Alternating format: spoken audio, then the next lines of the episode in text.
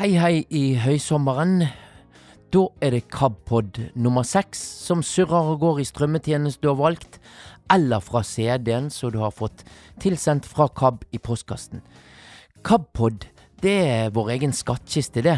Vårt eh, organisasjonsblad, om du vil, der du eh, finner alle podkaster vi produserer, og all annen viktig info. Så da sier jeg bare hold deg oppdatert, og hør på KABpod. Tja, når det gjelder dagens meny, så blir det selvfølgelig en dveling rundt eh, generalforsamlingen eh, i KAB som ble nettopp avholdt på Hurdalssenteret, der Mette Lilleeng eh, ble valgt til ny styreleder i KAB. Gratulerer til Mette, og ikke minst gratulerer til KAB med en fantastisk ny styreleder. Du får òg uh, del fire av podkast-serien Å leve med tap. En annen ting du kan ta del i i en uh, forhåpentligvis fløyelsmyk høysommerkveld, er at KAB i disse dager har lansert den første lydversjonen noensinne i KAB sin historie av Bibel på nynorsk. Du får møte innleser Helga Samset og Hans Sagrusten, som har tatt del i oversettelsesarbeidet. Det blir òg selvfølgelig en ny del i serien Velkommen til min verden og tanker om tro. Og da gjenstår det bare å si kos deg, la hummelen suse og nyt livet. Nå, nå skal du få møte Mette Lilleng fra Drøbak, som ble valgt til ny styreleder i KAB på generalforsamlingen, altså på Hurdalssenteret den 11. juni. Generalforsamlingen og KAB sin eh, strategiplan den legger føringer for flere viktige oppgaver i tiden som kommer for styret med Mette Lilleng i spissen. Nå skal du få møte først Mette Lilleng, og deretter skal andre få uttale seg litt om strategiplanen òg. Mette Lilleeng fra Drøbak ble valgt til ny styreleder i KAB, kristent arbeid blant blinde og svaksynte, på generalforsamlingen på Hurdal lørdag 11. juni. Generalforsamlingen og KABs strategiplan legger føringer for flere viktige oppgaver i tida som kommer. Det er jo mange ting, egentlig. Men det er jo å få igjennom de sakene som vi nå har vedtatt på generalforsamlingen.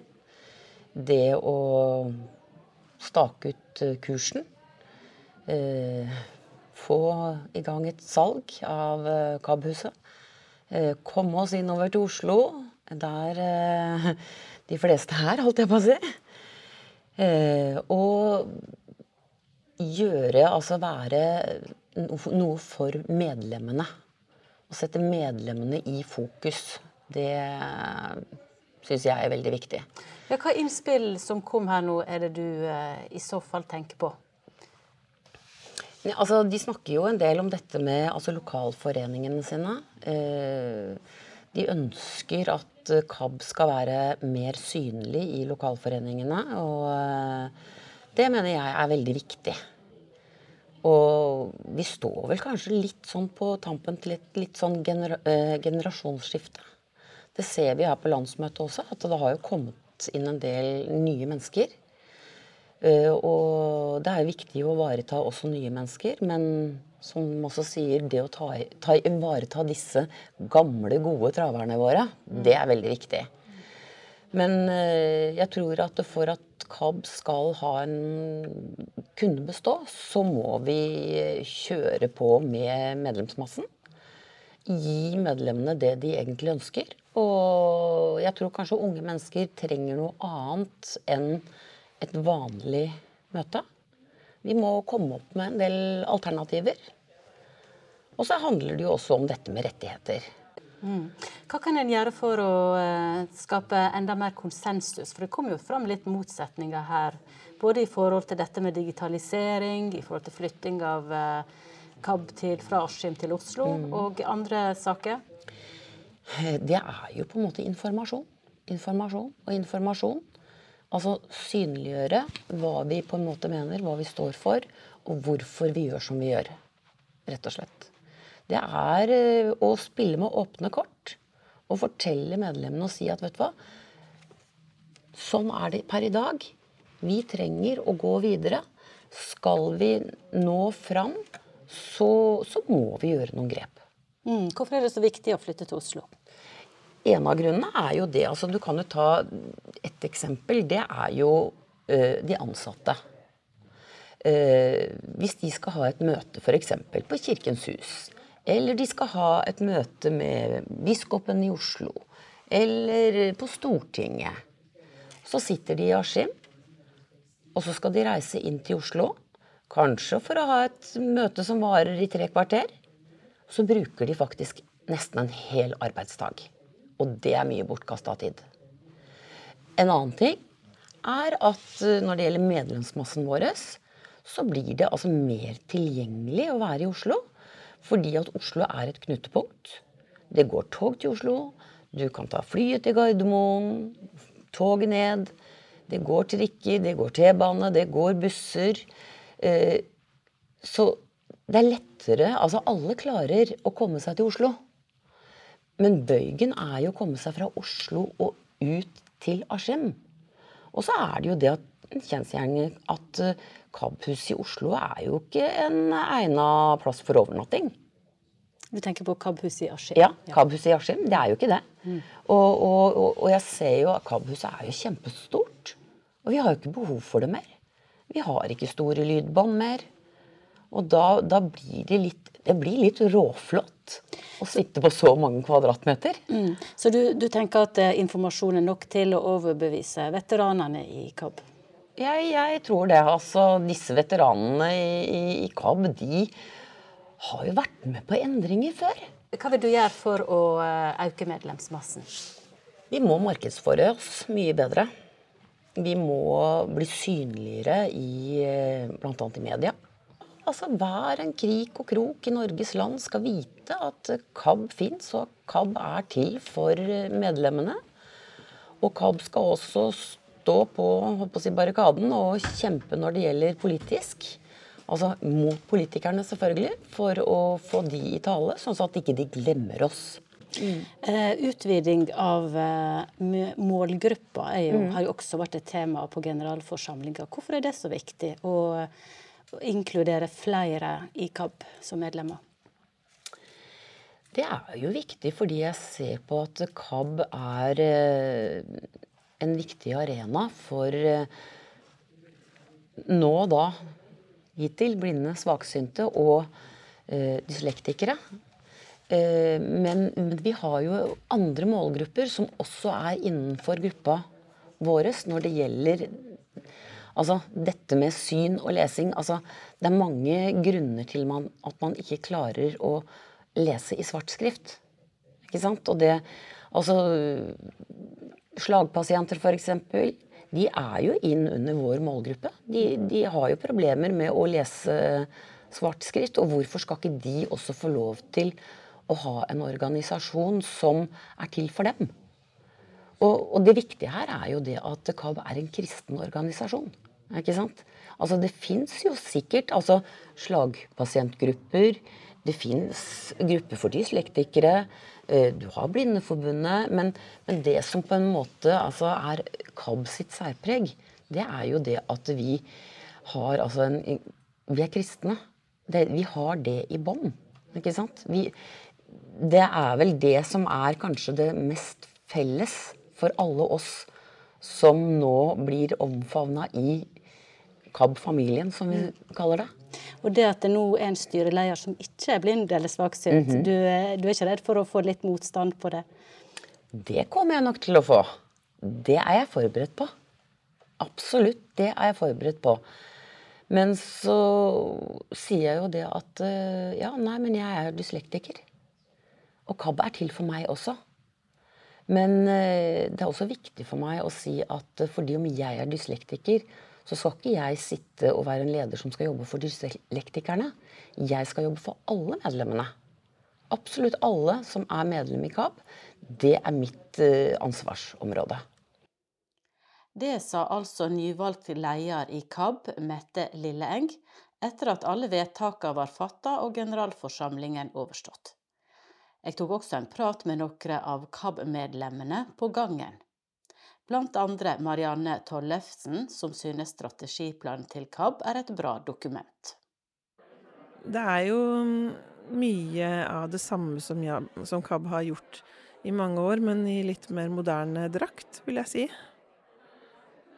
Var det noe du la spesielt merke til som du syns er viktig? Mm, jeg vet ikke helt hva jeg skal trekke fram, men det blir jo alltid diskusjon rundt dette med medlemskap og sånne ting, da. ikke sant? Det blir jo det.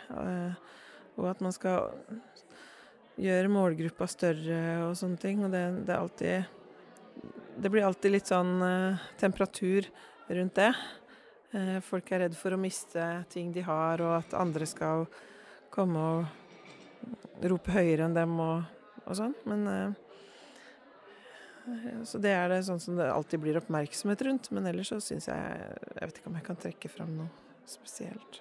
Du syns, du syns planen er bra? Ja. Hva er viktig for deg framover? Uh, ja, si det. Jeg syns uh, det har vært utrolig koselig å være her denne helga og treffe igjen både folk som jeg ikke har sett på mange, mange år, men også nye uh, navn som har bare vært navn for meg fram til nå. Så den muligheten til å treffes syns jeg betyr mye. Så syns jeg det er veldig ålreit at KAB også har kasta seg på den digitale bølgen med møter og kurs og sånn på Zoom. Fordi det er så mye lettere å få blitt med på det da. Både for folk som bor rundt i hele landet. Da. Man, kan, man kan rekke over mange flere og folk som er bosatt, ikke nødvendigvis bare helt sentralt rundt de store byene og sånn. Og så, og så er det noe med at det med mobilitet og sånn er en utfordring for oss som ser dårlig. Så det syns jeg er bra, og det, det, kommer nok jeg til å følge med på framover. Torleif Kars. Hva tenker du om strategiplanen til KAB generelt? Den uh, tenker jeg også er et godt svar på de utfordringene som eh, KAB står overfor. Eh, den eh, prøver å oppdatere seg på endringer i grensesnitt, altså måten man møter KAB, og som KAB møter eh, omverdenen og medlemmer på. Og i forhold til ting som endre seg, altså hvordan mediebildet og det generelle informasjonssamfunnet uh, endrer seg, da. Det syns jeg det, den er et uh, godt svar på, og også responderer den godt på det med de uh, det, det diakonale perspektivet med den lokale forankringa, som jeg tror er veldig viktig å få med seg. For det, det, har man vel observert, at man får med seg mye flere folk hvis man klarer å være til stede der hvor folk er, da. Hva er viktig for deg nå framover? For at du skal fortsette å være et eh, KAB-medlem som eh, trives i organisasjonen?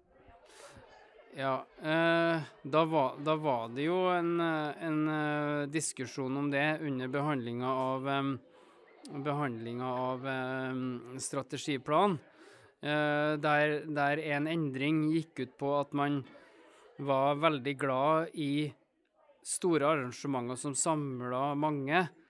Og det tenker jeg er viktig, men samtidig, som vi også har fått med oss i planen, så tenker jeg at eh, eh, for at For å gjøre eh, meg til et kan vi si, aktivt medlem, eller for, for, at jeg skal ta aktiv bruk av KAB, så, så kan det kan jo hende at jeg ikke har anledning til å komme på et sånt arrangement som er en gang i året.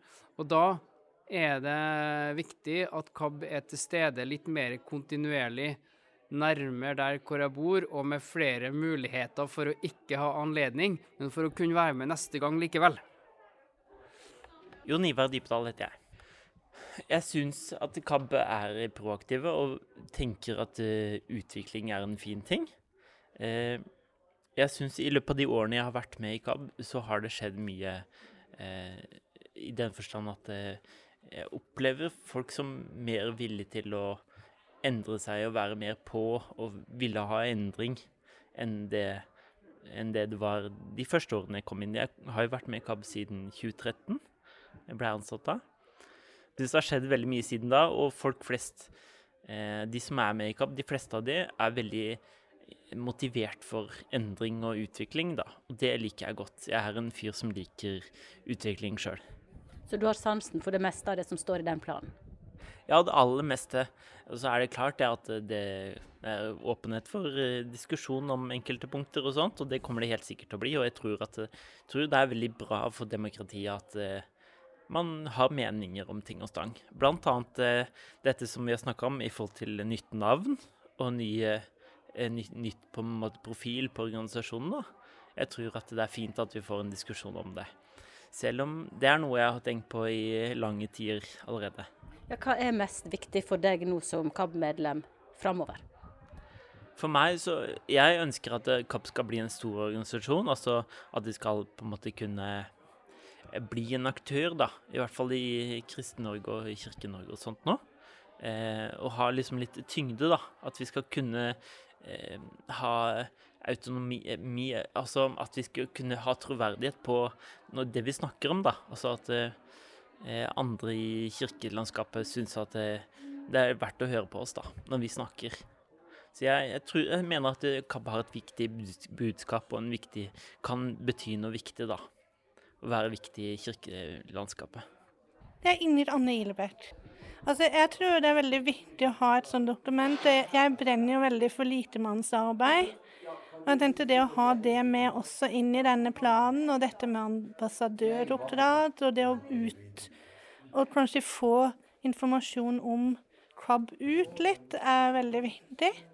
Og det tror jeg kanskje hvis man har et sånn dokument, så kan man bruke det litt mer, og kanskje da må en følge det også, og at en da lettere kanskje får gjort ting også, for ellers så har ting kanskje lett for å skli litt ut. Hva er viktig for deg framover, da, som KAB-medlem? Ja, jeg er jo leder nå av lokallaget vårt i Vest-Agder. Så jeg brenner jo veldig for dette med medlemspleie. Det å få nye medlemmer inn som har synsproblemer, det, det er jeg veldig opptatt av. Og jeg er veldig glad i mennesker. Jeg tenkte det liksom hvis noen har noe problemer, så er det så mye hjelpemidler du kan få. Og det å hjelpe, syns jeg, med Club har gitt meg så utrolig mange gode venner, og nå har det jo kommet noen nye på denne generalforsamlingen, og så koselig å bli kjent med nye mennesker, og det der at Club betyr veldig mye for meg. Tor Ulland. Du har vært med i KAB i mange år? Ja, jeg har vært med siden 1978. Jeg tror det er en bra plan. Han, en sånn strategiplan er jo på et litt overordna nivå. og Det som står der, må jo konkretiseres til mer konkrete handlinger. Og det er jo først da en ser hvordan det har vært i praksis. Hva er spesielt viktig for deg framover? Eh, jeg er jo veldig glad for at jeg nå har fått produsert Bibelen på nynorsk. For det er jo noe som vi ikke har hatt tidligere. Og at KAB fortsetter med litteraturproduksjon og sånn, syns jeg er bra. Vi har jo òg den muligheten at eh, hvis en bruker et eller annet hefte eller ei bok eller noe sånn i bibelgruppe eller studiegruppe, så er KAB velvillige og lese inn sånne ting. Og det er jo noe som jeg har benytta meg av tidligere, og så er jeg glad for at en har den muligheten. Til slutt her så hørte du Tor Ulland eh, som snakket med reporter Anne Sanne. Du, eh, i den nye podkastserien, ja, ikke helt ny, vi har hatt en del episoder nå, men iallfall velkommen til min verden. Der møter du mennesker som forteller om sin bakgrunn og oppvekst, om hvordan de lever livet sitt med litt eller uten syn. Og hun du skal få møte i dag, ble blind like etter fødselen, men bestemte seg tidlig for at det ikke skulle styre livet hennes. Hege Norseth Blikkfeldt hun er engasjert og aktiv på mange områder, blant annet med hunder og musikk. Tekstfelt. Redigerer. Velkommen til innsettingspunkt Ja, det er helt vidunderlig å spille i korps. Det er liksom en sånn å få lov å være en del av fellesskapet og ikke være noe sånn åh, det er det Hege som er blind, på en måte. Det er hun, det er hun der. Nei da, der er man liksom med, og så liker jo jeg der også å ha noen oppgaver, da. Så når jeg får noen små soloinnslag eller sånn, så syns jeg det er litt koselig. For jeg må liksom føle at jeg gjør noe. Føle at det, at det er bruk for meg, da. Der òg. Hege Norseth Blikkfelt fra Asker jobber i Nav, spiller i korps og har for tida to førerhunder, en pensjonert og en ny. Vi skal den neste timen bli nærere kjent med både Hege og hundene Junior og Loke, som tasser rundt i stua medan Hege finner fram kaker og kaffe på kjøkkenet. Jeg har selskap av um, Junior, som er her på kjøkkenet, som går litt rundt. Og han er snart tolv år og ble pensjonert førerhund nå for litt siden. Han er puddel, brun. Og så har jeg fått Loke, som ligger der borte på puten i nærheten av deg der. Fantastisk. Når, når fikk du han? Jeg fikk han, han begynte, Vi begynte på kurs her hjemme 31.1. Og så har vi vært alene siden 19.2, og da fikk jeg korona. Så da var det liksom hjemme alene, og så var det rett i sengen. det var godt å ha selskap av hundene, da? Ja, det var det. Da, men da måtte jo jeg bare åpne kaken, Janne. Mm. Da måtte jo mannen min gå med, med hunden og sånt, da. Men jeg har alltid hatt førerhunder fra Lions førerhundskole, men nå er Loke fra Lund hundetjenester Råde. Og en fantastisk fin hund, men veldig barnslig. Ble to år i går, altså i mars. Og han um, Han er veldig søt og grei, men han har litt mange ting han vil se på rundt oss og sånn. Veldig, veldig grei med hunder. Og veldig grei å passere folk. Og i det hele tatt veldig lydig hund. Men du, hvorfor må du ha to hunder nå, da? Fordi at vi klarer ikke å gi fra oss junior. For han vil bare være hos oss, han vil ikke være noe annet sted. Så han skal få være her til han ikke orker mer? Han, ja, og han har en del problemer og sånn, så han skal få lov å være her nå litt. Men det, jeg syns det er vanskelig, spesielt nå når jeg må ta med begge ut og gå sammen med dem. Så da hadde jeg liksom én hund i hver hånd på tur nå. Og det var litt vanskelig, syns jeg. Nå kommer han Junior bort til meg her, da. Han er mm. veldig sosial. Han er veldig hyggelig. Han er kjempesosial. Han har vært ordentlig flink og vært, vært, en fantastisk hund å ha. Det er min første puddel. Og det har gjort at jeg ikke vil ha noe annet. Så det har jo blitt han, meg og puddel, da. Det har liksom blitt sånn. Hege har en bandasje på høyre langfinger. Hun skada seg på brødskjæreren en dag på heimekontor, og er nå sjukmeldt fra arbeidsplassen sin for første gang på det hun kan huske. Jeg jobber i Nav kontaktsenter Oslo og Vestviken. Og vi svarer jo mange som ringer til Nav hver dag. Det er mellom 25 og over 30 000 som ringer i døgnet til oss. Og det er 1000 stykker, litt over 1000 på Nav kontaktsenter som svarer på telefoner hele dagen. Så snakker vel med alt fra mellom ja, 30 til 40-50-60 ukjente mennesker i døgnet. Det er ganske slitsomt. Mm. Og vi snakker jo om livet til andre. Det er jo deres liv de ringer om. ikke sant? Det er ikke Det er liksom Ja, man skal ha respekt, samtidig så skal jo vi være den som som styrer samtalen. Skal du finne løsninger? Ja, helst. Eller jeg jobber i den kommunale sektoren og på en statlig økonomirådgivnings- og gjeldslinje som vi har. Så vi kan jo ikke sette oss ned og ha møter, men vi skal jo gi de en sånn ja, liten sånn oppmuntring eller hyggelig inngang, da. Når det er så mange som ikke har turt å ringe oss, som kanskje har ventet mange, mange år, som har økonomiske problemer, som ikke har fortalt noen om det. Som aldri har snakket om situasjonen sin før. Nå kommer Loke. Hei, Loke. Mm.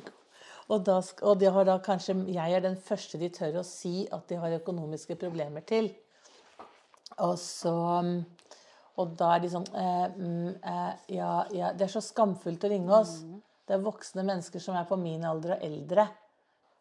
Vi må være veldig tydelige på hva vi kan gjøre. altså Folk har sin egen agenda når de ringer til Nav, føler jeg. sånn at da må jeg være den som som sier ja, dette kan jeg svare på, eller dette er ikke noe Nav har, tar tak i. F.eks. For en forleden, en gammel mann som ringte, som ikke klarte å legitimere seg hos DNB med det nye de har, hvor du skal vise pass eller ID-kort eller, og må vise at du er deg. og Han klarte ikke det. og Ikke hadde han noe legitimasjon for øyeblikket og ville at Nav skulle ordne alt det. Så, men det er ikke Nav. og Da ble han til slutt sint og bare la på omtrent. for han ville at det var Nav som skulle hjelpe han med alt dette.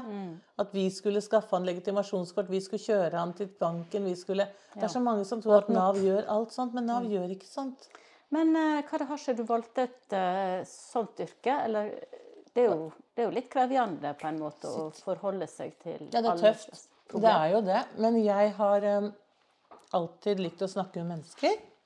Jeg har alltid jobbet på telefon, egentlig. Før jeg begynte å jobbe. Jeg har studert litt sosiologi, så jeg liker jo liksom verden. Og at vi er forskjellige.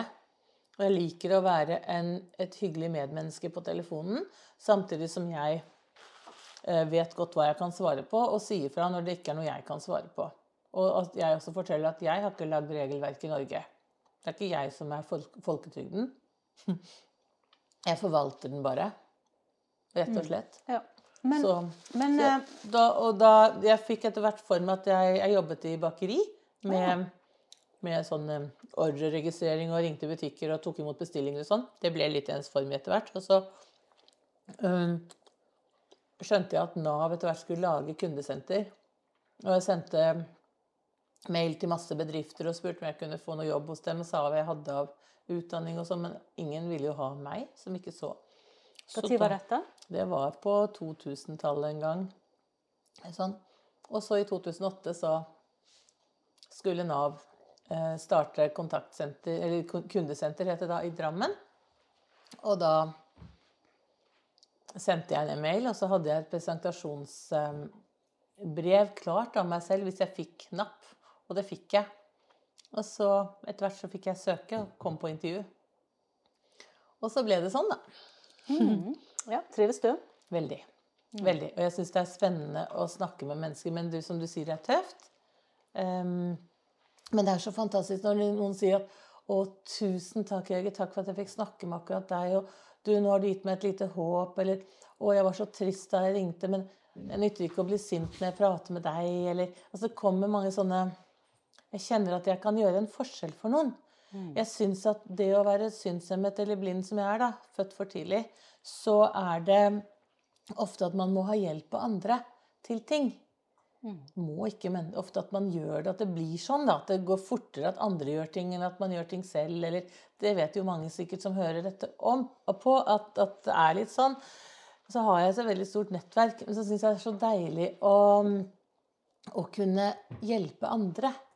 Da er det rollen snudd. Da er du den som Ja, finner løsninger og hjelper til. Ja, så jeg er liksom den som de trenger. Mm. Og det tror jeg er drivkraften i jobben min.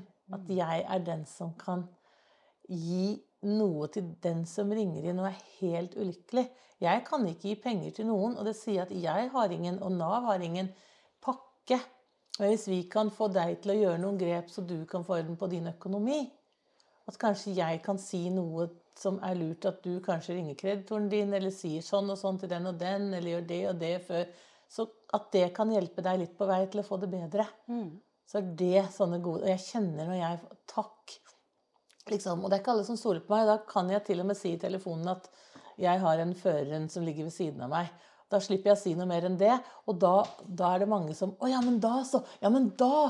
Å, Da kan vi snakke. Liksom, Så det, så det gir deg en litt sånn ekstra troverdighet eller tillit eller et eller annet? Ja, i en del samtaler. Ja. Det er gjerne voksne mennesker da, jeg kan si det her til, som har levd en stund, og som syns ting er litt vanskelig å ringe og sånn. Så kan jeg finne på å si det. Eller ungdom som ikke vil i jobb, f.eks. Så sa at men du, jeg har jobb. Hvordan um, starta det etter vanlig grunnskole?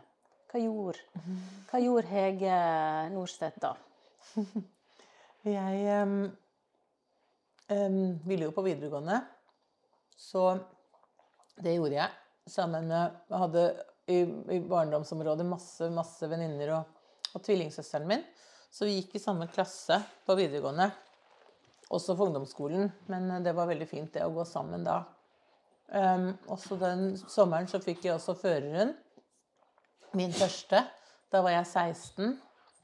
Så um, da fikk jeg henne sommeren før jeg begynte på, på videregående. Og så Ja, så hadde jeg lyst til å bli veterinær. For jeg er så veldig glad i, i dyr. Vent litt, hunder, ikke tull med hverandre. Ja, det er Loke som ligger og ruller seg litt og leker med den der ringen. Og. Det er det. Junior, kan du komme og legge deg? Ja, gå i sengen, du. Gå i sengen. Nei vel, legg deg et sted, da. Ja, du ville bli veterinær? veterinær ville jeg bli. Og så fikk jeg beskjed om at jeg ikke kunne det, for jeg kunne ikke se i mikroskop og sånt. Og det, det, var, det var den gangen jeg trodde det var veldig viktig, og praksis kanskje ble vanskelig. litt sånn. Det var den gangen jeg var ung og lot meg stoppe av det, da. Så da, da gjorde jeg det sånn passelig på videregående og visste ikke hva jeg ville.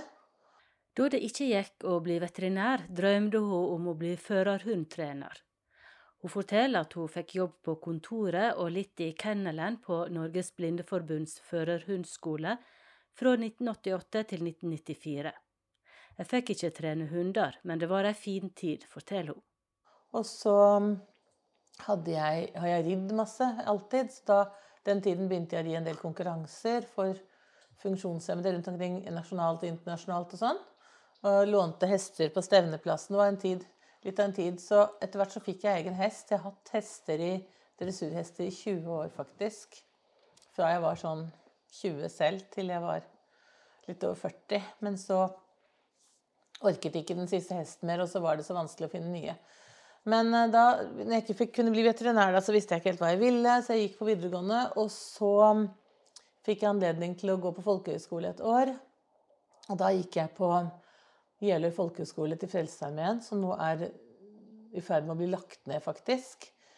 Det var et fantastisk år, og jeg, jeg um, lærte masse, og jeg spiller eh, kornett. Så jeg fikk spille masse i Frelsesarmeen, både i, i Moss, der det var, og jeg fikk, var i USA en måned sammen med en del andre elever. Vi var 13 elever som fikk dra en måned til USA, var på college i tre uker. Vi var i New York og Washington. Vi var der den, den dagen Challenger falt ned. Vi skjønte ikke hvorfor alle så så mye på TV, men da vi kom tilbake til Frelsesarmeen på kvelden, så skjønte vi jo at det var en forferdelig ulykke. Da var jeg i USA, da. Da den romfergen falt ned. Litt sånn eksotisk, egentlig. Ja. Men der, og det var fantastisk år. Jeg lærte mye kornettspill og ble enda bedre på det. Og fikk en del sånne ja, lov til å gjøre en del ting, da, selv om jeg var ikke frelsesoldat eller noe sånt. Men jeg fikk være med å spille på gudstjenester i USA og litt sånn. Um, fordi at de, de syntes det var litt sånn spennende med meg, da. Så det var noen sånne fortrinn jeg hadde. Man kan eh, både være godt og vondt å være blind, altså, men det kan av og til være fint. Eh, Man får litt andre muligheter da, innimellom. Så det var et fint år. Da lærte jeg mye og spilte masse og hadde det kjempeflott. Eller så var jeg mye mobbet på skolen. Eh, Det var derfor det var godt å gå sammen med tvillingsøsteren og andre etter hvert. Jeg begynte i, i en annen klasse på en annen skole, hvor det ville kommunen. Og så kom vi heldigvis sammen i ungdomsskolen, da. Og da ble jeg mye mobbet, altså. Sånn sosialt. Så jeg var, hadde, klarte meg bra faglig, men eh, sosialt så var det vanskelig. Det sier jo mange. Så var barndommen var eh, litt tøff? Ja, det gjør ikke noe, men eh, For jeg fikk alltid jobbet det ut når jeg kom hjem. Så hver gang jeg kom hjem, så liksom sto mamma klar med boller og kakao. Hun hadde grått før jeg kom hjem, sånn at hun kunne, kunne være sterk nok til å ta imot meg da jeg kom. For jeg gikk først tre år på Majorstua på, i en spesialklasse der for synshemmede. Det var fint. Der tror jeg hadde det bra. Men der var det jo drosjekjøring hver dag. Og drosjesjåførene røkte jo, og det var helt Ikke kom vi alltid rett hjem. Mamma var livredd for hva som skjedde med oss. Jeg gikk jo i barnehage også inne i Oslo. Um, I sånn spesialbarnehage. Men uh, jeg vet ikke, jeg har fortrengt mye av det der. Men på skolen da ble jeg jo ikke mobbet i den klassen. Var det ikke sånn. Men um, jeg kom hjem og liksom skulle tilpasse meg. Så jeg vet om en episode som jeg ikke glemmer, hvor jeg ble på ungdomsskolen. Hvor jeg alltid hadde klærne mine på et litt sånn eget sted i gymmen. I garderoben, sånn at jeg skulle finne de igjen. Hadde de i et hjørne. Og så hadde jeg vært og dusjet og hadde kommet ut derfra, så var jo klærne tatt. Det var jentene i klassen. Ja, det var noen jenter i klassen som hadde tatt klærne mine. Og jeg sto da helt naken ikke sant, i garderoben og følte meg Og jeg ble så sint. Jeg slo rundt meg. Jeg hadde en evne til å liksom slenge armene og gjøre litt sånn. Så da har jeg truff, traff jeg noen. da, Jeg slo noen. Eh, Da hadde de sto de helt stille ikke sant, og lot som de ikke var der.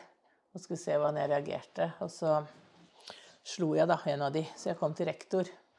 Men det var jo fordi at jeg hadde slått, men så fikk de, han jo vite at det var de som hadde tatt klærne mine. Så var det de som ble tatt. Men ble ikke det tatt affære på skolen av sånne episoder? Jeg vet ikke. Husker ikke. Det gjorde det sikkert. Men eh, det har jeg ikke tenkt noe på. Jeg husker bare episoden. Og det var lignende ting, eller andre ting òg, som skjedde Ja. så Opp på en snøhaug. Det var mye snø den gangen. Ja, på 70-tallet. ja, det var det. Og det var en helt annen vintertid den gangen, Anne. og da mm, opp på Snehaugen, når jeg endelig kom opp, så var de andre gått ned. ikke sant? Trodde jeg de var der. og sånn. Nei, det var mange sånne ting. Og så var det også faktisk i fjerde klasse, da jeg begynte på skolen hjemme, så skulle jeg gå alene til skolen. Det var litt lengre vei. Og jeg hadde øvd og øvd og øvd å gå med hvit stokk, og en lærer hadde mobility-lærer, og han hadde vært masse sammen med meg, og hadde gått og gått og gått, og jeg hadde mannet meg opp, kvinnet meg opp, og første dagen til skolen så skulle jeg gå. Og jeg ble fulgt over veien av noen ungdomsskoleelever som hadde det som jobb, fikk litt penger for det og sånn. De var veldig søte og snille. Eh, Men eh, da jeg kom da, gikk med denne lille hvite stokken min og superbeskjeden, kom bort til et skogholt, så hørte jeg bare sånn Blindebukk! Blindebukk! Flere ganger. Og jeg gråter av det enda, kjenner jeg. Så hver gang jeg tar en hvit stokk, så hører jeg det. Jeg skulle så gjerne fått snakket med de som gjorde det. De er sikkert bare to-tre år eldre enn oss. For de var ikke så gamle. De hadde, hadde ikke noen voksne stemmer, de hadde barnestemmer. Men de var eldre enn meg. Men de skulle bare visst hvordan de Hvordan de hvordan de har skadet akkurat det der. Så det hører jeg hver gang jeg tar en hvitstokk. Så jeg klarer ikke. Derfor så har jeg jo føreren, da. Hatt i 40 år i år. så det er fantastisk deilig. Men um, disse jent, jentene som mobbet meg på ungdomsskolen, har jeg snakket med den ene nå i voksen tid. For vi hadde en sånn liten reunion, og der var det ingen av mine som kunne komme. Altså søsteren min eller de andre kom ikke. Så jeg visste at jeg var litt alene der. Men jeg tenkte at jo, dit skal jeg dra. For da fikk jeg mannen min til å kjøre meg opp og ned. Og så, og så visste jeg at jeg bare kunne ringe til han når jeg ville hjem igjen. Eh, tok jeg ikke med noen hund eller noen ting, og så var jeg bare Hege der. Og jeg hadde alliert meg med de som arrangerte, så de så litt etter at jeg hadde det bra og satt med noen at jeg visste hvem jeg pratet med. og litt sånn, At jeg fant noen, at noen fant meg, og vi spiste og hadde litt vin. og Veldig hyggelig. Da fikk jeg sagt fra til hun ene som gjorde det med, i gymgarderoben. Og det var litt godt å ga henne en klem og tok henne i hånden, liksom. Fikk sagt at dette har jeg levd med i alle år. Eh, hun andre ville ikke snakke med meg. Hun sa hei, og så gikk hun. Så det sitter så dypt. Men jeg har fått litt ut når jeg har fått snakket om det. Men jeg har det jo alltid med meg, liksom. Alltid veldig var på at, at alle skal like meg, og at jeg ikke skal være til bry, og at jeg skal At jeg fort kan si unnskyld. Selv om det ikke er jeg som har gjort feil, liksom, så kan jeg bare si unnskyld. Men det er så synd at mange av oss opplever det. Når vi har Når vi er litt annerledes, liksom, så blir vi Ja, man kan jo ikke være anonym. Man kan jo ikke være Altså, man blir alltid iakttatt, på en måte. Um, det var litt sånn Jeg tenkte litt på det. Jeg har, um, var Presten i kirken min ga meg en utfordring her en uh, gudstjeneste. Han sa Hege, nå kan du være med og dele ut uh, kalken under nattverden. Jeg tenkte å, eh, hva sa du? Jeg kan gjerne stå og spille kornett og trompet oppe på galleriet, men uh, stå der og si Jesu blod utøst for deg, og ikke ane hvem jeg sier det til, det syns jeg var vanskelig. Men samtidig så var det litt fint. Så da var det en som ga meg et lite tegn på skulderen der hver gang jeg skulle si det. Så prøvde jeg å høre etter når det kom noen til meg. Og så var det noen som liksom sa det er meg, det er meg. Eller hvisket eller prøvde liksom å si at det var seg. Eller noen, noen tok i hånden, og noen Men det var veldig rart. Jeg tror det var veldig sterkt for de også. Det er ikke sånn jeg skal gjøre hver søndag.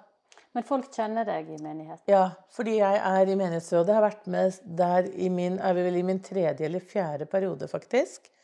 Det var også noe jeg ikke trodde jeg kunne. Eh, men så var det en som ringte meg, han var også prest, og så sa liksom Hege, dette er jo ikke noe problem for deg, det må du bare gjøre. Og ga meg en liten sånn utfordring at kanskje det er lurt å være der i min situasjon. Da. Jeg har jo fått gitt mange innspill på hva som er viktig å tenke på i en menighet når man har synshemmede eh, kirkegjengere og sånn. Og de har lært masse, og jeg har fått veldig god tilrettelegging. Um, men uh, ja, og jeg er glad jeg er der, altså. Men så alle kjenner meg. Så det er veldig, Jeg spiller der mye i kirken på julaften, og når det er andre begivenheter og sånn, så spiller jeg kornett og trompet med orgel. Og jeg har også vært med i orgelutvalget og funnet det nye orgelet vi har fått, anskaffet oss. Og var med å velge faktisk orgelbygger. Det var kjempespennende. Mm. Så jeg fikk sånne fine oppgaver som jeg liker veldig godt. Det er så mange sånne episoder som vi opplever etter hvert, som gjør noe mer med en etter hvert som vi blir eldre. Sånne litt sånn ekle, flaue episoder som vi opplever som, eh, som, vi ikke tenkte så mye på før, men som blir bare verre og verre. Og litt sånn, Jeg liker ikke denne ordet 'kleint', men det er litt kleint å være blind nå, kjenner jeg. Når man skal gjøre noen nye ting, når man skal liksom enten lære seg en ny vei, eller Ja, alltid lei meg når det kommer nye noter i korpset på høsten, f.eks. For, eksempel, for da er det så veldig mye å lære seg utenat. Mm. tenker jeg dette kommer aldri til å gå bra, og så får jeg ikke de stemmene jeg vil ha, og så er det ingen som skjønner meg. Og så plutselig så spiller jeg jo alt, ikke sant. Er jo, sånn er det hvert år. Hvert år. Men det er jo likedan, like leit hvert år òg. Lærer aldri. Jeg tror det er veldig nyttig så det, altså Jeg er veldig takknemlig for at jeg jobber, for jeg tror det er nyttig, veldig, nei, ikke nyttig, men veldig bra å være til nytte for noen. Jeg tror det er veldig Det er sånn flukt. Jeg tror man skal gjøre masse i løpet av dagen. Sånn at man blir så sliten når man legger seg. Mm. At man ikke har mulighet til å tenke. Jeg tror det er nyttig å ha nettverk og ha masse folk rundt seg. Det har iallfall jeg gjort. Og så har jeg liksom skjønt hvem jeg kan bruke til hva, for å si det sånn, da hvis det er noe jeg trenger av noen. Og så passer jeg på å gi de masse tilbake. Men så er det gjerne Mitt liv har vært sånn at jeg ofte Hvis jeg skal hjelpe noen til noe, så er det de som foreslår at jeg kan, kanskje jeg skal hjelpe deg med dette. Dette strever du litt med. Dette kan jeg gjøre. Vil du det? At jeg skal Ikke sant? Et eller annet sånt. Det er fint, men Men, um, men snakk med oss. Liksom, som du sa i sted, gjør deg til kjenne hvis de ser at hvis, hvis noen ser f.eks. at hunden min blir veldig uryddig, og de kanskje skjønner at det var en hund de hadde med seg, eller noe de gjorde, kan man ikke si noe, da? At 'beklager, du, nå kom hunden min litt for nærme', eller 'jeg er her', eller nå, 'nå skjer det', eller For vi skal liksom analysere og finne ut av hele verden. Og når dere bruker 80% av synet, eller synet gir 80% av all informasjon man kan få i løpet av tilværelsen sin, hele tiden, så må jo vi kompensere så utrolig mye når vi ikke ser noen ting. Eller bare ser litt. Så jeg vet ikke, jeg. Men snakk med oss. Altså, jeg er jo ikke mm. farlig. Jeg er jo ikke, jeg er jo ikke smittsom. Hege vokste opp i Asker, og trass vonde hendinger på skolen var barndommen mest god, forteller hun. Hadde det vel egentlig ganske bra, tror jeg. Tror det. Hadde veldig fin familie. Som, eh, som ga meg mulighet til å prøve alt mulig som jeg hadde lyst til å prøve. Det var ikke de som sa at 'dette får du ikke til'. De lot meg få lov å, å gjøre det jeg hadde lyst til. Søsteren min var kanskje litt mer forsiktig, men hun prøvde også masse ting. Eh, ikke nødvendigvis det samme som meg hele tiden, men eh, noe fikk vi felles da vi var, begynte i fjerde klasse, tror jeg. Så fikk vi lov å begynne i korps. Og det var kjempespennende. Det var jo, det var jo gull, for det er jo der jeg har nettverket mitt nå. Og det å være få lov å være med i et sånt fellesskap, og finne seg teknikker, da, så du kan klare å spille notene. Men eh, være en av gjengen. Ingen er på reservebenken. Alle er viktige brikker i et korps. Det er jo ofte sånn i kor òg, men altså sånne steder hvor man liksom trenger alle for at det skal bli en, he musikalsk helhet og masse klang, da. Så er det kjempefint, for da glemmer de jo etter hvert at de, du ikke ser. Og jeg har vært med marsjert og gått både med og uten ledsager. Eh, prøvde å gå med føreren, men da gikk hun bare ut av køen, for hun hadde lært at man går jo ikke i kø. Så det gikk ikke. hun gikk ut av rekka.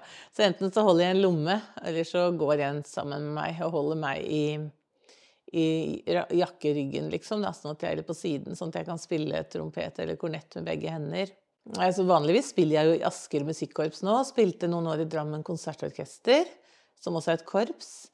Eh, det var sånn at vi var med på et prosjekt, og så ringte en eh, dame til meg som er utdannet på trompet, som alltid spiller førstetrompet, og sa at eh, Hege, etter det prosjektet, at Hege, jeg trenger deg, kan du være med meg og spille førstetrompet i førstedivisjon i NM? Da kjente jeg bare wow, at noen ringer meg og spør om jeg kan være med dem og spille og hjelpe til, liksom. Det ble sånn veldig stort for meg. Mm. Og da ble jeg der i ti år etterpå. og, men så kom vi tilbake til Asker igjen etter hvert, fordi da ble Asker musikkorps også bedre korps, og det ble litt sånn Ja. Men jeg lærte masse å spille der. Mm. Så jeg spiller i korps, og så får jeg lov å spille i kirken her i Asker, og en del andre steder også, hvis noen spør meg. Eh, både til bryllup, begravelse, alt altså. Konfirmasjoner ja, alt mulig. Bare for, å, for noen uker siden også var jeg bare med og spilte på gudstjenesten. Da kaller organistene meg Helge, vil du salmejamme litt med meg? Mm. Altså sånn. Så hvis jeg har en nådegave, hvis jeg har det, jeg er ikke sikker Unnskyld, litt serviett. hvis jeg har en nådegave, så er det å lære seg salmer utenat.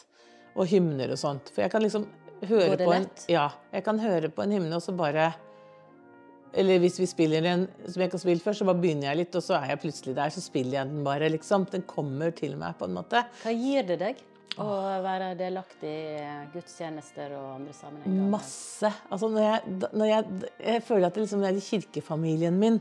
Når jeg skal spille i kirken og bare liksom seiler inn der, og så rett opp på galleriet og finner plassen min, ja, det er helt, da føler jeg at da, da gjør det ikke noe å ikke se noe. Da har jeg oppgave.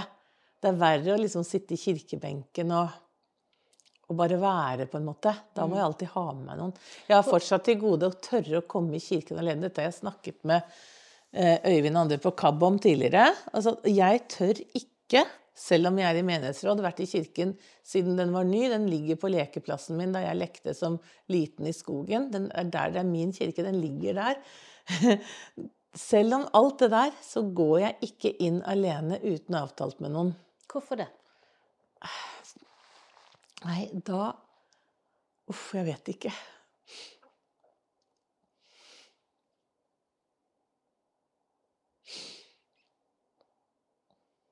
Er det noen minner som kommer? Nei, jeg tror ikke det. Jeg tror det er at jeg ikke vil være blind, på en måte, og så kommer jeg inn i kirken, og så vet jeg ikke hvem som er der. Og så vet jeg ikke hvem som sitter ved siden av meg. For der er ikke du kjent lenger? Jeg vet jo ikke hvem som kommer i benken. Og så kommer jeg, da husker jeg på dette at jeg ikke kan um, Ikke kan se alle de andre som er her. Akkurat som i et selskap, hvis alle er pyntet, så tenker jeg på og hva har de andre på seg? Hvor fine kjoler og dresser? Hvordan er det de har sminket seg? Hvilke smykker har de? Tenke mye sånn. Det er liksom så vondt å ikke vite hvem som er rundt meg. Er vi for dårlige til å informere blind? Ja, det tror jeg. Tenk om noen kunne kommet med en gang kommet og sagt Hei, Hege.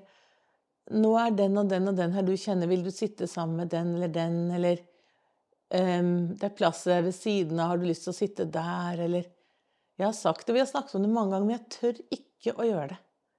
Ikke gjort det. Jeg må snart gjøre det. Men jeg tør ikke å bare gå dit en søndag klokken kvart på elleve og stå der og si hei. Og jeg vet jo hvem som er kirkevert og alt dette her, men jeg har ikke gjort det ennå.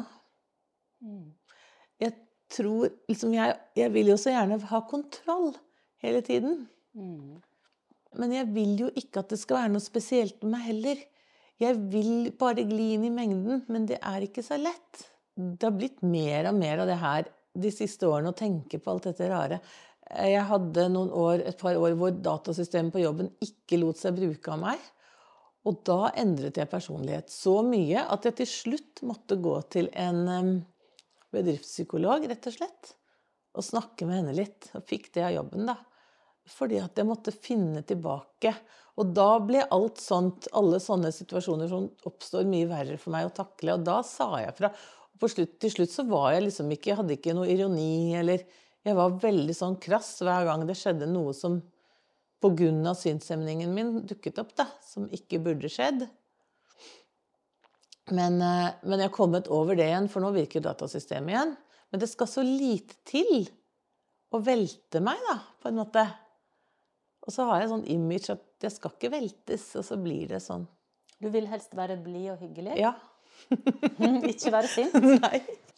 Jeg har lært av pappaen min en gang at man må passe på å ikke bli en plikt for noen. Det tenker jeg mye på. Må ikke bli en plikt. Men du, kan, du, kan du tenke på deg sjøl som at du er en ressursperson? Ja, det prøver jeg å tenke på, og det har jeg skjønt at jeg nok er. Men Hvor er du eh, mest ressursperson? på jobben og i trompetgruppa. og kanskje en del her hjemme òg. Og ja, førerenverdenen er vel også en ressurs, fordi jeg har, har jo hatt Jeg har, min, jeg har begynt på min sjette hund nå, og jeg har god erfaring. Og jeg har til og med tatt um, gullmerke i lydighet med den siste hunden min. Og gått i konkurranse i Norsk Kennelklubb med mange av de andre også. Og det er jo flere som gjør dette nå. Noen få andre synshemmede som gjør det. Men de andre som gjør det, ser lite grann når de har gjort det. Så bare litt restsyn gjør jo at du har en helt annen kontakt med hunden din når den er 15 meter unna deg, f.eks. Har du restsyn? Nei, ingenting. Nei. Var du helt blind fra du var født? Ja, jeg fikk for mye oksygen i kuvøse. Så jeg var nok ikke blind da jeg kom ut, men jeg var jo så små. Ble født tre måneder for tidlig. Og da fikk beskjed om at det ikke skjedde noe med øynene, men etter noen måneder på sykehuset hvor vi bare var der og lå der og prøvde å komme til oss selv, og to måneder i kuvøse var det vel, så kom vi hjem, og så syns de etter hvert, etter noen måneder, at Hilde, da, som tvillingsøsteren min heter, utviklet seg litt annerledes enn meg. Hun begynte å smile og Jeg hadde ikke noe mimikk, så skjønte de at det måtte være et eller annet. Jeg lå bare der og var blid, men hadde liksom ikke noe uttrykk i ansiktet og sånn. Så da sjekket de meg, da. Så fant de ut at jeg så veldig lite. Jeg så litt lys da jeg var bitte liten, tror jeg. Jeg husker det. Men det gjør jeg ikke nå. Men mammaen min har lært meg å smile. Hun har dratt munnvikene mine til siden. Så jeg kan jo smile nå. Jeg syns du smiler veldig Ja. mye. Stort sett hele tida. Ja. Så, Så den, den, du og søstera di Hilde har, et, uh, har hatt og har fortsatt et veldig nært forhold, da? Ja. Så vi støtter hverandre på ulike måter. Vi spiller jo sammen i korpset, og vi fant mennene våre der. Det blir jo sånn slektsstevne. Mange par i korpset vårt. Jeg har hørt et rykte om at du en gang har sagt at du ville ha en mann som var sjående. Stemmer det? Oi. Det er riktig. Jeg sa da jeg var 14 år at jeg ville ha en seende mann, og så ville jeg ikke gå på trygd. Det var det ordet jeg hadde. Ikke gå på trygd og seende mann. Og jeg har jo fått til begge deler. Jeg vet ikke hvorfor. Nei, for det var mitt oppfølgingsspørsmål. Hvorfor har det vært Var det viktig allerede når du var 14 år? Jeg tror det var fordi at da møtte jeg etter hvert noen synshemmede, og så syns jeg noen leste veldig sakte. Og så hver gang vi skulle gi hverandre noe, så var det sånn Hvor er hånden din? liksom, Og så blir man litt sånn tung når man hilser. Man finner liksom ikke den hånden som kommer. og så... Jeg vil ikke være sånn. Så jeg har vært i, i rett og slett sene miljøer hele tiden. Det har vært jeg som har sett lite, eller ikke noe. Og så har de andre sett, og så har det vært en, en god greie for meg, da. For jeg liksom kunne spørre dem hvis det var noe jeg ikke visste om eller ikke fant. eller, ikke sant? Det har vært en sånn en sovepute for meg, sikkert. Men det har vært min opprettholdelseskraft, da. Og prøve å være så tilnærmet dem som mulig, de jeg er sammen med. Veldig fint å spille sammen, ha den interessen sammen. Elsker å gå turer. Liker å bade. Liker å reise. Liker å gjøre ting sammen. Ja, vi får gjort mye, og så må vi ta vare på disse på fire, da. Ja. De blir jo litt babyene våre. Um, du har jo sagt litt om uh, hva du gjør i kirka, men jeg har litt lyst til å spørre deg mer sånn generelt. Hvordan er ditt, din gudstro? Føler at Gud skal være der. Han skal liksom være hele tiden. Og, og jeg får beskjed om natten om ting som jeg skal gjøre. Så hvis jeg lurer på noe, sånn, så drømmer jeg om det. Eller en stemme som sier til meg at Hege, nå må du ringe den eller den, eller nå må du sende det, spørre om det. Nå må du Ja, sånn som nå, da fikk jeg liksom litt beskjed også at jeg burde ringe Aske kommune. Og mm, det var også mammaen min som sa at ta en telefon, ikke bare skriv. Men jeg fikk det veldig klart for meg hva jeg skulle si i den samtalen, og den ble jo helt maks, da, fordi hun jeg ringte til, var kjent angående disse veiene. Så jeg får ofte sånne beskjeder om natten hva jeg skal gjøre. Og får sånn indre kraft når jeg skal ringe noen også. Den tryggheten i dette. Jeg har også lest Bibelen fra perm til perm. Det gjorde jeg i koronatiden i 2020, sommeren. For jeg tenkte at nå må jeg lese den. Jeg har hatt litt sånn dårlig samvittighet. Jeg tenkte at jeg må lese Bibelen før jeg dør. Og da er Gud fornøyd med meg, har jeg tenkt. Etter jeg har gjort det, så da kan jeg dø. Da er det liksom greit. Da, da har jeg gjort opp. Um, og jeg har alltid tenkt på at jeg burde gjort det. Jeg gikk jo på, hadde jo bibeltimer på Jeløya og sånn, og gjorde mye sånt, men har aldri fått lest hele. Så da, den sommeren gjorde jeg det, og jeg ble jo helt besatt. Jeg skjønner ikke at jeg fikk tid til det. Det var jo ikke noe annet å gjøre, egentlig. Vi jobbet jo, og så var vi bare hjemme, så det var liksom jeg satt på terrassen, jeg lå på sengen, jeg holdt på. Jeg leste alle døgnets tider. Jeg leste om midt på natten. Jeg har en helt annen forståelse nå når jeg er prek, med på prekener og sånn, hvordan, hvordan, hva som skjer. Jeg skjønner liksom litt sammenhengen i Bibelen, at Det gamle testamentet var historien, og så kommer det mer i det nye med forkynnelsen, og, og hvordan de så på Jesus på ulik måte. Og, og hvordan Nei, det var, det, jeg skulle jo selvfølgelig gjort det for lenge før. Altså, alle burde gjort det, men det var en sånn eminent kraft. Og så I Salmenes bok har jeg også bare skummet alle salmene. Det skal jeg ta for meg og lese ordentlig senere. Og så har du et forhold til KAB. Kan Ja. du fortelle litt om det? Ja, da må jeg bare si litt om det med Bibelen og KAB. Det var jo veldig forskjell på de som leste. Jeg fikk liksom etter hvert mine favorittinnlesere. Jeg hadde ønsket at én leste alt. For det, når du begynner og du liker noe veldig godt, så, så vil man liksom høre den stemmen hele tiden. Men det var, det var sikkert så stor prosess at det var umulig å lese alt. Det er jo så mye at, at man kan vel bli utslitt bare av å holde Bibelen i hånden og tenke at alt dette skal jeg lese. Så, men veldig glad for at den er lagd på lyd, og at den var i punkt. At det var Altså at alt er tilrettelagt. da. Salmeboken også, som vi jobber med nå, som ikke er tilrettelagt nye, men den gamle var jo tilrettelagt. Eller de gamle. Men KAB har jeg liksom alltid skullet ha noe med å gjøre. Det var også en av de der kontrollpunktene mine. Jeg begynte med Barnas Lydavis på 70-tallet og hørte på den i mange år. Det har liksom alltid vært der. Sånn som Askekirken. Jeg glemte å fortelle noe Dere snakket om kirken i sted. og det er det at eh, Da jeg var liten, så var det jo ikke så mange som hadde TV. Men eh, etter hvert så fikk jo flere og flere det, og vi var sene til å få TV. Men da var det sånn organisten i Aske kirke han øvde alltid på lørdags ettermiddag mellom klokken seks og halv syv til gudstjeneste. Da pyntet han med lys i kirken, stearinlys og sånn, og så hadde han litt sånn hyggelig stund, og så spilte han salmer og øvde seg til gudstjenesten. Da gikk mamma og jeg i kirken og la oss på hver vår benk og hørte på han spille. Og det var så fantastisk, og da kunne de andre bare se på barne-TV og gjøre det de ville hvis ikke det var så gøy. Og så skulle vi alltid ned i kirken. Og det er litt sånn som KAB også har vært for meg bestandig, det. Skulle være der. Liksom en sånn grunnmur som er bak, som jeg kan støtte meg på. Men KAB for meg da har vært eh, Det var ja, Barneleir og sånt var jeg aldri på, for dette turte jeg jo ikke. Jeg var jo sammen med blinde barn på skolen de tre første årene, men syntes det var litt skummelt. Var litt sånn usikker på det. Å være Så- sammen med andre barn Ja, blinde? andre blinde og svaksynte barn syntes jeg var litt vanskelig. Vet ikke hvorfor, men det var, var jo ikke de jeg var sammen med i fritiden. Jeg var litt redd i barnehagen òg, husker jeg. Det var litt sånn var litt, eh, Noen var litt uvørne og løp litt mye mer rundt enn meg, og jeg var litt, litt passiv. Og da husker jeg var en som kom plutselig og satte seg oppå meg, satte seg på hodet mitt når jeg satt et sted eller lå et sted eller på gulvet eller tro på meg og ikke sant? Visste ikke at jeg var der. Det er jo sånn som vi opplever hele tiden. Mm. Eh, Så du var på en måte tryggere på sjåen? ja, var det, da. Så da var jeg aldri på barneleir eller noe sånt. Det turte jeg ikke.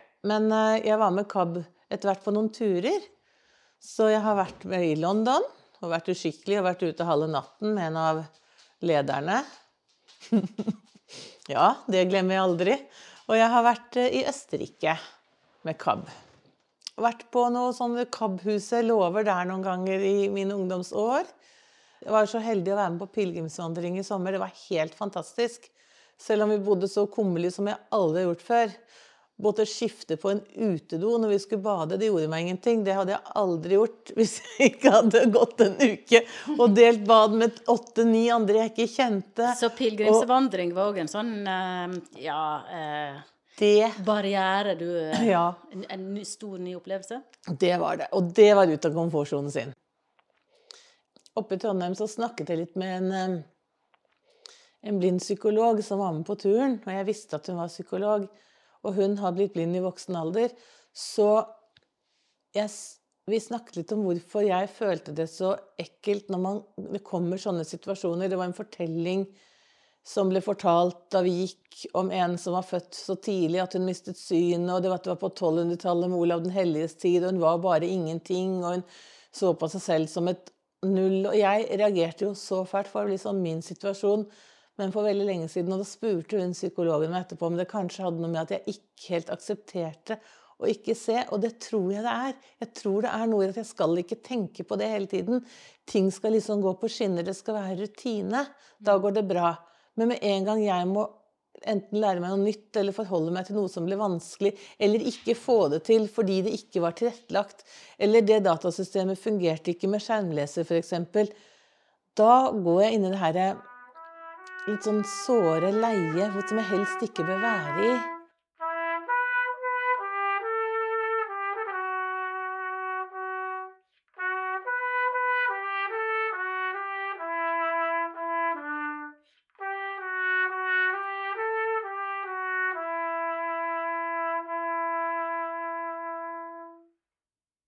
Ja, det er helt vidunderlig å spille i korps. Det er liksom en sånn Å få lov å være en del av fellesskapet og ikke være noe sånn åh, det er det Hege som er blind, på en måte. Det er hun, det er hun der.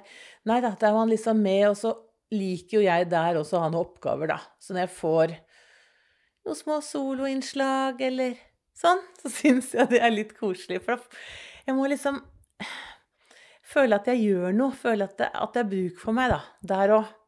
Og så er jo en av de som spiller høyt, altså ikke sterkt, men høyt i registeret, og, og liksom få med det meste, så at jeg lærer meg stykket. Så at jeg liker stykket. Og så tar jeg heller, og hvis jeg skjønner at dette er noe som blir altfor mye arbeid å lære inn for veldig kort tid, bare for et prosjekt f.eks., så lar jeg det heller være.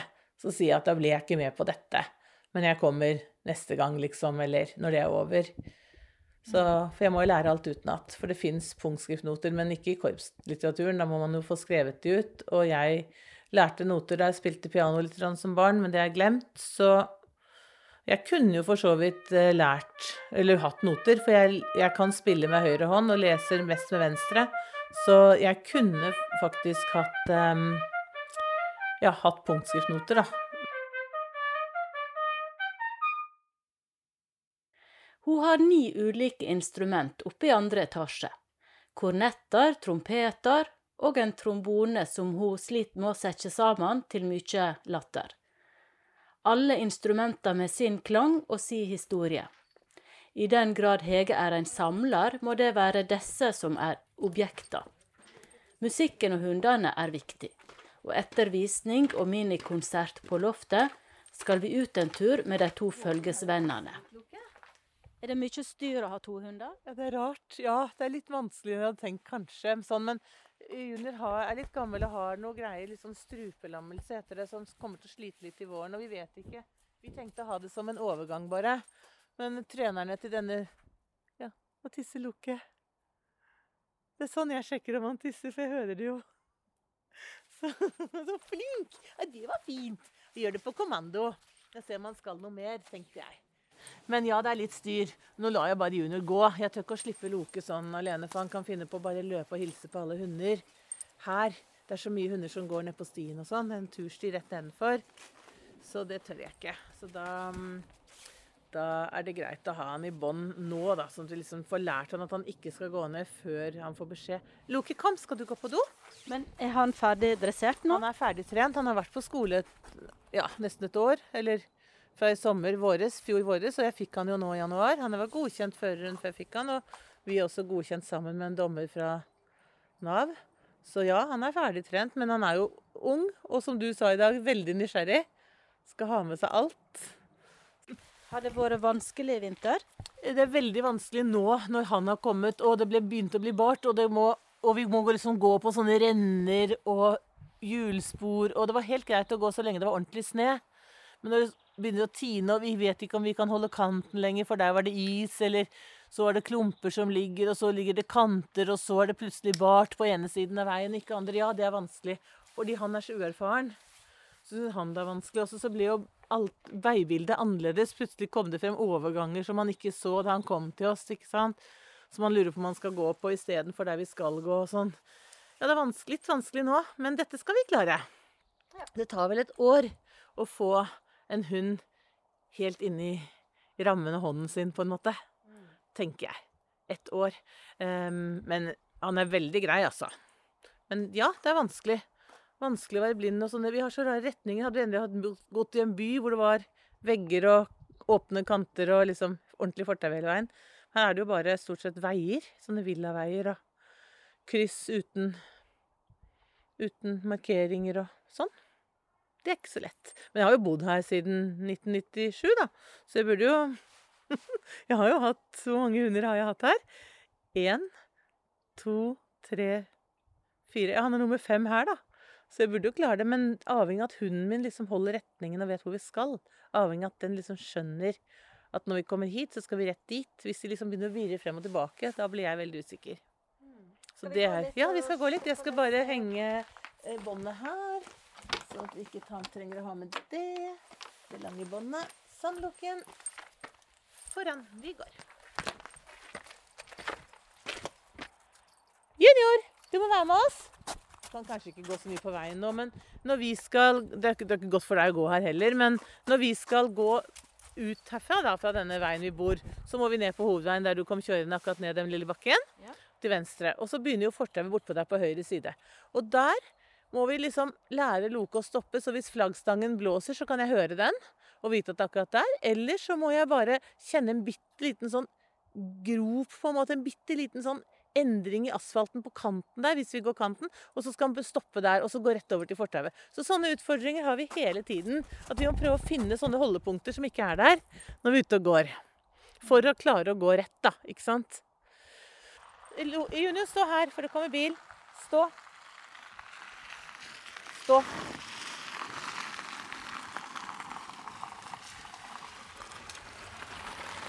Flink junior. Junior var da i bånd på turen før i dag, men nå er jo noe løs, så vi må jo bare passe litt på han, da. At han ikke, at han ikke blir påkjørt. En liten gammel hund. For han lukker gå ut her, for det er veldig farlig å gå i det hullet der. Ja, jeg liker meg best om, om, om sommeren akkurat nå, iallfall. Håper det blir bart snart, når det først har blitt så mye bart. Venstre så kan det godt bli varere litt eh, til, da. Sånn retning litt videre. Jeg tror at flaggstangen er sånn cirka her. Jeg tror det er nesten her. Kanskje litt tidligere. Her er flaggstang, ja. ja. Og så er fortauet rett over der. For nå er det liksom en sånn liten her sånn, er det en bitte, bitte liten sånn liten flate i veien. Og der går det litt mer opp hvis du ser. Så hvis vi kommer akkurat hit, så kan vi gå rett over til fortauet. Ja. Så sier jeg bare høyre, over til fortauet.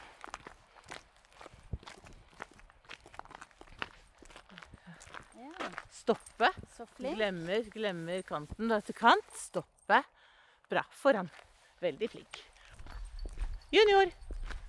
Vent. Jeg går jo aldri med junior løs sånn alene på tur. Det tør jeg ikke ennå, for jeg har hatt han i bånd. Men eh, nå Nå er han bare løs. Så Hvor langt, Sånn. går, hvor langt går dere, da? Nei, vi gikk vel en Hvor langt gikk vi før i dag? Gikk vi en tre-fire kilometer? Vi kan jo godt gå gikk jo ti mil på syv dager på pilegrimen, så Oi, oi, vi kan gå en seks-syv kilometer, åtte kilometer tur. Hadde du med deg junior? Jeg hadde med junior, men han fikk hadde, hadde stikksår på en bakpote. Kommer det en hund der? Nei, dame. Nei, ja, da kan han bare Da er han bare der. Junior, vent.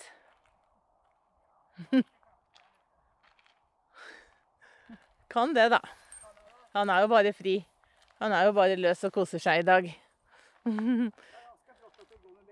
ja, han gjorde det før i dag, og det var eh, Gikk helt i Tomra. Det, ja. ja, det var vanskelig. Junior, vær her, da. Ja, det var ikke lett. Nei, jeg ser det er vinduet, jeg vet ikke, jeg Ja, ja, du, nei, nei, nei, nei, nei, ikke hopp. Det er veldig, alt er trening i denne nye tilværelsen. Ja, ja, ja. Ja, du ser, ser vi strever litt. Ja, du ser vi strever litt Ja. med han. Ja, gjør det. Men han blir nok bra om et år. Eh, Noen måneder. Men jeg gir meg over hvor flink du er med han. Jeg skjønner ikke. Takk skal du ha, altså. Og i dag så gikk det med begge. Det var Ja, ja. Ja, du så det dag. Jeg så det der for Ja. da gikk etter. Ja. Og det gikk bra helt til vi kom ned på hovedveien. Jeg gikk og roste han veldig. kom med Trollestua der ved bussholdeplassen, og da gikk det jo helt gærent. Der kom en mann som sto foran, og junior kom litt feil, så han kom liksom Da var båndet til junior her mellom ryggen hans, og junior var på andre siden, og han bare Ja. Så sa jeg 'ser deg ikke'. 'Nei, jeg er usynlig', svarte han. Så det var veldig klønete svart, selvfølgelig. Ja, Men så så han det da jeg kom forbi han, da, at jeg hadde en førerhund i hånden, og så Ja, Ja. ja, akkurat. Men der, er det jo, der var det jo bare isen utafor Trollstua. Hege. Det er Ja. bare isen. Jeg, jeg, jeg gikk med staver. Jeg, Det var like før bussholdeplassen sto han der. Han var jo litt gammel han også, egentlig, tror jeg. Og han var litt sånn sur på meg, da. Uh, inntil han Kanskje han sa 'flytt deg', liksom. Ja, han sa det. Ja, jeg er helt usynlig, jeg, skjønner du. Nei, men du, Kanskje jeg kan spørre deg, er du litt imponert over henne? ikke bare litt. Hun er nabo her nede der borte på Feke. Jeg bor i det første huset. Ja. Så jeg ser deg Hege hver dag jeg går, og jeg tenker jeg går om kvelden. tenker, Er det mulig? Hva skal, bra, hva skal hun. hun ute gjøre nå klokka ni om kvelden? Ja. Kan jeg spørre hva du heter? Jeg heter Ellen Martinsen. Ja, ja, jeg gir meg over for henne hvor sprek jeg er. Hvor flink. Ja, du er det, Ja, men jeg må jo, og nå er det jo veldig viktig å gå, men det som er problemet nå, er jo rett og slett over Torsløkka der nede. Er det nesten umulig å krysse, for Loke vil over til, unnskyld, over til rundt om på andre siden det opphøyde gangfeltet der. Der nede ved Torsløkka, og nede ved ekstrabutikken er det også helt umulig. Så i dag har jeg ringt kommunen og sagt fra At det... at de må gjøre noe med de kryssene, sånn at jeg vet hvor jeg går. Lage en ordentlig gangfelt eller veikanter og sånn. Sånne rugler eller så man vet hvor man går hen. Det hørte de på. Sånn skal vi ha befaring. Ja, men så bra. Ja. Ja. Så det hjelper å si ifra. Og hun bor her oppe i Oppsjømarka, hun jeg snakket med. Og hun sa at de veiene er jo veldig ekle. sa hun. Ja. ja, men så bra, Hege. tenkte jeg så ja, for at du er helt Jeg må bare si det. Du er helt enestående.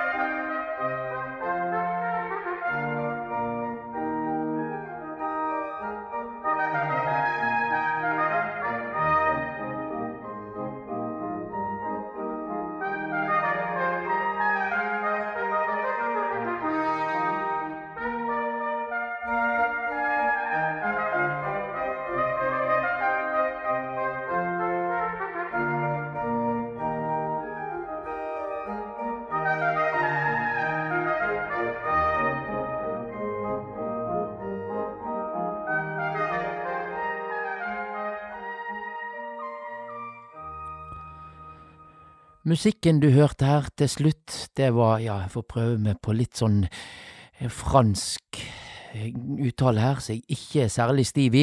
La meg ma av Georg eh, Philip Telemann.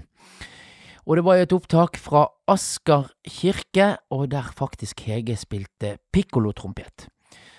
Og så i innslaget så hørte du òg et opptak fra Varåsen kirke med salmen Nå la oss takke Gud, av eh, den tyske presten og salmedikteren som heter Martin Rinkart. Og der spilte Hege vanlig trompet.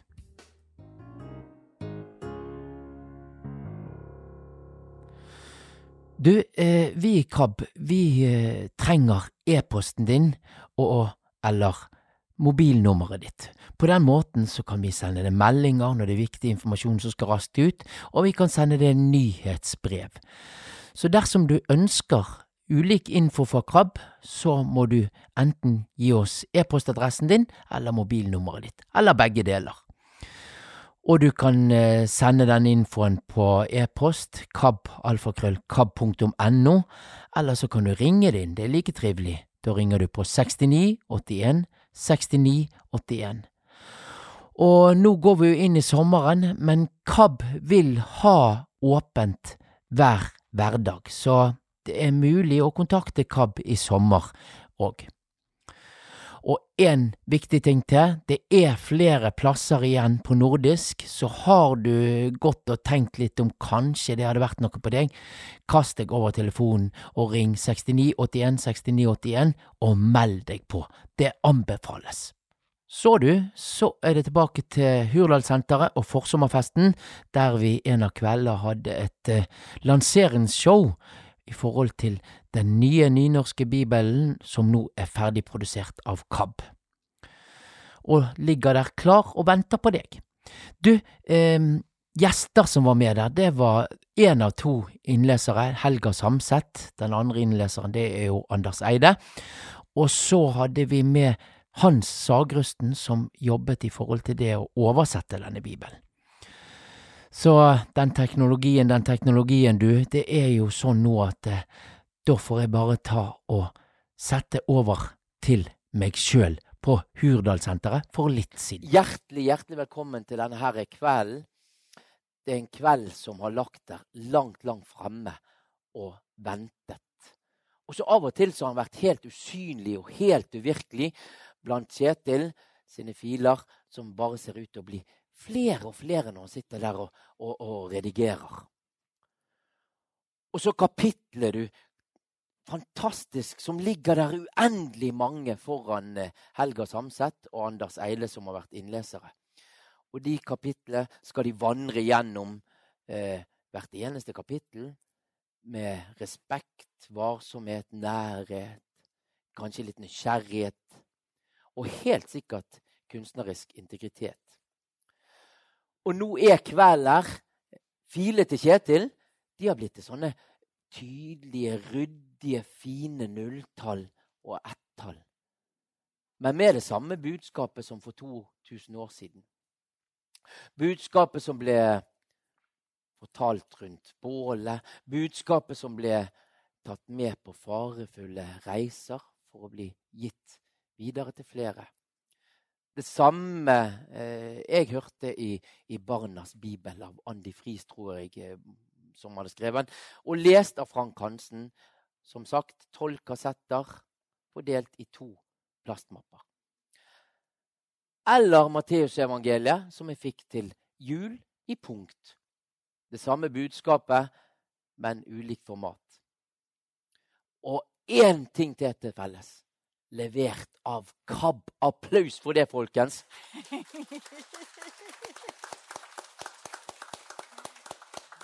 Og nå er det jammen meg det første har blitt fortalt. Det første lydutgaven av, av Bibel på nynorsk som vi skal lansere i dag. Altså. Så dette, dette er svært, og, og, det er jo så fantastisk. Å ha, Jeg blir jo helt matt i knærne. Stjerne med på laget når vi skal lansere Helga Samset og Hans eh, Sagrusten. Og velkommen til begge to.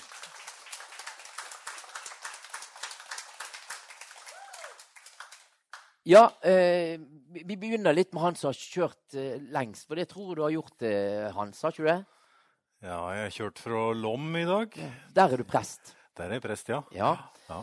Og du har jobbet mye med oversettelsen med den bibelen. Ja, jeg arbeidet vel full tid omtrent i seks år med Bibel 2011. Men jeg var jo en del av et stort team, da.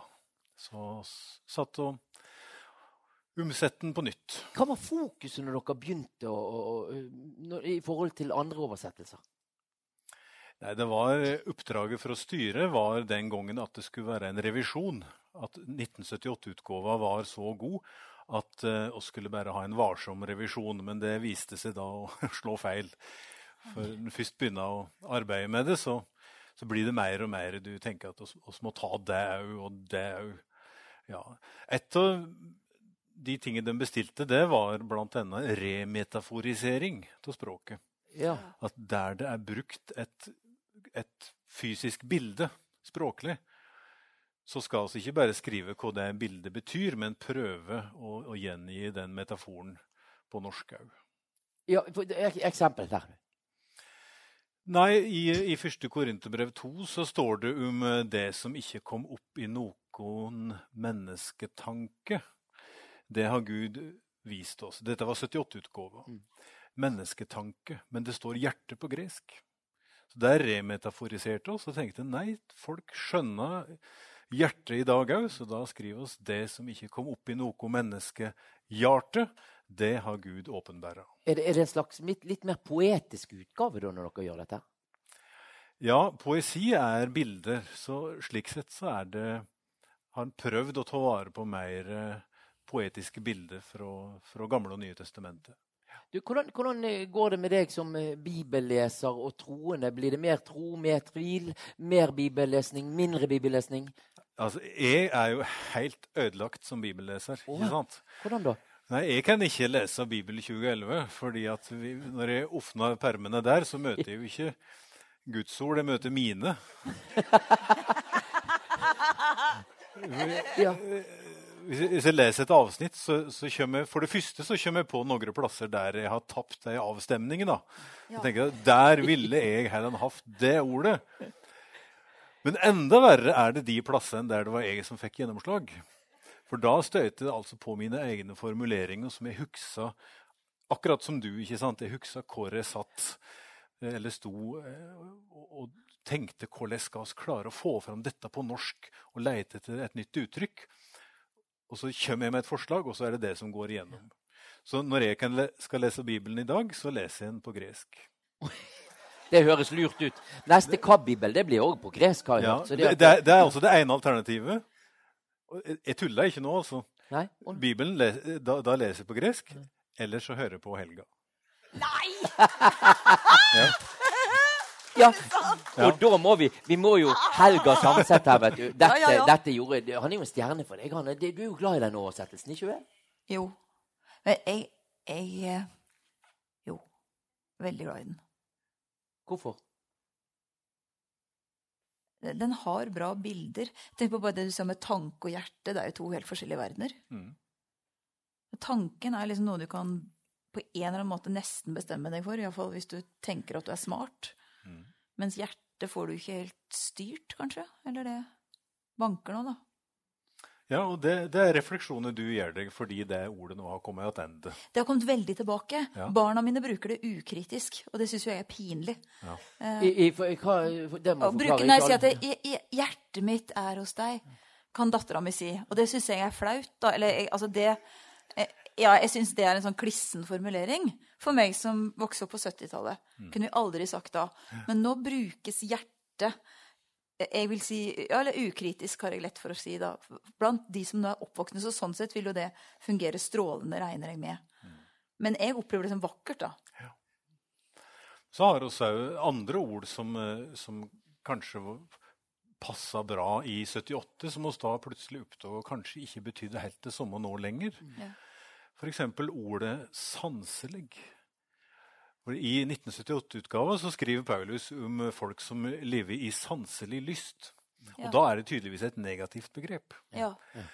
Men det som har skjedd i mellomtida, er at vi har fått en haug med interiørblad og, blad og livsstilsblad der det sanselige er noe positivt. Ja, selvfølgelig. Ikke sant? Det er noe smakfullt, som lufter godt, eh, som gir livet glede. Så det har forandra seg til å bli et mer positivt uttrykk. Så Så- oss kunne ikke bruke det på samme måten. Nei, men altså, så det at det her dreier det seg òg om faktisk å, å gjenspeile klangbunnen i språket vårt, så vi skal kjenne det gode, og vi skal kjenne de viktige tingene på, på vår måte i vårt samfunn. Det er målet. Ja. Og så kommer det til å sitte en eller annen nisse her om 30 år og, og fortelle om alle forbedringene de har gjort for å utgave som Sagrusten var med på. ja. Så dette her er i stadig endring. Og, og neste generasjon bibelomsettere kommer til å peke på de områder der vår utgave Når Gud- kunne vært bedre. Når Gud begynner å si 'serr, ass', jeg mener det! Ja. Men, eh, men slik, er, slik er det. Hver ny generasjon er nødt til å prøve å finne et språk for de evige ordet i si tid. Du, eh, du hører på Helga, sier du, og du må jo Jeg regner med at siden du hører på henne, så har du gode ord å si om, om hennes eh, tolkning. Ja, skal jeg si det nå? Det skal du si nå. Da vil jeg si det, Helga Samset, at jeg har en høne å plukke med deg. Oi. Oi, oi, oi. Fordi at du holder på å ruinere meg. Sier du det? Ja, føler meg til randen av personlig konkurs. Du verden, altså. Fordi at eh, jeg har, jeg har hørt så mange timer på denne utgåva som du har lest inn. Eh, og her må jeg få skyte inn. I kveld så representerer jeg Bibelselskapet. Ja. Og, og det jeg må huske å si, er gratulerer åt KAB med en nydelig utgave på vegne av oss i Bibelselskapet. Eh, hjertelig til lykke. Men det jeg har gjort, jeg har hørt så mange timer på denne utgava at nå har jeg begynt å kjøpe henne til eller kjenne. Så jeg, jeg går inn på kab.no, og så, så kjøper jeg en slik nedlastbar eh, kode. Og så sender jeg den til eh, organisten vår, som eh, har glede av en lydbibel. Han er litt svaksynt. Og til en fjorårskonfirmant som gjerne vil lære mer om Bibelen. Flere slike har jeg da lasta ned og sendt kode til, så nå har jeg ikke råd til mer. Nei, men, seriøst, dette er en nydelig utgave. Oi. Og jeg elsker å høre på. Og jeg har hørt på så mange timer i bilen og når jeg har vært ute og gått. Så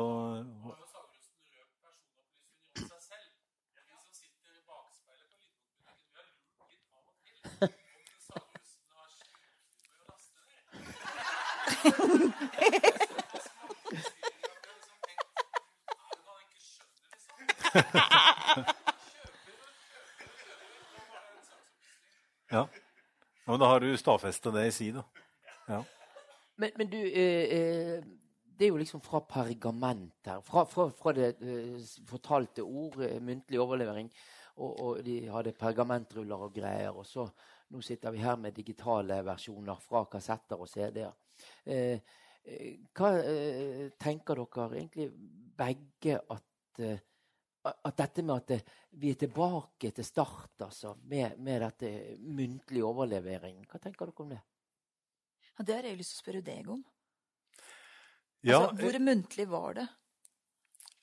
Nei, det, dette har jeg skrevet et par bøker om. Ja. um, og det jeg vil si at Folk flest tenker at den virkelige tingen som du burde ha, det er ei bok Ja. å lese i. Ja.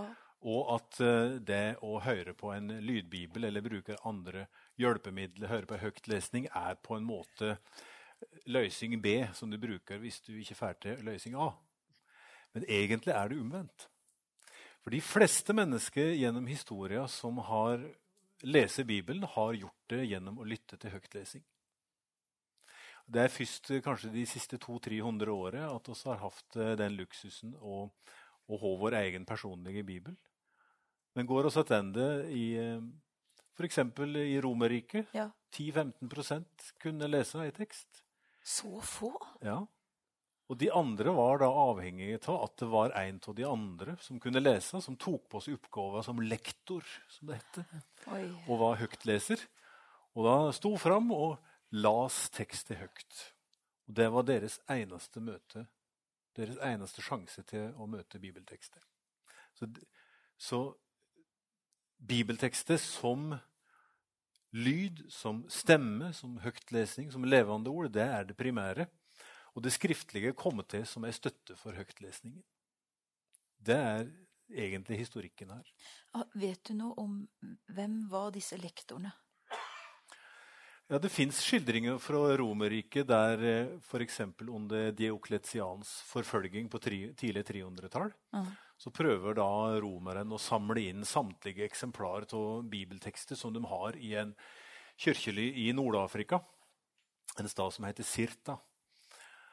Og Der syner det seg da at de har nesten ingen bøk i, i kyrkja, men de er hjemme hos fem eller seks lektorer, som tydeligvis er vanlige folk, men som kan lese. Blant de kvinner? Eh, Det vet jeg ikke. Det var, jeg tror det var både menn og kvinner. Ja. Både blant dem som las høyt, og dem som da eh, skrev og mangfoldiggjorde tekster. Ja, selvfølgelig. Mm. Men disse lektorene hadde da med seg bøkene hjem, hvor de måtte øve på det de skulle lese høyt. Ja. Blant annet fordi eh, romerne hadde enda ikke funnet opp mellomrommet. Men, men. Så, så ei bok var ett langt ord. Ingen tegnsetting og ingen mellomrom. Så du måtte vite hvor du skulle stoppe. Tenk på det. du. Står det noe om hvordan, de, eh, hvordan det skulle leses? Det, det vet en ikke så mye om, men dette som kalles scripta continua, at det går i ei remse, kanskje har det òg litt med framføringen. Dette er min teori, da. Men kanskje, kanskje var det slik at de las på én tone, for da bærer lyden mer utover. Og dette var antikken som med middelalderens høgtaleranlegg. Ikke sant? Og en eller annen gang i middelalderen så begynte en å avslutte setningene slik. Og dermed hadde en funnet, funnet opp messesangen, som da ikke er noe du har gjort for å gjøre deg fin, men det er altså et eh, auditivt virkemiddel. Det er for å få lyden til å bære, enten utadørs Ja, eller i ei steinkirke. Hva gjorde den Jesus for eksempel, når, når han skulle bli hørt av 5000 utadørs? Ja. En må jo ha funnet seg en plass som var et slags naturlig amfi, der lyden bar i terrenget. Og så må han ha brukt utestemme, og så tror jeg at han la stemma opp og prata på én tone. Ja, oh, ja. Nok om det. Du Men tror han prata på en tone? Da han la seg? jeg, tror de, jeg tror de prata på en syngende måte. Ja.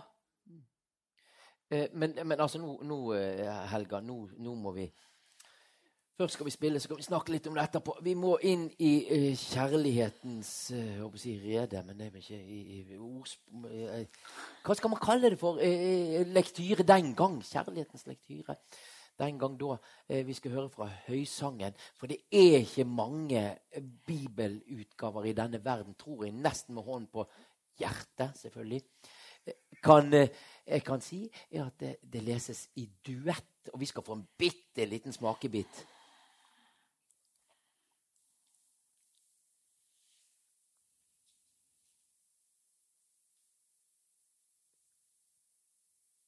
Om du ikke veit det, du vakrest av kvinner, følg sporet etter flokken, og gjet skjea dine inn med gjeterhyttene. Jeg vil likne deg med ei hoppe mellom faraos vogner, mi kjære. Vi tar det en gang til. Tar den en gang til. Ta den en gang til.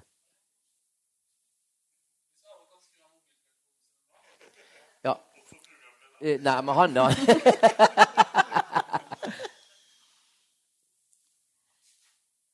Om du ikke veit det, du vakrest av kvinner, følg sporet etter flokken, og gjet skjea dine inn med gjeterhyttene.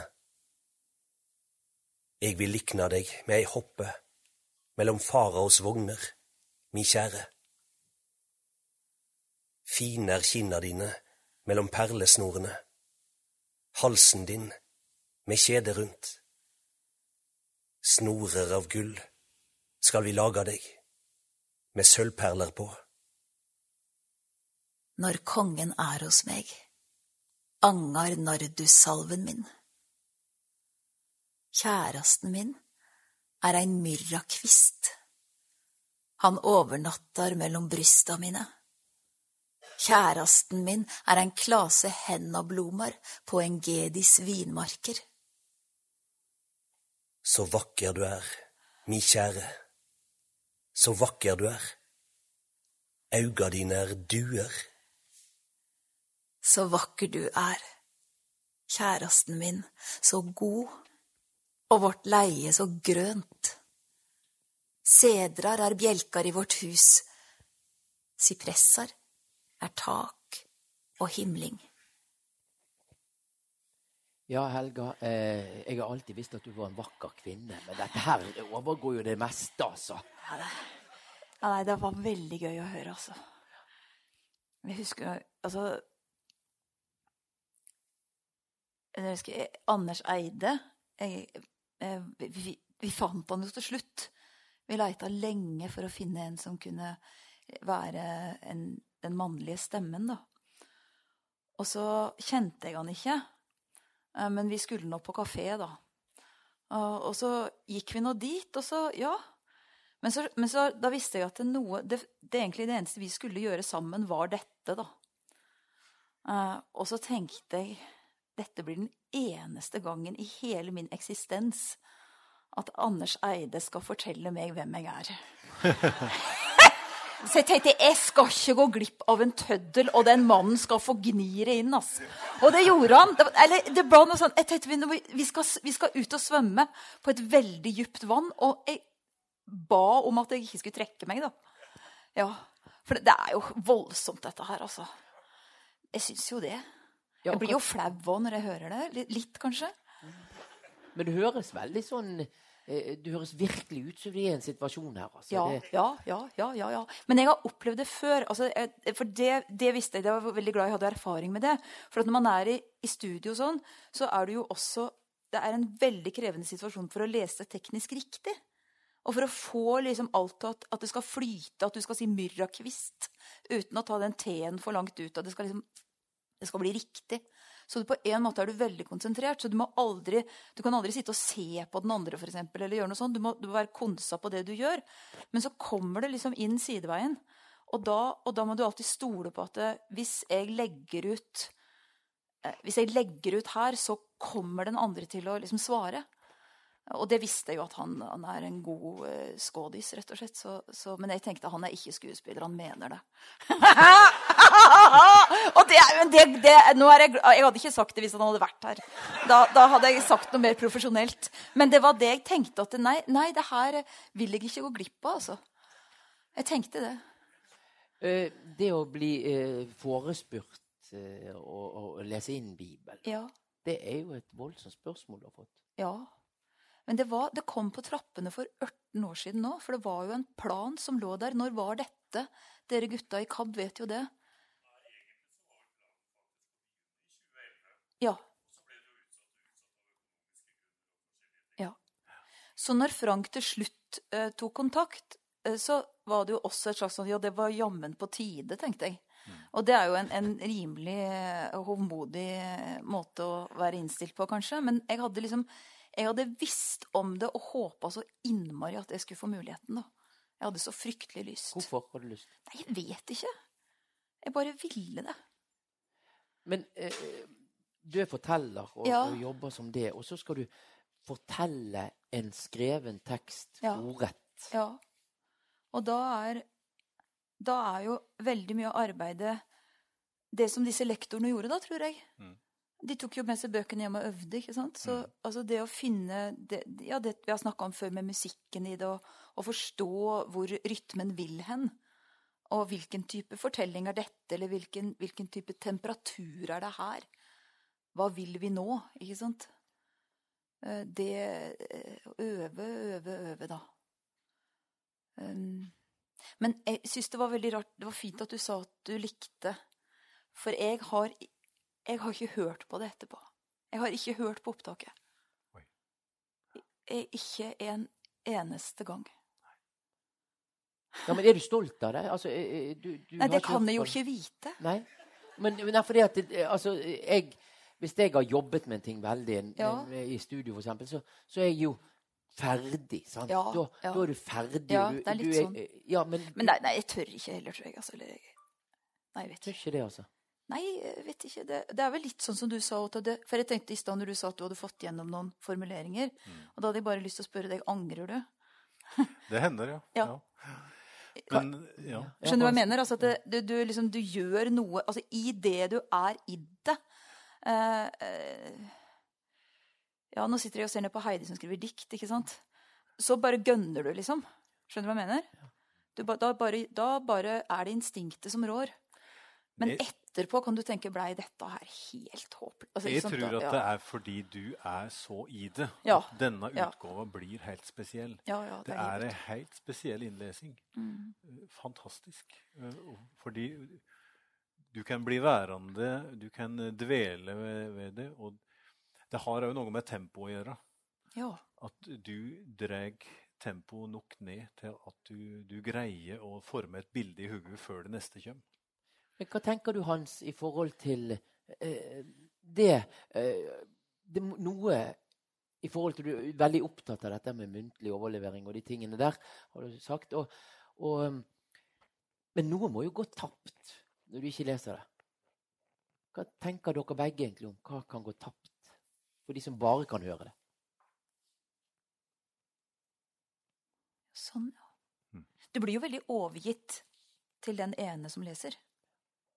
Det gjør du. Og Derfor var det nok veldig viktig å finne to innlesere til GT nå. Altså Rett og slett fordi at man trenger altså man, man trenger forskjellige innspill og stemmer. For, for ingen vil gjøre dette likt. Så du blir, du blir jo overgitt til den som på en måte har tatt på seg oppgaven. På godt og vondt. Ja, for jeg føler jo det at hvis jeg leser en tekst med fingrene, så, så blir han eh, Kan man si Han formes mer. Han blir, han blir litt mer meg lik, Ja. en måte. Det kan jeg se for meg. Det er jo Folk kan jo være litt redde for å prege tekstet for mye. da. Og tenke at Hvis jeg legger inn for mye betoning og mitt tonefell, som man sier i Norgebrandsdalen, så, så, så blir det vanskelig for andre. ikke sant? Ja, ja. Men løsningen er jo ikke å prøve å lese så nøytralt som mulig. For da jo formidler du noe. Ja, ja. Hvis du prøver å lese Da prøver du å si sånn at jeg, jeg, nå prøver jeg å holde avstand, sier du da. Ja.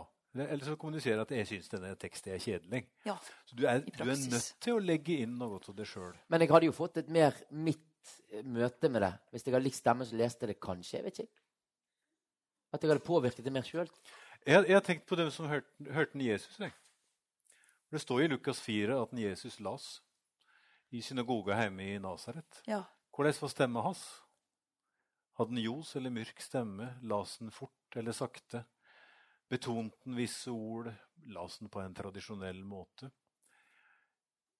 Slik vil hver eneste høytlesning være en slags gave til dem som hører på. At du gir dem ikke bare tekster, men du gir dem litt av deg sjøl òg. Ja. Og det må du gjøre. Ja. Og det er ei gave du skal ta imot, for det er noe vakkert. Mm. Um, Eh, og det er, jo en, det er jo en viktig bok, dette her. Eh, sant? Altså, folk bruker den i de mørkeste stunder i livet. Sant? Du hører om folk som eneste holder de oppe i konsentrasjonsleirer osv. Og, sant? og de lykkeligste i, i, i livet. Så det er jo et enormt eh, ansvar, kan man si. Eh, og i et sånt ansvar eh, er det viktig da, Helga, at eh, du forstår det du leser. Ja, når du sa det du sa nå, så så jeg for meg eh, den trekanten med øyet inni. Altså bare det en som ser. Om jeg forstår, er nå én ting, men jeg, men, og da tenker jo jeg, ikke minst i denne sammenhengen, at se er noe mye mer enn å se. Altså Ja, at det er At du oppfatter, i alle fall, at du forsøker å se teksten, da. Jeg veit ikke helt om det var godt svart, men det var det bildet Nei, altså, fikk. du, Altså. du ser teksten Ja. med, med de ordene som vekker de tingene Ja. i deg, og, da, Ja. og, og finner den rytmen. Da. ja, Ja. ja. Så må du bare, da må du liksom bare «Hui, Her er det. Og så går du inn. Du har, jo, du har jo jobbet mye med dette. Du var jo Ja. på Sjelesorgsenter. Ja, ja, ja, ja. Fortell den historien. Den- Ja, nei, den er morsom, for da, det var, det var når jeg jobba med Nytestamentet. Men da var det sånn at jeg hadde, jeg hadde veldig sånn idé om å forstå, da, at jeg måtte forstå og Jeg har jo prata masse selvfølgelig med teologer og sånn, og det har vært nyttig og fint alltid. Um, men så er det at det, at det velter over til å bli mer, mer og mer gåte, og flere og flere ord som på en måte stabler seg opp foran deg. da. Og så var det det at jeg var på mode med å bare bestemme meg for at jeg må, jeg må bare lese eh, lenge av gangen eh, uten å stoppe. Og da gikk det over i en form for slags sånn meditasjon, kanskje, eller altså at, det, at det, teksten tar litt over, at det er rytmen i den, eller flyten i det, eller liksom den måten den beveger seg på, da. Som blir vel så viktig som som en slags, iallfall som en intellektuell eller en hodestyrt forståelse av kanskje det der med forskjell på tanke og hjerte. Jeg vet ikke. At du kjenner teksten. Ja, mer som en fysisk ting, ja. At jeg, at jeg, og det merker jeg veldig nå når jeg eh, Jeg satt jo og las her i dag for å liksom komme litt tilbake, da. Og da, det, er, det er en veldig, nesten sånn fysisk ting å gå inn i det. Og jeg ser jeg skal dit, og så skal jeg dit, og så skal dam, bare bam, dit skal jeg. Dit skal jeg. Dit skal jeg. Og da kunne jeg til og med gjøre sånn jeg satt i studio, så gjorde jeg liksom sånn. Og da slo jeg av og til borti mikken, så, så han ble sinna, han eh, teknikeren min. Jeg, altså, du, jeg sitter liksom og Beveger hendene. beveger hendene for å finne den rytmen, og så Og når det da er pause, så vet jeg at sa, sa, sa, sa, sa, sa, der går vi i gang igjen. Og så skal vi sånn, og så skal vi sånn, og så skal vi dit, dit, dit, dit, dit, dit. Der, der, der, der, dang. Pause. Sjopa. Videre. Pausen er viktig for deg, for de er ofte de er, er der, for å si det sånn. Ja. Det, det, det er jo de som de, de, de skaper vel det driv, eller Jeg vet ikke helt hva som skjer, altså. Men, men det er Og det er vel oversettelse. Det, dere må jo ha jobba masse med det. Med hvordan det, det kjennes i munnen at det blir at det blir u, altså at når du skal gjøre en setning, at du for eksempel for, med en gang forstår hvor du skal i setningen. da. Ja. Og eh, oss uh, arbeidet støtt slik at uh, ei tekst skulle leses høyt. Ja, for det, dere jobba med det for å få det til, for ellers så går ja. det ikke. Det, Det- når det uttales, så hører du.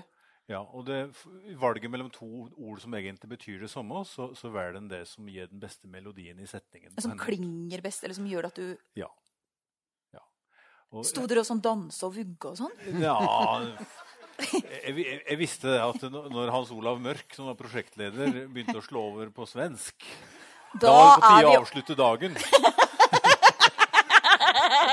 Da, når det gikk stille, så gikk han over på dansk. Yeah.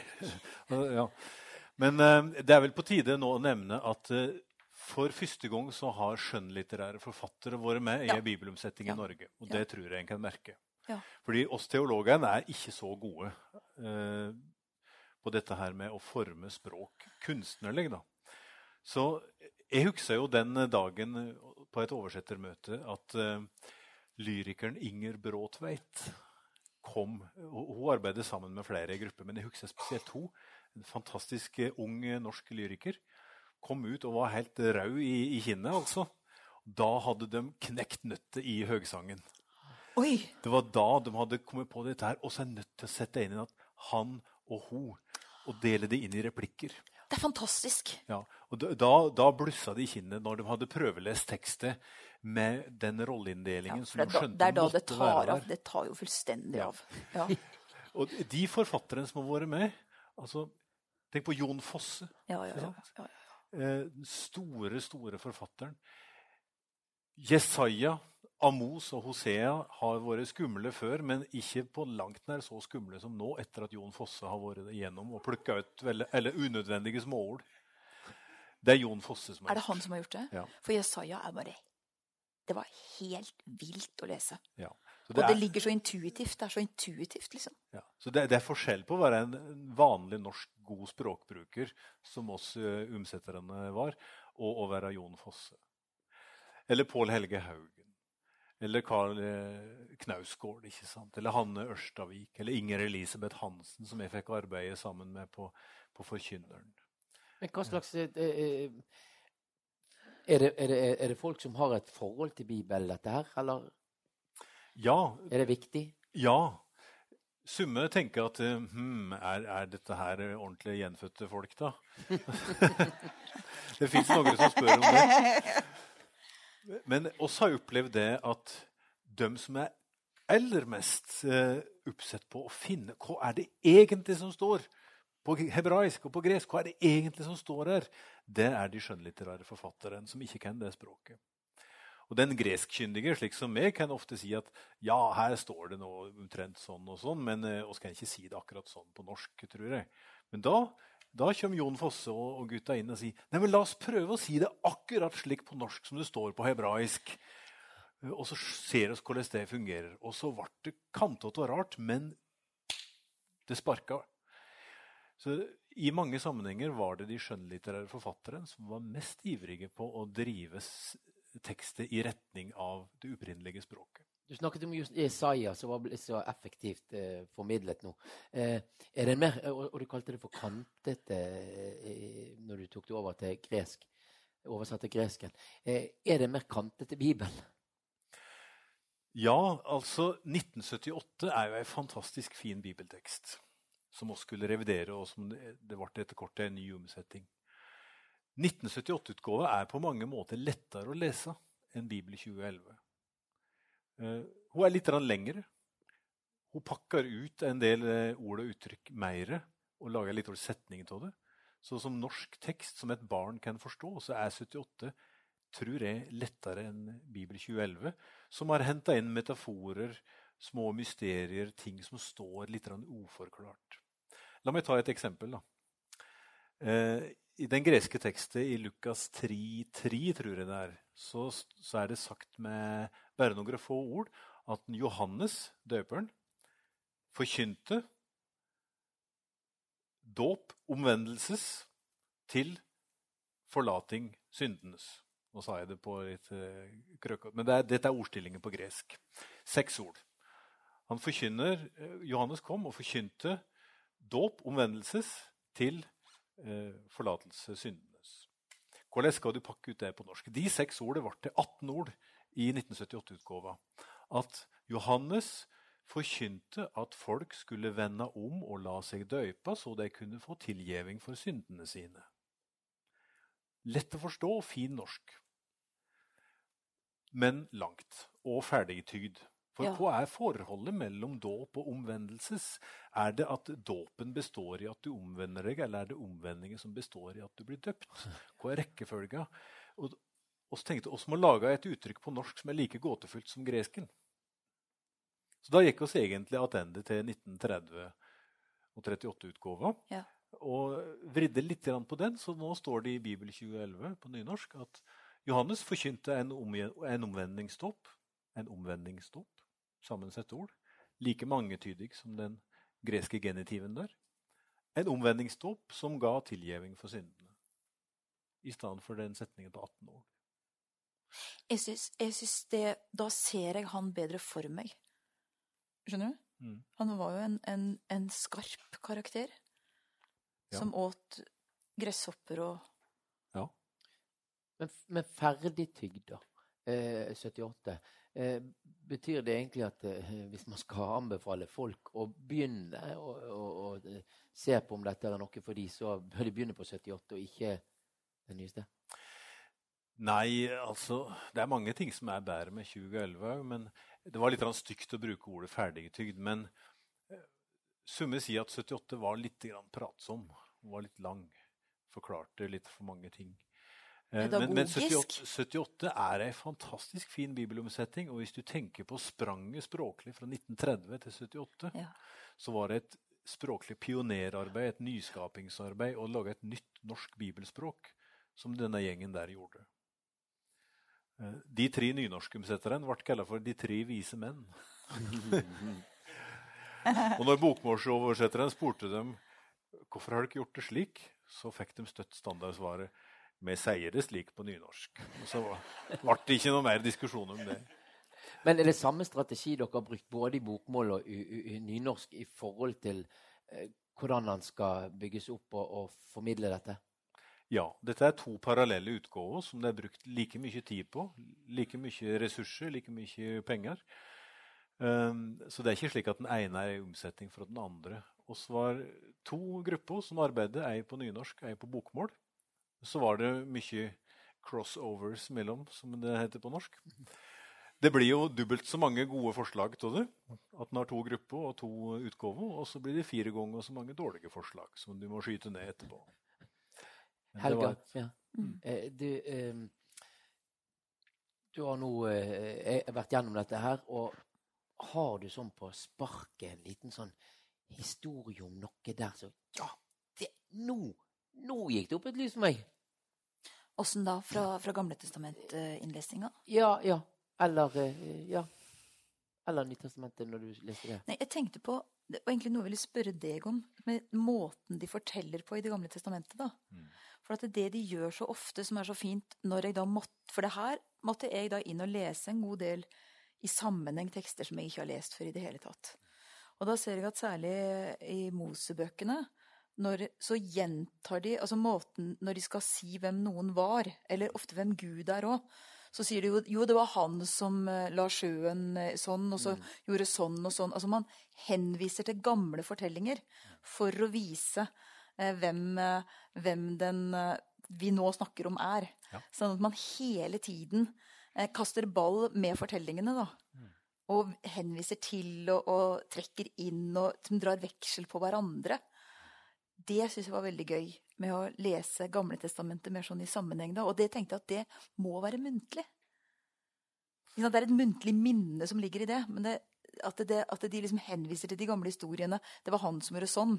Og så var det han som gjorde sånn, og så var det de som gjorde det. Ja, men Det er en nydelig observasjon som jeg er helt sikker på er rett. At dette er et tegn på at dette var en, en muntlig tekst. Ja. Som hun fantes skriftlig, men de, de la så høyt. Det var måten de formidla henne på.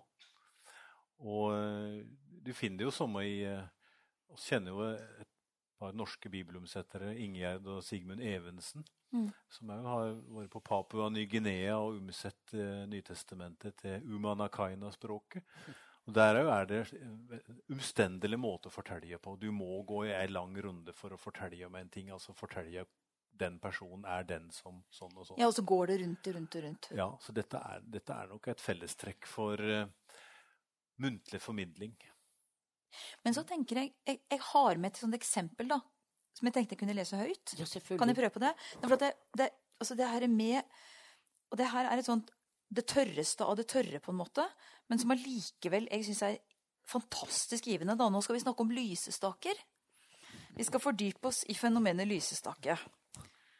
Da kan det hende du veit hvor vi skal hen, eh, Hans. Det her er eh, eh, Det er Moses som er på fjellet. Og så gir Det er Gud som ganske direkte gir beskjed om hvordan ting skal være. Og, og i, det her er eh, tale fra Gud til Moses, og rein sånn beskrivelse av hvordan det hele skal være. Og det her går igjen også når tempelet skal bygges, ikke sant? Og i alt lovstoffet også. Så blir det en form for rytme, nesten som en sang, når man skal beskrive hvordan noe skal være. Jeg syns bare det er helt topp. Nå skal dere høre på hvordan lysestaken skal være. Og eh, igjen dette med rytmen og hvordan teksten er bygd og meisla ut. Dette er altså da fra eh, andre Mosebok, 25, vers 31 til så langt jeg kommer 37, sannsynligvis. Eh, 36. Og jeg tipper mange av dere ikke har hørt den før, for den er ikke liksom blant de mest sentrale. La oss prøve. Du skal lage en lysestake av reint gull. Lysestaken med fot og stamme og skålene med knopper og blomar skal hamrast ut av eit stykke. Seks armar skal gå ut fra lysestaken. Tre på den ene sida og tre på den andre sida. På den første armen skal det være tre skåler forma som ein mandelblom, hver med knopp og blom. På den neste armen skal det være tre skåler forma som ein mandelblom, kvar med knopp og blom. Slik skal det være på alle de seks armene som går ut fra lysestaken. På sjølve staken skal det være fire mandelforma skåler med knopper og blomar. Det skal være én knopp under det første armparet, én under det andre og én under det tredje, det vil seia under alle de seks armene som går ut fra lysestaken. Knoppene og armene skal gå i eit med staken. Det heile skal hamrast ut av eit stykke reint gull. Så er det ikke deilig? Det svinger. Det, det, ikke det er helt sånn? Og, det, og, det, og de gjentar det. ikke sant? Altså, ikke sant? Du skal lage en lysestake av reint gull, og så kommer det da tilbake. ikke sant? Det hele skal hamres ut av eit stykke reint gull. Det er sånne små refrenger som kommer tilbake. Og det forklares så nøye og pedagogisk at det liksom blir det blir til en sang. Og sånn er lovstoffet også. Det er helt Jeg syns tredje Mosebok var en, var en dans, altså. Helt nydelig. Hvem er den norske forfatteren som skriver så detaljert og skildrer småting i det uendelige? Det er Fosse, da.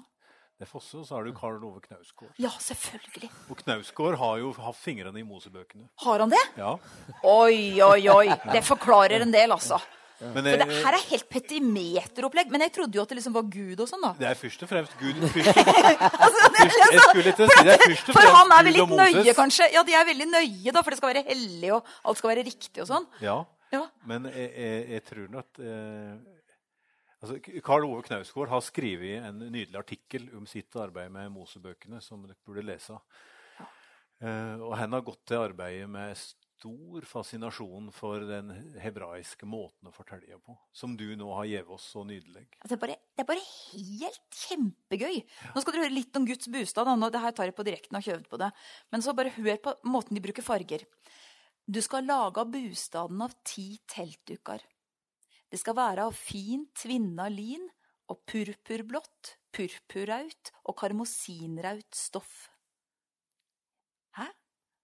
Det er bare det fargegreiene. ikke sant? Det skal være tvinna lin og purpurblått, purpurraut og karmosinraut stoff. Og du, og du sitter og beveger håndene Ja, ja, det- som, det- det som, er bare- en, Det er bare som en dirigent. Ja, det er, men det er det det er. Det er så godt formulert. Og, og, og du gir det til oss på en måte som jeg ikke har hørt før. Det er en enestående utgave. Jeg må bare gratulere dere i KAB med det. Alt arbeidet som Kjetil har gjort. Kjetil har jeg faktisk eh, fått være sammen med. Han var elev på bibelskolen på Fjellhaug da jeg var lærervikar der. Så eh, oss har jeg en historie sammen. Han oppførte seg fint. Det var ingen som oppførte seg så fint som en Kjetil. Men vet du hva, jeg ser på klokken, folkens. Vi må, en liten applaus for det, da. eh, og ja, en liten, fordi at tiden løper. Det er jo så spennende, dette. Og Helga, du er jo allerede på speed, og enda mer speed skal du bli når vi skal ha sånn speed-listening seinere her i, i verdensmesterskapet i det. Men vi må til den levende legenden, selv om det eh, røynet litt under koronaen, så har vi Frank Tangen, som er vel den i denne verden som har lest en bibel to ganger, folkens. Det må applaus!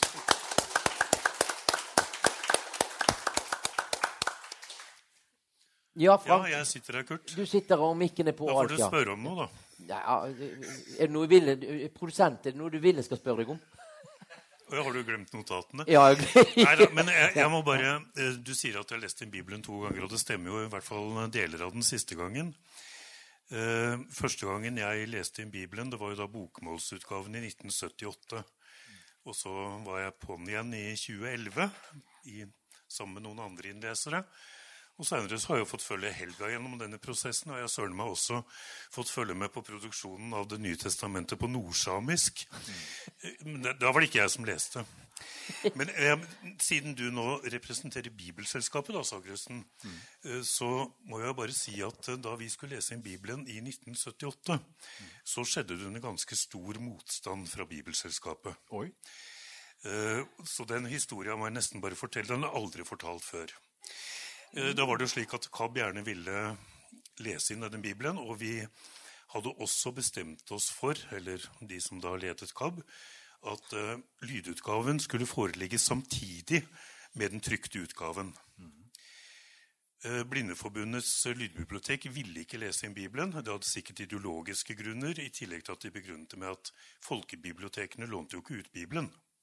Og da skulle ikke de ha den heller.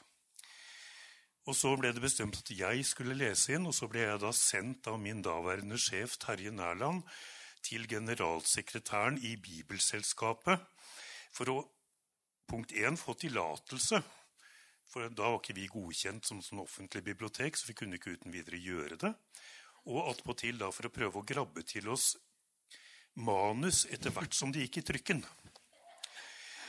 Og eh, Daværende generalsekretær i Bibelselskapet var svært lite begeistret for ideen. Han ville at Liv Ullmann skulle lese inn Bibelen. Eh, det syns vi var en veldig dårlig idé. Eh, ikke fordi Liv Ullmann var så dårlig, men det var liksom en tanke at Bibelen skulle leses inn av en litt nøytral stemme. da. Og jeg må jo si sånn I etterpåklokskapens lys jeg var veldig sinna på generalsekretæren i Bibelselskapet. Men altså det han hadde foran seg, det var jo da en 22 år gammel guttunge som slår seg ned liksom i besøksstolen og forteller at 'jeg skal lese en Bibelen', jeg. Og jeg vil ha manus fra deg etter hvert som det går i trykken. Det var rimelig frekt. Men det ordna seg nå, da. Men eh, Frank, ja. eh, du, var, var, du ferdig med det? Ja, egentlig. Eh, ja, bare spør, du. Så, ja, ja, For jeg lurer liksom på eh, den største forskjell eh, på deg i denne her 78-utgaven og den nyeste. Hva, hva, hva, på den måten du angrep det på og leste det på? Ja, det er eh, kjempeinteressant, og det har vært veldig artig å tenke og reflektere over i den prosessen nå med helga. Mm. For den gangen så var jo da tanken at Bibelen skulle leses mest mulig nøytralt. Altså, Jeg som innleser skulle på en måte være trykksverte. Og fortolkningen skulle overlates til den som lytta. I dag ville vi ikke tenke sånn i det hele tatt, men slik var tanken den gangen. Og så I tillegg så var det jo også sånn da at uh,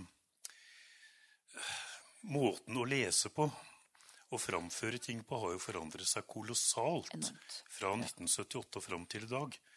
Én ting er jo tempo, og så var det noe med at det, det viktigste av alt i verden var jo diksjon. Så det var jo hjerte og smerte og kjærlighet og herlighet. Så det liksom bare smalt etter, ikke sant?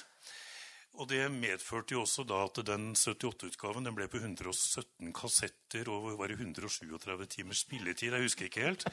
Men da leste vi også inn fotnotene. Oh. Slik at etter hver sånn mellomtittel, sånn underoverskrift, så leste vi note til vers 1, note ja, slutt. Not, også, så vi ødela jo hele sammenhengen i teksten, ikke sant? Og det ble kolossalt mye.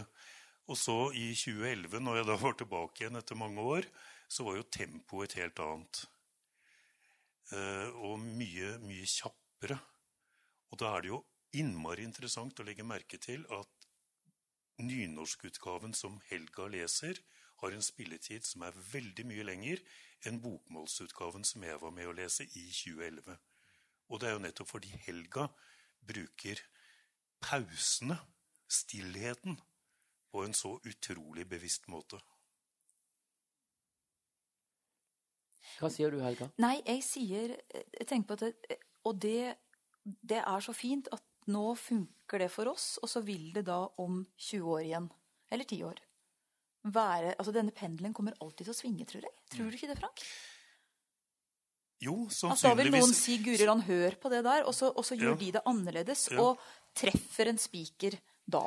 Ikke sant? Ja, altså vi skal jo på en eller annen måte forsøke å formidle det inn i vår tid. ikke ja. sant?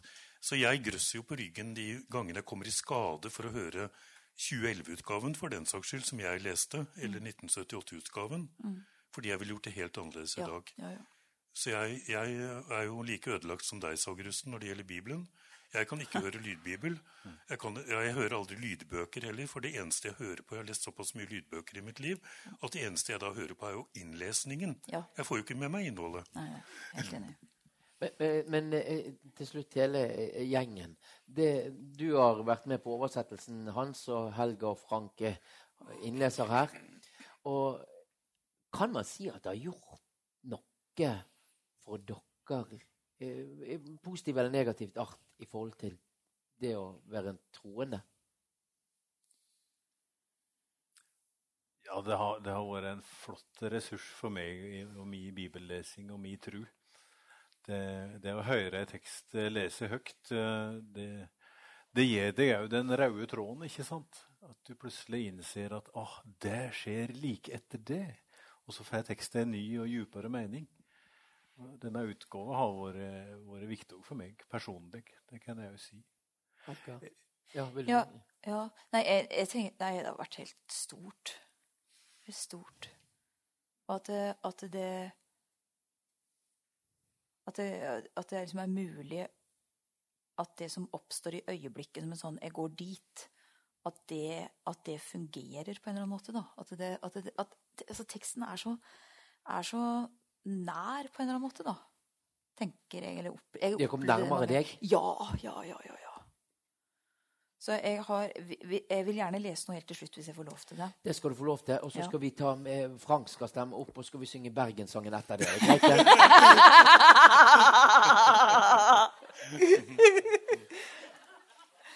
Ja, vær så god. Men, kanskje, men Frank må si noe også? Ja.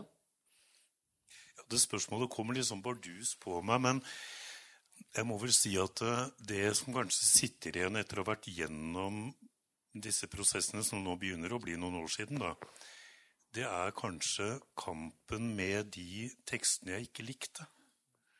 For det er ganske mange tekster i Bibelen jeg ikke liker. Eh, Men det å på en måte måtte forsøke å stille seg bak og forsvare den teksten og det innholdet som på en måte skurrer i forhold til meg selv, det har vært eh, en ganske viktig prosess for meg selv. Ja, hva, hva, hva, hva ble prosessen? Altså, kjempet du videre, eller eh, lot du det Jo, men det er jo, det er jo flere måter sant, å, å håndtere tekster du ikke liker. Altså, Jeg har jo lest inn masse lydbøker jeg ikke liker. Opp igjennom, jeg, inn, jeg tror jeg har lest inn 700 lydbøker eller noe sånt i løpet av mitt liv. ikke sant?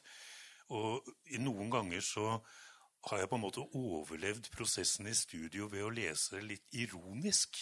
Ja. På en måte. Ikke sant? Altså på en måte ta avstand til teksten. Men det kan jeg ikke når jeg sitter og leser Bibelen. Da må jeg på en måte forsøke å gjøre dette til mitt, selv om jeg kanskje ikke skjønner eller ikke eh, personlig kan stille meg bak det, men jeg må forsøke å forstå hvorfor Hvorfor sier Paulus dette? Og forsvare Paulus, på en måte, da, om det er det det handler om, eller, eller vonde, vonde tekster fra Det gamle testamentet. Hvorfor skjedde det? Altså, hva er konteksten? Liksom, tenke litt mer der for å forsvare at det blir gjort. Det er det du sier? Ja, ja noe sånt. Spennende, folkens. Det har vært fantastisk. Men jeg skal, vi må ikke gå over tiden. Det kan ikke vi da. Jeg jeg hadde så lyst til Ja, det skal du få lov til. fortelle én ting før Helga leser. Og Det er sluttreplikken til Hans Kvalbein, gode, fromme Hans Ja, Kvalbein. Hans. Som var leder for arbeidet med Bibel 2011 gjennom elleve år. Eh, leder for oversettelsesutvalget. Han hadde på første møte i januar 2000 da skulle starte arbeidet, så hadde han da en, en gjennomgang av de prinsippene vi skulle jobbe etter. Teknisk dette, slik og slik skulle det gjøres. Men så til slutt så bøyde han seg fram mot mikrofonen på slutten av foredraget, og så sa han på sin stillferdige måte Og så tror jeg ikke vi skal glemme det, sa han. At jeg tror jo også at Den hellige ånd er veldig interessert i dette arbeidet her. Ja. Utrolig fint! Så det, det vil jeg bare nevne her. Ja, og etter du har lest nå, eh, Helga, så skal Øyvind overta her med, med noen gøye greier. Han ablegøyer, holdt jeg på å si. Hva, vi skal lese kappelese. Flott. Helga på speed har jeg tenkt. Jeg syns det er en fin tittel. Da skal jeg lese, og det her er jo da Jesaja. ja. og et, det jeg syns eh, Nå sier jeg på forhånd hva jeg liker, og så får dere Men grunnen til at jeg ville hente ut akkurat denne teksten her blant mange, er dette underlig med at det er til et helt folk det snakkes til. Og samtidig kan en tenke at det er til ett menneske. Et helt folk og ett menneske. Og på en eller annen måte til alle tider, altså.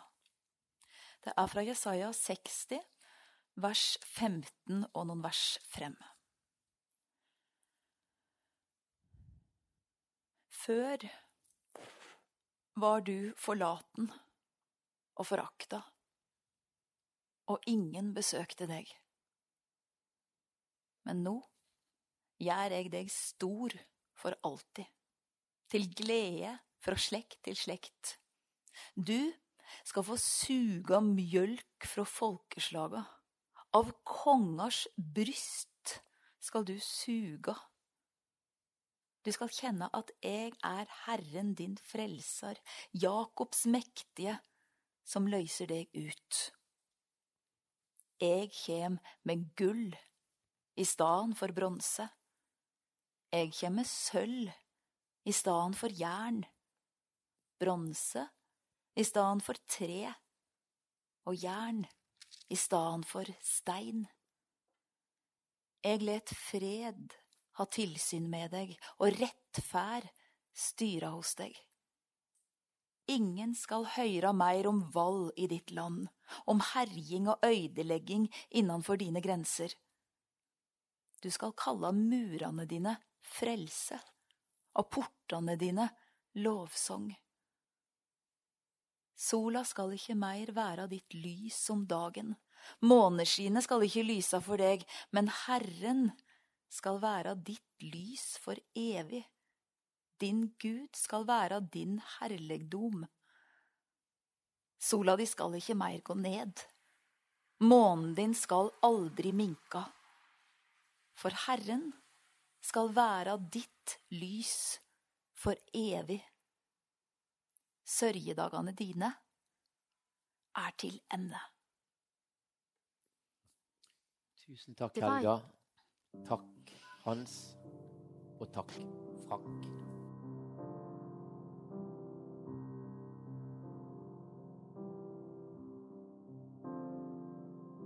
Og livet vokser rundt deg, må reisen din bli lang.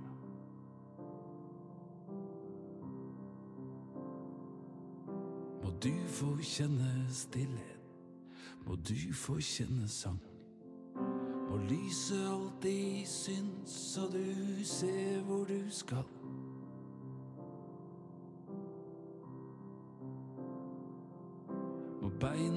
Finne støtte, og sjela tåler fall.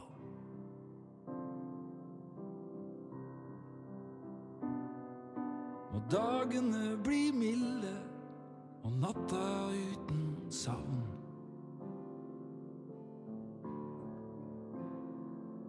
Må godhet og rettferdighet få blomstre i ditt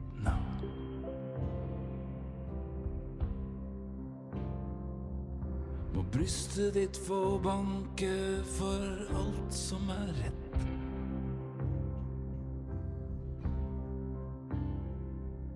Må øya dine finne dem som trenger å bli sett.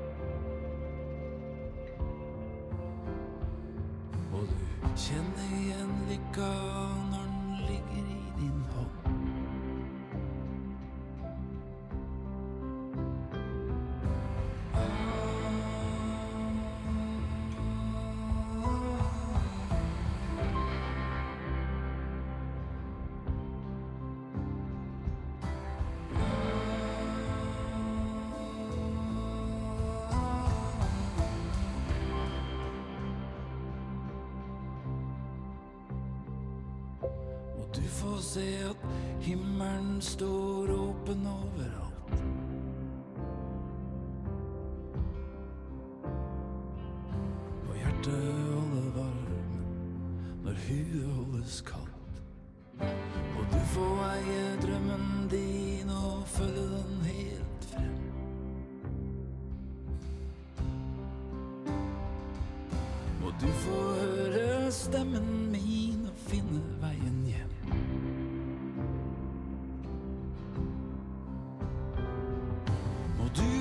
få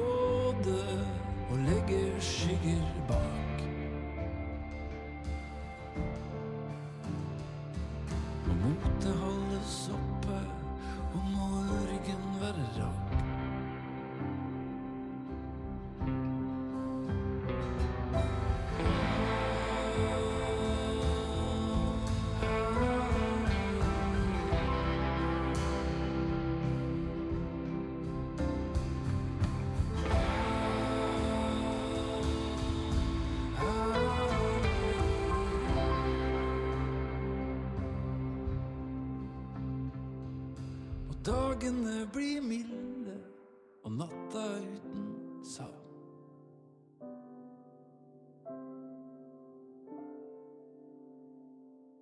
Må godhet og rettferdighet få blomstre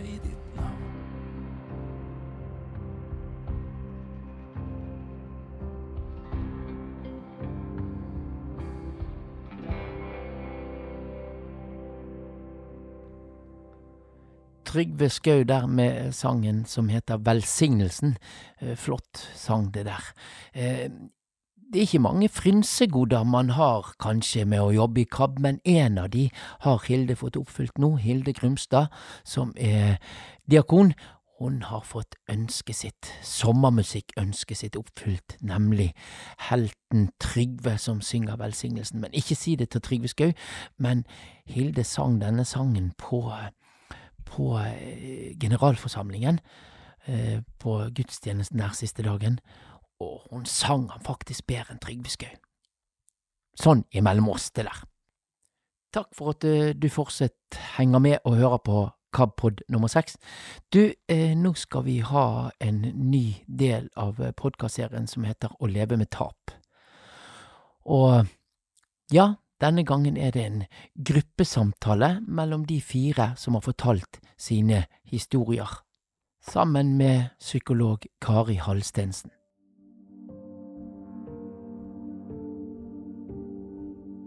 Vi er kommet til det fjerde programmet i denne podkastserien, og dere som har fulgt oss fra starten, har eh, allerede møtt de fire som vi har eh, samlet i dag.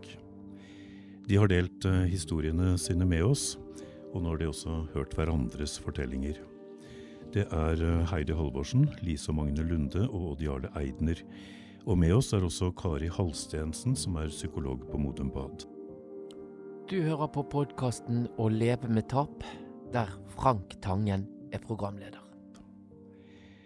Eh, Et spørsmål som jeg har stilt meg etter å ha snakket med dere. Eh, Dere har vært gjennom ganske alvorlige livskriser, men felles for dere er at eh, dere har gått videre. Eh, Hva var det som gjorde at dere ikke stoppa opp? Kan jeg spørre deg først, eh, Heidi?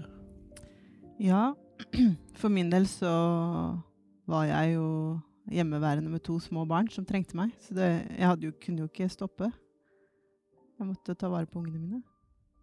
Så det var vel kanskje akkurat der og da, i hvert fall. Det som gjorde at jeg ikke stoppa, tror jeg. Jeg har tenkt etterpå at jeg er egentlig veldig glad for at jeg hadde de å ta meg av, da. Så det var forpliktelsene overfor uh, familien din? Ja. Jeg er ikke bare forpliktelser, men at det var to små som trengte meg både som eh, omsorgsperson og som mamma og som Ja. Hva tenker du, Lise? Du og Magne var utsatt for en ganske dramatisk bilulykke, der Magne ble veldig alvorlig skada. Du slapp litt lettere fra det. Mm. Men dere gikk videre sammen. Ja. ja, det var aldri noe annet alternativ eh, da, nei. Det var ikke det. Så nei, det var bare å jobbe seg tilbake og, og leve videre. Noe annet var ikke noe alternativ. Så du var aldri i tvil. Nei, var aldri i tvil. Du da, Magne? Ja, jeg kan jo kjenne meg igjen i veldig det eh, Lise sier. Samtidig så øh, var det nok en sånn veldig dobbelthet i det for meg. Fordi jeg, var jo bunn, bunnfortvila og følte at jeg hadde gjort mitt her i, i livet, så det, det tok jo meg veldig, akkurat det. Men samtidig så, så var det noe inni meg som jeg kjente at det, det, var liksom noe å leve videre for. Jeg hadde de rundt meg som, som hadde tro og håp for meg, og jeg uh, tenkte at det, det, det, var ikke noe tilfeldighet at jeg overlevde. da, så at det, det, var noe som lå der og venta. Så det, var, det var nok en drivkraft i det. Det var ingen tilfeldighet, sier du? Nei, jeg tror ikke, jeg tror ikke på tilfeldigheter. Jeg, jeg tror uh, at uh, verden er ikke sånn at det er tilfeldig. Men uh, det er fryktelig mye jeg ikke forstår. Men jeg, jeg, jeg, tror at, som det så fint heter, at det er en gudfeldighet i det. Mm. Og Jarle, du opplevde jo å miste to barn. Mm. Omtrent i samme perioden så mistet du foreldrene dine, og opplevde at du også var ribbet for uh, troen din, som egentlig var det du levde av som prest. Mm. Men du stabla deg på beina igjen etter en dyp depresjon. Ja, jeg ser jo stadig, og det merka jeg jo også da, at, at vi menneskene vi greier jo mye mer enn det vi tror. Altså, vi har en sterk overlevelsesevne. Det er ikke snakk om bare om å overleve, men om å, å prøve å karre seg videre. Og da er jo eh, ofte unger ei god drahjelp, sånn som du sier, Heidi, for å komme seg videre. Eh, det kan jeg kjenne igjen. Når jeg våkna om morgenen og hadde lyst til å bare dra dyna over hodet og bli liggende, så, så kom en treåring hoppende opp i senga og sier 'Pappa, hva, hva skal vi gjøre i dag?' Og da måtte jeg jo prøve å, å, å, sette sammen de knuste bitene av meg sjøl mm. til noe som ligna på den jeg en gang var og stable meg på føttene. og han, Cornelis Vresvik han sier det jo så fint i denne uh, turistens klagene, der han ligger på Grand Hotell etter en konsert og sikkert en skikkelig rangel. Og så står vinduet litt på gløtt, og så er det noen unger som er ute og leker. Og så lager han denne visa som har som refreng Så lenge det fins unger, så fins det hopp. Det, det, tror jeg er noe i. At unger er god drahjelp for å komme seg videre. Hva tenker du, Kari? Er dette noe du kjenner igjen fra din uh, praksis som psykolog? Altså, det, det jeg la merke til, og som jeg kjenner veldig igjen, er at alle sammen nevner det å ha eh, gode relasjoner. Det at det fins noen der, enten det er relasjoner til barn eller det er andre nære. Sånn at en eh, det, En er ikke alene i det som har skjedd. Det, er sånn, det hørte jeg som en fellesnevner i alt som dere sa. Det, som, dere var ikke alene der, det var noen der. Og det var noen små barn der som ser verden helt annerledes enn vi som har rukket å bli store i her. Um, og det er vel òg en, en, slags mulighet til å få låne litt av den verden som ungene har. Og få tilgang til den, og få være med inn i den. Og dermed få en slags liten pause fra det som er krevende. Og det har jeg hørt ganske mye om i, uh, hos mennesker som er i krise. At uh, en klarer å finne de der friminuttene. Enten det er hos barn, eller det er på andre måter. Så er det, det er en veldig viktig ting. Mm. Men hva skjer med de som ikke har den typen relasjoner? Det tror jeg er veldig mye tyngre. Uh, mm. Da må en, jo, en må jo finne veien gjennom, og det, det fins jo fortellinger om mennesker som stopper opp, og det er jo litt av bakgrunnen for det spørsmålet som du stilte som innledning. Mm. At kan bli, det kan bli for tungt for oss, og det tenker jeg det er veldig viktig å, å kunne si noe om. At det kan bli så tungt å være menneske at det helt stopper opp. Og det forteller dere jo òg noe om, at dere har vært i kontakt med og smakt på og kjent på en depresjon, et mørke som var fælt å være i. Og så var det likevel noe som gjorde at en kom seg videre. Men jeg tenker at det er viktig at det, det, går an å si at det er jo faktisk en del av vårt menneskelige fellesskap. At vi kan bli ramma på en sånn måte at det, det blir for tungt, rett og slett. Mm. Men kan det, og nå spør jeg dere, kan det også bli uh, kan, kan det være et slags press, til, press på at man faktisk skal mestre situasjonen? Altså, opplevde dere det? At uh, At omgivelsene eh, presser i retning av at man skal få det til, liksom? Ja, Jeg, jeg, I omgivelsene opplevde jeg ikke press. Det, det presset syns jeg var sterkest hos meg sjøl, kan du si. At eh, jeg, jeg skulle mestre livet, jeg skulle klare det igjen. Eh, og og da, den mestringen ble jo usunn hos meg etter hvert. Men jeg, jeg opplevde ikke Jeg opplevde mer at de relasjonene jeg hadde rundt meg, var støttende, bekkene og var der for meg. Og så var, mestringen var sterkest hos meg sjøl. Mm. Ja, jeg kjenner jo den igjen det hos meg jo egentlig, men jeg syns ofte jeg møtte jeg, altså, to yttergrenser når jeg møtte mennesker, eh, og man liksom forteller hva som har skjedd, da, at jeg mista synet og sånn, så er det enten at de blir så lei seg at jeg må trøste de, da, på en måte, eller at de blir Ja, men det fins jo så mange hjelpemidler, dette klarer du, dette fikser du. Og så blir det sånn, OK, da Ja. Eh, en forventning i, i forhold til at de kanskje syns det er vanskelig å ta inn over seg at jeg syns det er vanskelig, da. Kanskje mer det. Jeg opplever ofte at mennesker er litt sånn utålmodige i, i forbindelse med tap og sorg. Skjønner ikke helt hvor dypt eh, det er lodda. Eh, Det, det kan jo være folk som sier 'er du kommet over deg nå'? Når det har gått noen måneder etter et uh, tragisk dødsfall. Uh, og det, det vitner jo litt om uforstand. Mm, Du må liksom ha, du må ha vært der for å kunne forstå hvordan det egentlig oppleves. Ja, hvordan opplevde du det, Odd Jarle, da du og kona di mista barna deres? Blir det litt sånn at omgivelsene forventer at når begravelsen er over og det har gått en uke eller to, så skal ting være som før igjen? Nei, det tror jeg nok ikke. Um, jeg opplevde jo at vennene reagerte litt forskjellig. Um, noen, de De forsvarte liksom uh, Eller særlig når jeg begynte å snakke om at, uh, at uh, jeg har mista trua på Gud. Da, da begynte det å bli litt vanskelig for uh, de nærmeste. Det var greit, uh, andre kunne tvile eller eller miste trua, men ikke en prest. Jeg måtte, jeg måtte tro for dem. Og det ble eh, vanskelig. De som eh, ga meg best hjelp, det var de som orka å høre på når jeg forteller hvordan jeg egentlig hadde som ikke skygga unna, fordi de ble litt skremt ut av den sterke historien. Så det lærte meg noe om at eh, når vi er sammen med mennesker som eh, opplever dramatiske tap, så må vi tåle å høre de sterke historiene. Så handler det kanskje om det der med å tørre å ikke gjøre noe. Det er faktisk en svensk presse som har skrevet bok om det å ha mot til å ikke gjøre noe. Ja. Ja, det er jo òg en sånn eh, For jeg tror at det å høre handler ganske mye om å bli stående uten å prøve å fikse Mm.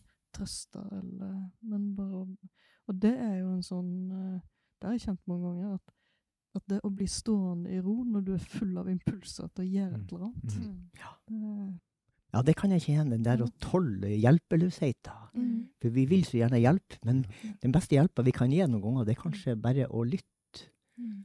og være sammen med. Så, så samtidig tenker jeg at det er viktig å ta på alvor den usikkerheten omgivelsene føler, føler i møte med deg. da.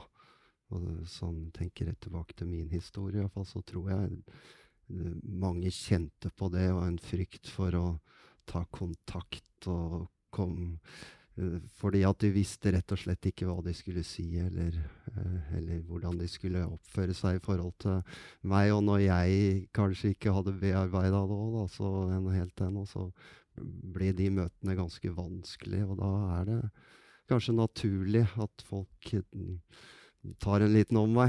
Eh, så, men, eh, men eh, så jeg tror det er viktig å ha med seg det nå. Mm. Opplevde du at folk skygga unna fordi de torde ikke å, å møte deg?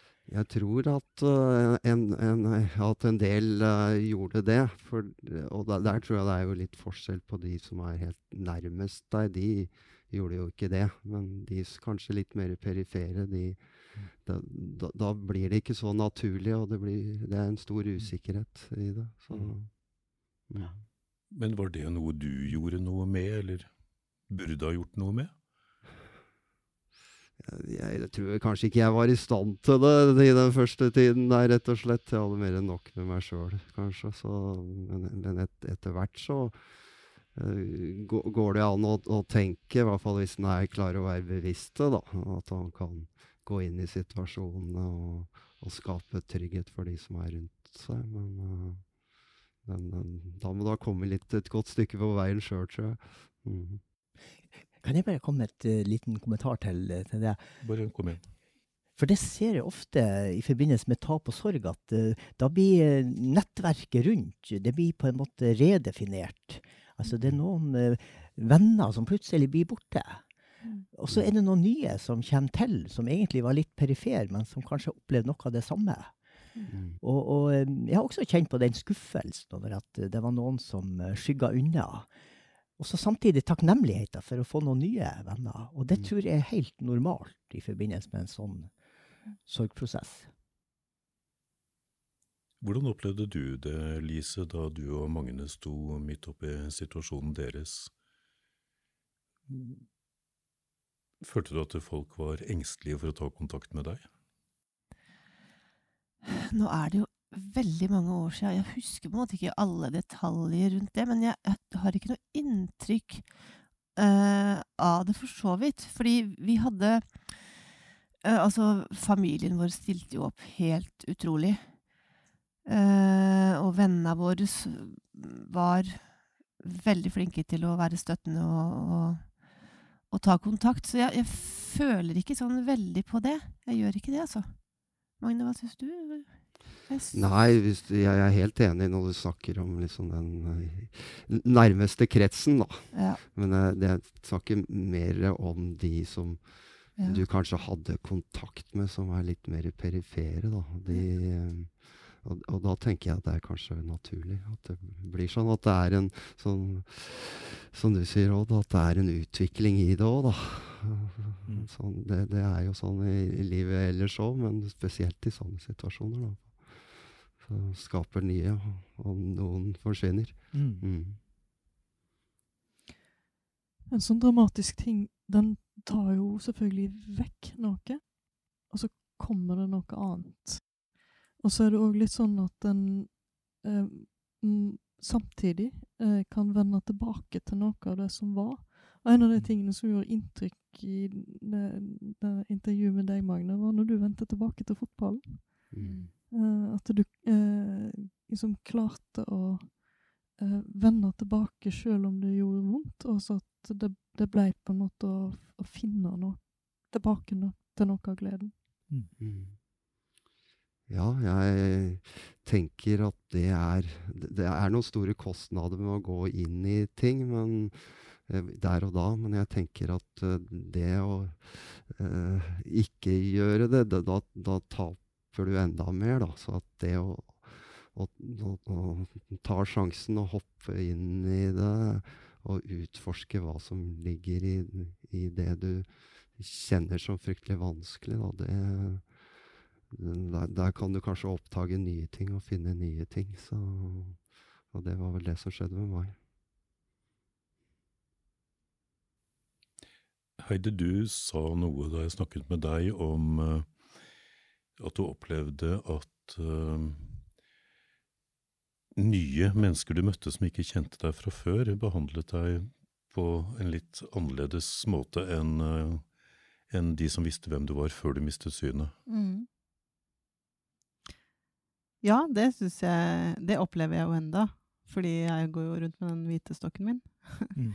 og det er ganske annerledes å gå Altså I eksempel kirkesammenheng, da, så var jeg en veldig aktiv eh, ja, person. Eh, både i sang og musikk og søndagsskolearbeid eh, og mer til.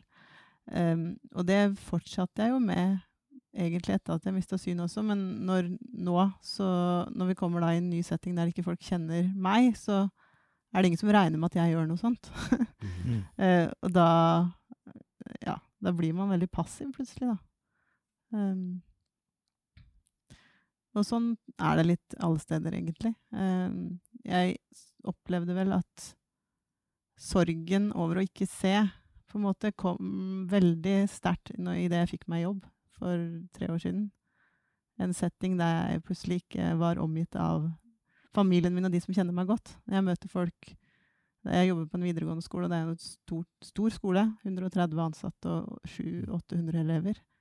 Så jeg møter jo nye mennesker hver dag som ikke kjenner meg, men som bare ser den blinde dama som jobber her. Og det er utfordrende enda. Du nikker, Magne. Fikk du også en ny identitet? Som blind? Han blinde? Ja, det er klart. Det, det, det gjør jo noe med deg. eh, og ditt synet på deg sjøl, og hvordan omgivelsene ser på deg når du har eh, blitt uh, blind. Uh, så, så det er begge deler, både deg sjøl og omgivelsene, som får et helt annet syn på deg. Og det er uh, det er, er en fryktelig tøff prosess. særlig Vær så mye egentlig handla det om mitt eget selvbilde, Mm. som fikk en skikkelig trøkk og, og nedtur. så, så det var nok det, det tøffeste for meg, mitt eget selvbilde. Mm. Mm. Ja, og den frykten for å være til bry, som ikke er til å unngå. Ja, altså, så det, den, den tøffeste prosessen var jo det å egentlig å stå oppreist og lære meg til å ta imot hjelp og føle at jeg likevel var, var bra nok som menneske og akseptert som menneske, selv om jeg For, for det, det, hele mitt syn på meg sjøl falt jo i grus, Uh, på hvordan jeg så på meg sjøl som, som den uh, livskraftige, som selvstendige som fiksa det meste. Uh, og så plutselig sto jeg der og var fryktelig avhengig av hjelp, enda mer i starten. Men også se at jeg, jeg var, verdt noe, og at jeg hadde ikke med min verdi som menneske at jeg, jeg hadde, var nødt til å ta imot hjelp. Da. Det var en forferdelig tøff prosess som jeg brukte fryktelig lang tid på å fikse. og det jeg sikkert gjorde veldig mye rart, men, eh, men etter hvert så har jeg fått en trygghet i det og kjenner på at eh, jeg står veldig trygt i det. Det har ikke noe med meg som min verdi som menneske å gjøre i det hele tatt. Det er misforstått. Og det, det er godt å kjenne på. Mm. Du brukte god, lang nok tid på det. det er helt sikkert. Jeg brukte, måtte bruke mange år Ja. for å finne, finne balansen der, og ikke bli vippa helt av pinnen. Men, mm. Jeg merker at jeg, jeg, jeg sitter og tenker på sånn, hva, eh, Når du har mista det som du bygde sjølbildet ditt av før, finner du, hva finner du da for å kunne bygge et nytt sjølbilde? Det er eh, et godt spørsmål. Jeg tror at du må på en måte gå prosessen eh, med å er, er, er, erfare og kjenne på eh, hva det gjør med deg, da. Eh, at det er ikke noe Hvis du ikke går den prosessen, så tror jeg heller ikke du klarer å finne balansen, da. Du, du må utsette deg for de tingene du er sårbar på, og som, som eh, vipper deg av pinnen, da. Eh, og, og kjenne på eh, sorgen og, og tapet over at du er ikke den du hadde lyst til å være, og så kan du finne en ny identitet og en ny styrke for, det, for du kjenner Kommer kanskje fram til etter hvert at det der, eh, det er misforstått. Det, er din, det er ikke hva du presterer og hva du får til som gir deg verdi som menneske. Det er rett og slett hvem, hvem du er, uansett. Så, så, men det er en prosess du er nødt til å gå, tror jeg. Mm. Det blir jo sånn at jeg, jeg kan begynne å tenke på at hvordan kan en denne Hvordan kan en markedsføre denne podkasten på en sånn måte at den blir hørt av veldig mange unge mennesker? Jeg tenker at er, Den identitetsprosessen der, den er jo så ufattelig viktig egentlig i alle liv. Mm. Det er jo en altså det, du, det som dere forteller om, er jo en frigjøringsprosess, egentlig. Er, du sa i stad, Magne, at uh, du snakker om usunn mestring. Og det å kombinere de to ordene er ganske sjelden. I, det, jeg tror kanskje ikke jeg har hørt det før, men det er jo kjempeviktig. Det er klart mestring kan bli forferdelig usunn. Ja, for meg var den forferdelig usunn fordi at jeg var opptatt av å mestre for å mestre. Ikke sant? Jeg skulle bevise at jeg fiksa det. Eh, det, det jeg tenker f.eks. Hvis, hvis jeg var på en konferanse i starten her, da, så var jeg veldig opptatt av å eh, Kanskje jeg var der for at jeg skulle si noe, men jeg var veldig opptatt av å vise at jeg klarte det. ikke sant? Brukte all krefter og energi på det. Uh, og Istedenfor å tenke over hvorfor var jeg der. Jeg var jo der for å uh, si noe og, og ikke ha brukt opp kreftene mine på forhånd på masse uhensiktsmessige ting. Det er klart det er bra å ha, ha drivkraften og, og være selvstendig, men den kan bli fryktelig usunn. Mm. Uh, så det er viktig å tenke over hva som er det viktigste, mm, tenker jeg. Mm. Det slår meg jo hvor, eh, hvordan forskjellige typer tap eh, kan gi den samme indre opplevelsen av sorg. Altså tap av eh, funksjonsevne, syn, tap av liv, tap av tru. Mm. Fører oss inn i det samme mørket. Eh, og i depresjonens mørke så er det jo også typisk det her med tap av selvbilde. Og jeg følte meg jo som en dritt. Og, og når jeg da også mista trua, så eh, kunne jeg jo ikke fungere som prest. Altså, vi, vi lever jo ofte etter, etter mottoet 'jeg er hva jeg gjør'. Men når jeg ikke kunne gjøre noen ting av det jeg har gjort før, hva skulle jeg da bygge selvbildet på?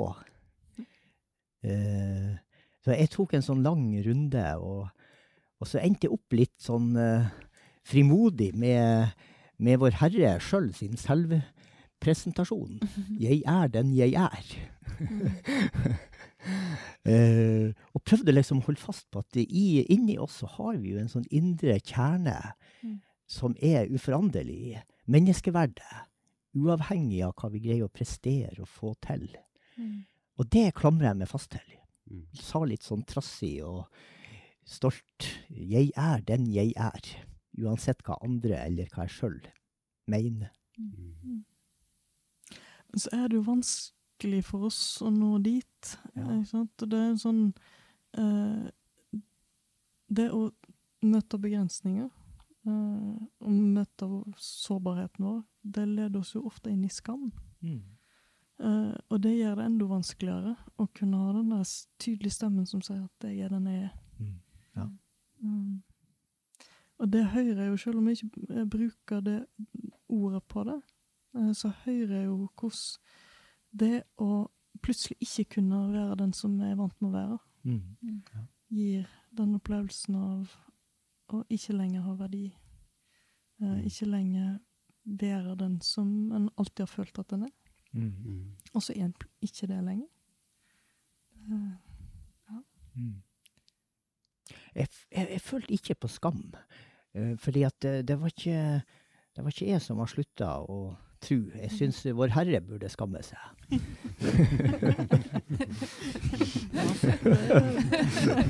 Du la det tilbake der, hører jeg. Der plasserte jeg ansvaret. Ja. Og jeg tenkte at det er lov å være sint på Gud også, når, man, eh, når jeg opplevde det som vi gjorde. Det må vi snakke litt mer om uh, mot slutten av programmet vårt i dag. Men Mm. eh, altså, er det slik, Kari, at vi føler skam på bakgrunn av noe som har skjedd med oss som vi overhodet ikke kunne styre? Jeg har snakka veldig mye med mennesker om det ja. eh, og jeg, eh, jeg, jeg tenker at det er òg en menneskelig erfaring. Jeg kan godt forstå det du sier, Odd Jarle, om at um, uh, du på en måte kunne rette en pekefinger mot Gud. Noen ganger så kan vi klare å gjøre det, og på en måte mm, si noe tydelig om hvem som er ansvarlig. Eh, men jeg tror at når vi begynner å kjenne på begrensningene våre, eh, som dere beskriver, det, dette med å ikke lenger kunne ta vare på seg sjøl på den måten som en er vant med, trenger hjelp, Mm. ikke lenger gjøre de tingene som en pleide å gjøre, eh, det gjør noe med et menneske. Og den der leitingen etter å faktisk kunne stå stå støtt på denne grunnsteinen som er at jeg, jeg er et menneske. Er en av alle. Og alt begynner der. Um, det er Jeg merker at det, det, det skaper noe veldig godt å høre om uh, noen som har bevega seg inn i det og funnet det fotfestet, liksom. Um, men så vet jeg samtidig at noe om at det koster veldig mye. Og det er en det å på en måte eie denne tryggheten i at det er den jeg er, den er òg sårbar. Den kan glippe for oss. Vi kan trenge eh, nye perioder der, eh, der en eh, Der en trenger å eh, få hjelp både av seg sjøl og av andre til å finne tilbake til det balansepunktet. Så dette er ikke, dette er ikke nødvendigvis en prosess man er igjennom en gang for alle, altså? Nei, det tror jeg ikke det. Nei. Det, det, det tror jeg jeg kan skrive under på. Det er en kamp uh, hele tiden, det der, som du må på en måte minne deg sjøl om å holde fast i den uh, tanken, og så blir du vippa av pinnen litt innimellom, og så må du prøve å ta, ta den tilbake igjen. Det, så det, så det, det er ikke noe du har for evig alltid, nei. Men, men dette med å skulle akseptere at vi har eh, begrensninger, eh, er det slik også i forhold til folk med en nedsatt eh, funksjonsevne at du får dette presset til at du hele tiden skal sprenge grenser? Eh, Gå tur med Lars Monsen, liksom, og sånne ting? Jeg syns ikke Jeg har ikke opplevd det sånn. Jeg syns ofte at det vanskeligste å forholde seg til i forhold til andre mennesker, er at de ser bare hvor store begrensningene mine er. Og tenker at 'for et liv du har'. Liksom, Fy filler'n, jeg, jeg ville ikke hatt det livet ditt. Eller sånn. At de ser på en måte ja, begrensningen min, uselvstendigheten min, avhengigheten min av hjelp fra andre, da. Og så sitter jeg med en helt annen opplevelse av mitt eget liv, for jeg har stor glede av livet mitt. Jeg har Ja. Jeg opplever glede hver dag. Jeg, altså, jeg tenker ikke at jeg har et liv som ikke er verdt å leve, selv om jeg mange ganger kan være lei meg og sint pga. begrensningene. Så jeg, heller den veien, på en måte. At jeg kanskje blir Det går en litt sånn trass i meg, kanskje. At vet du, jeg, skal jeg vise dere? Nei da, men at jeg, det, det livet mitt er faktisk bra. Kanskje på mange måter bedre enn enn en del andres liv, fordi at jeg veit i hvert fall hva som gir meg glede og verdi i livet, da. På en, kanskje en annen måte enn jeg hadde gjort hvis jeg ikke hadde mista synet. Det derre mm, synet på begrensninger og muligheter har vært en sånn lang reise for meg. Men etter hvert så har jeg på en måte landa på at eh, det å være ærlig med begrensningene, det, det er så viktig. Fordi at det er veldig fokus på, på muligheter her i livet, og, og, og det skal man ha. Men det må starte i en ærlighet i begrensningene. Du må utforske og være ærlig med deg sjøl på hva som begrenser deg. Um, og det tror jeg det, det veldig, kan være veldig åpenbart med en funksjonshemning, men den, den begrensningen den har vi alle på ulike måter. Og så tenker jeg det er veldig viktig å snu den tanken om begrensninger fra noe negativt til noe positivt. Fordi det eh, at du har noen øh, Jeg har noen begrensninger, vi alle har noen begrensninger, det skaper et rom for andre. Um, det, da kan vi først være et fellesskap, hvis vi snakker ærlig om våre begrensninger. Da kan vi holde oss unna oppgaver vi ikke skal gjøre, og vi kan være mer tro mot det vi egentlig skal gjøre. Eh, Og da kanskje han ikke sliter seg ut heller, og, og overlater mer til andre og kan stå trygt. da. Og da tror jeg først, eh, hvis man har vært ærlig der, så skaper det et, et annet syn på mulighetene dine òg. For du skal jo ha det er riktig at du skal vektlegge det, men jeg tror både vi som er funksjonshemmede og alle andre rundt oss kunne ha, ha er, er det veldig sunt å starte med begrensningene og, og være ærlig med de. Mm. For det er så lett å dekke det over, for at han tenker at da taper han verdi, og han blir sett ned på og alt sånt. Men uh, jeg tror ikke tror det er en, en, en misforstått tanke, da. Mm. Det kan jo bli en enorm lekkasje av krefter. Mm. prøve å gjøre noe annet, altså prøve å gjøre noe som, som en gjør bare for å motbevise at Mm. en ikke kan. Mm. Eh, Eller at en egentlig ikke kan. Og det blir jo en Og det alle mennesker gjør jo det. Det eh, ligger sikkert i vår natur, vil jeg tro. Det er en ganske sånn spontan, impulsiv måte å, å møte egen svakhet på. Um, men eh, det er veldig lett å kjenne seg igjen i dette med at eh, hvis, hvis en slipper ut av det, og slipper å bruke krefter på den måten, så kan jo kreftene eh, kanaliseres inn i det, i det å være den en er. Og da kommer det der, eh, den tilstedeværelsen som skaper rommet både for en sjøl og for andre. Bygger relasjon og gjør at livet til noe som kan kjennes godt.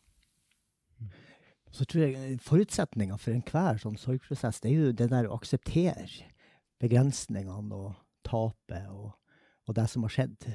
Um, det, det ser jeg kan være et problem for mange som har mista. Mm. Uh, det der ikke godta at, at det har skjedd. Mm. Uh, og um, st- bruker masse krefter på, på det.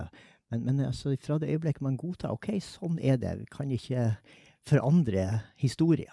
Vi, vi, men det vi kan gjøre noe med, det er det livet som ligger framfor. Og, og da, um, da kan vi bruke kreftene på det og skape oss et liv, Mm. istedenfor å sørge over det som vi mista. Men det er én ting jeg tenker på når vi snakker om det med begrensninger.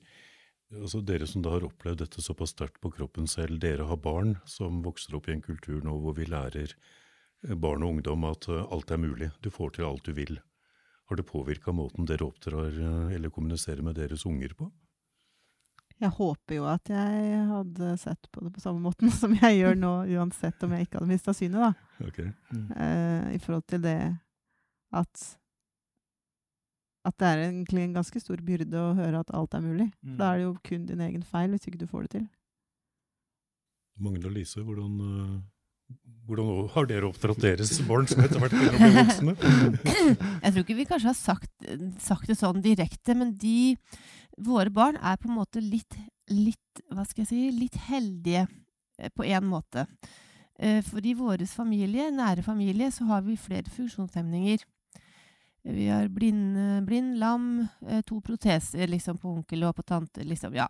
Så de, og vi har vært en del sammen opp gjennom åra, og de er vokst opp med en familie som, hvor det er forskjellige funksjonshemninger. Og det er på en måte, for de er det helt normalt. De ser tante kjempeflink med alt hun gjør. Jobber og holder på i hagen. Pappa får til, går på ski, øh, sykler Altså, de ser at det går an, selv om du ikke øh, har alle armer og bein, holdt jeg på å si, og syn, så ser de at det går an å, å fikse livet. Og det tror jeg er en styrke for våre barn. Å ha opplevd det og ha vokst opp med det. Det er ett spørsmål til jeg sitter med, og det er dette med øh, Hva har det betydd for dere å komme inn i et fellesskap av mennesker som har opplevd lignende ting som dere selv? Eh, Noen av dere er aktive i eh, sammenhenger med andre synshemma, og du og Jarle møter andre foreldre som har mista barn, og holder kurs og snakker om dette her. Mm. Hva, hva betyr det fellesskapet? Jeg kan spørre deg først. Jeg tror at andre som har opplevd noe av det samme, de har spesielle forutsetninger for å kunne forstå. Det, det blir jo som han eh, Terje Nilsen, Bodø bys poet, eh, som eh, synger i visa om Gjelle, at du, du må ha vært der for å kunne forstå. Og når man sjøl har vært der, så, så, så behøver man ikke å forklare så mye. Det ser jeg jo også i en sammenheng som jeg har engasjert med i Leve, Landsforeninga for etterlatte ved selvmord. Eh, når de kan finne andre som har opplevd noe av det samme, så er det til veldig god eh, eh, hjelp i sorgprosessen. Eh, og for meg også, like etter at vi mista den eh, siste ungen vår, så, eh, så var det veldig god hjelp å, å snakke med andre foreldre som har mista, og som har opplevd noe av det samme. Så det her eh, det er sånn skjebnefellesskap. Og det er noe i det her felles skjebne, felles trøst. Mm. Jeg vet ikke om dere opplevde det samme? Jo. Akkurat idet jeg mista synet, så var jeg jo ikke interessert i andre i samme situasjon. Men eh, nå er jeg kjempeglad for fellesskap. Altså, til daglig så treffer jeg jo Jeg kjenner jeg er jo ikke så veldig mye sammen med andre synshemma, men eh, noen ganger i året, når jeg får være med i samlinger der det er andre, da, så eh, det betyr veldig mye for meg. Ja, hvorfor det? For det første, så da er det plutselig ikke bare meg som uh, sitter og fomler med maten, eller søler. Alle søler minst like mye som meg, så det er ingen som ser hva om jeg søler eller ikke. det er liksom én ting. Og, så, og bare det og Da er det så mange som går rundt og vimser og ikke finner helt hvor de skal, og, uten at det blir liksom kleint, da. Og så blir det faktisk ikke klikkete så lett heller, for jeg finner i hvert fall ikke igjen de jeg snakka med sist. Så, og det er veldig, veldig hyggelig. Kjempemye nye folk også. Ja. De aspektene har jeg ikke tenkt på, men det er jo helt sant. Ja. Så, ja. Ja, nei, jeg, jeg må bare si meg enig. Jeg holdt på å si det er noe med altså den der følelsen av å jeg vet ikke hva jeg skal si, hjemme, eller at du, du er trygg, og du Mm. kan slappe mer av, senke skuldrene kanskje, og, Mm. og, og, og, dele litt felles erfaringer. Da. Altså, jeg jeg syns det er veldig godt med, med, med, med begge deler, på en måte, å, å være i, i samfunnet og, Men også ha den muligheten da, til Mm. å være sammen med andre i samme situasjon. Og jeg mm, traff jo mm, tidlig to, to andre blinde som hjalp meg til å, å, å se litt annerledes på livet. Det, det var veldig vikt, viktige møter for meg, Mm. som, som ga meg troa litt tilbake. Og, og, og sånn kan det være med de litt små tinga i livet òg, da. Man møter og deler. Så kan du få litt perspektiv. Mm. Jeg har fått mange praktiske tips òg. For Ja. eksempel ja, ei som tipsa meg om når våre barn var små, da. Å sette en bjelle på skoa Mm. til, til ungene, så jeg hørte hvor de var, f.eks. Ja. det funker fint. Så er det en del nyttig å få med seg altså. Ja. Ja. Vi må snakke litt om det med tro. Eh, Det er jo ganske viktig for dere alle sammen. Dere deler et eh, kristent livssyn. Eh, og så har dere kjempa litt med det på forskjellige måter. Og Jarle, du, ja, du sto vel til og med fram i avisa du har fortalt at du hadde mista trua? Ja, da fikk vi veldig mange reaksjoner. Ja. Eh, og litt sånn skremmende for noen at det gikk an for en prest å miste Mm. trua. Det, det, er jo, det er jo sånn som alle andre kan, men ikke presten, for han må Mm. tro for oss. Um, men jeg, jeg valgte å stå fram med det, fordi det er jo ei erfaring mange gjør. Mm. Og, og da er det viktig å sette ord på det, og det må vi tåle og høre. Og jeg tror Vår Herre tåler det. Og da må vi også gjøre det. Mm. Heidi, du, du forteller jo ganske åpent at du har uh, kjempa og kjemper litt med denne troen din. Ja. eh, Jeg, jeg er ikke ferdig Mm. med det. Um, så sånn sett, eh, i forhold til det du sa, Odd Jale, så det gjorde meg godt å høre din okay. historie. Mm. Uh, ja, veldig. Hvordan da? Fordi man blir ikke så aleine, da. Nei. Og når til og med en prest kan tvile, så kan man kanskje jeg òg. Mm. Litt sånn. Men eh, for meg så har det kanskje vært Eller i forhold til det med skam som du nevnte i stad, så har det vært mest knytta til tro, faktisk. Ok, hvordan da? Nei, altså når, i, når jeg var på Når jeg har vært på mitt mest aktive og stått mye på scenen i kirker og forkynt for barn eller leda i sang og sånt, og da stå der med den hvite stokken som er så veldig synlig. Og da i forhold til det med tro og helbredelse, så har jeg følt meg skikkelig dum. jeg tenkte at nei, men eh, ja, det har ikke noe her å gjøre, på en måte. Em, fordi det ligger på en måte en forventning i lufta, da. Alltid. Føler jeg. eh, ofte, i hvert fall. At, eh, at man kan jo be til Gud om alt, og Gud svarer, og Gud er der, og Gud hører. Og så er det så veldig åpenbart at han hører jo ikke på meg. Mm. liksom. Ja. Er den hvite stokken på en måte beviset på det? Ja, det er, for, det er jo lettere enn Eller du kan iallfall i større grad skjule det, da, hvis ikke det syns. Men det kan jeg ikke. Jeg tror jo ikke at alle folk sitter og tenker sånn, egentlig. Men eh, det er en følelse jeg sitter med, da. Har du hatt det lettere, Magne, med trua di gjennom den krisen du var gjennom? Eh, Det, er- syns jeg er vanskelig å svare på, men kanskje jeg kjenner litt på det. At jeg eh, Uten at jeg klarer å si hvorfor, så har jeg liksom aldri mista trua i det. Det har liksom vært med meg hele tiden, og det tror jeg ikke er min egen prestasjon i det på noen som helst måte, men det er på en måte en gave som jeg tenker jeg har fått med meg i det, den At jeg har fått hvile litt i i, i, i, troa, da. Så at det, det var en grunn til at jeg fikk leve videre, og at Gud var i meg med og med meg i det på en eller annen forunderlig rar måte. Uh, det, det er ikke så lett å sette ord på. Det er liksom bare en indre eh, greie som ligger der,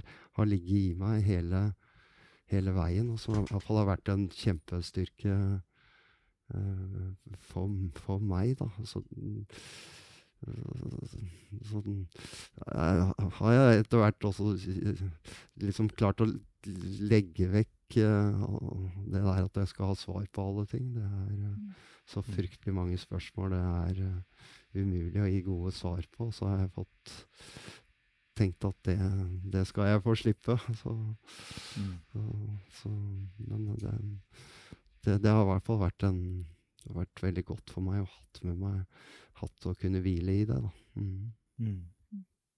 Hva slags reaksjoner møter du, Heidi, når du står fram såpass ærlig som du har gjort, både i ting du har skrevet og i intervjuet vi hadde for en tid tilbake, og forteller om at du trøbler litt med dette her med Gud? Det, det Ja, hva skal jeg si? Det er vel litt dobbelt. Jeg tror at mange, sånn som Oddjal sa, òg, at de kjenner seg igjen. Og det er ikke så mange som tør å sånn si det høyt, kanskje. Iallfall um, de gangene jeg har delt noe om det, uh, f.eks. gjennom dikt som jeg skriver, da, så har jeg opplevd å få få mange gode tilbakemeldinger på at folk kjenner seg igjen og setter pris på det jeg har s- våget å si, da. Samtidig så er jeg jo litt redd for Eller ja, det framstår jo ikke så veldig trosterkt, akkurat. Sånn at eh, det koster litt, føler jeg. Ja, det gjør det. Men Kanskje det på en måte er nettopp det det gjør. Mm. Ja, altså at jeg tenker at det skal mye tru til å orke å være så ærlig. Mm. Eh, For det er jo et ganske sånn eh, eh, Det gjorde veldig inntrykk på meg å høre de to diktene som ble Mm. lest på, i den samtalen mellom deg og Frank. Mm. Uh, og det kjentes litt som en sånn at du på en måte tok et stort steg på vegne av oss alle sammen. Mm. Og satte ord på noe som er så grunnleggende menneskelig. Og du Mm. gjorde det helt uten beskyttelse uten fallskjerm og uten Mm. som bare um, Og det tenker jeg at det er jo uh, Fra min verden som psykolog så er det, det er to ting vi vet om uh, som Hvordan kan du få hjelp til å ha det bra med noe vanskelig? Mm. For den muligheten Altså, ikke ha det bra med noe vanskelig, det jeg hørte det ble rart sagt. men eh, men hvordan, kan en, hvordan kan en på best mulig måte kunne leve videre med noe som er vanskelig? Mm. Og det handler om to ting. Det ene er å kunne la seg berøre følelsesmessig. Mm. Og det andre er å kunne få perspektiv på det, og kunne være, liksom ha så, så mye avstand til det at du kan tenke om det i et perspektiv. Mm. Og det å kunne bevege seg mellom der, Mm. kunne la seg berøre følelsesmessig, og samtidig innta det perspektivet. Altså Mm. bevege seg ut av det igjen. Mm. Og hvis du kan det, så har du et ganske stort rom å bevege deg inn i deg. Mm. Um, og det hører jo egentlig alle fortellingene her, at en klarer det der eh, både å la seg berøre, Mm. og samtidig ha et perspektiv på det. Mm. Mm. Og i de diktene dine så hører jeg på en måte en sånn eh, symbolikk som gjør at du både kommer lenger inn i følelsene, og samtidig får Mm. mulighet til perspektiv. Mm. Det tenkte jeg òg på i det, som din beskrivelse Dial, av møtet med glassengelen. Ja. Ikke sant? Um, Mm. At den ble et symbol uh, som kunne forklare hvordan du hadde det følelsesmessig, Mm. og så ga det samtidig perspektiv. Mm. Mm. Ja. ja, det er jo et symbol som er, som er bruka. Mm. Særlig altså den er jo et symbol både på, på sorgen over det som gikk i stykker, men også på håpet om at det går an å sette sammen til noe nytt. Mm. De nye mulighetene. Ja. Og det håpet, altså eh, Vi, vi starta med å snakke om hva er det som gjorde at vi greide å gå videre. Det her Mm. håpet det er jo en utrolig sterk eh, drivkraft. Håpet om at, uh, at mm, det livet kan bli, bli bedre. Mm. Håpet om å bli sett. eh, Håpet om eh, at det er en som ser oss. Mm. Og når alt håp er ute, håpet om at uh, det er noe på den andre sida av døden, Mm. håpet om å møtes igjen Mm. Det er så mange, mange perspektiv, mange sider ved det her eh, håpet. Opplever. Og så er det kanskje et håp om at noe kan være i bevegelse og bli annerledes enn det er akkurat nå. For jeg tror at når, når vi kommer altså Menneskelig mørke, når det blir virkelig mørkt, så tror jeg at mye av det handler om at en tror at det aldri skal endre seg. Mm.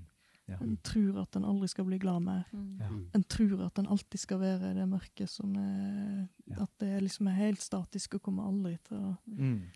Eh, ja. Og det er jo den feilen mange unge mennesker gjør, som kanskje møter det her mørket for første gang. Kjærlighetssorg, eller hva det nå er. Og så tenker de at så ondt som jeg har det nå, kommer jeg til å ha det resten av livet. Mm. Eh, og, og, og, og da er det jo noen som velger å bruke den nødutgangen fra livet. Men der tar de feil, altså. For vi som har opplevd noen vinterstormer og stått an av, vi, vi vet at eh, det skal ikke være sånn bestandig. Livet blir bedre. Det går over. Det blir ikke perfekt eller fullkomment, men det kan bli OK. Mm. Og det må vi fortelle, eh, tenker jeg, Mm. ungdom og andre som sliter. Ja, det er sant. Ja, det er kjempeviktig. Og så tenker jeg det, Jeg har bare lyst til å si også at den Jeg syns det var veldig fint å høre ærligheten i intervjuene deres. For det er ikke Selv om jeg sa at det kanskje var litt lettere, så har, har det vært en, en, en veldig prosess for meg. Og det, og det det gudsbildet mitt uh, har blitt ganske mye mer annerledes enn det var, da. Den guden som jeg Det bildet av, av, av Gud, det, det har blitt veldig annerledes etter, eh, Mm. etter eh, Og, og det, der tenker jeg at den, den ærligheten dere formidler, da, er også viktig for å skape et ærlig bilde av Gud. Da. Mm. Jeg opplever jo også at du er ærlig, og det Ja. også gir gir meg håp Ja. å høre det. Mm. Ja. Men på hvilken måte har det gudsbildet ditt forandra seg? Nei, jeg, for, for meg så var vel Gud føre det. En sånn litt sånn pen, pyntelig bestefar, kanskje, som, uh, som, som var der, og litt udramatisk. Og jeg kunne bare ture på å leve livet mitt, og han var der, liksom.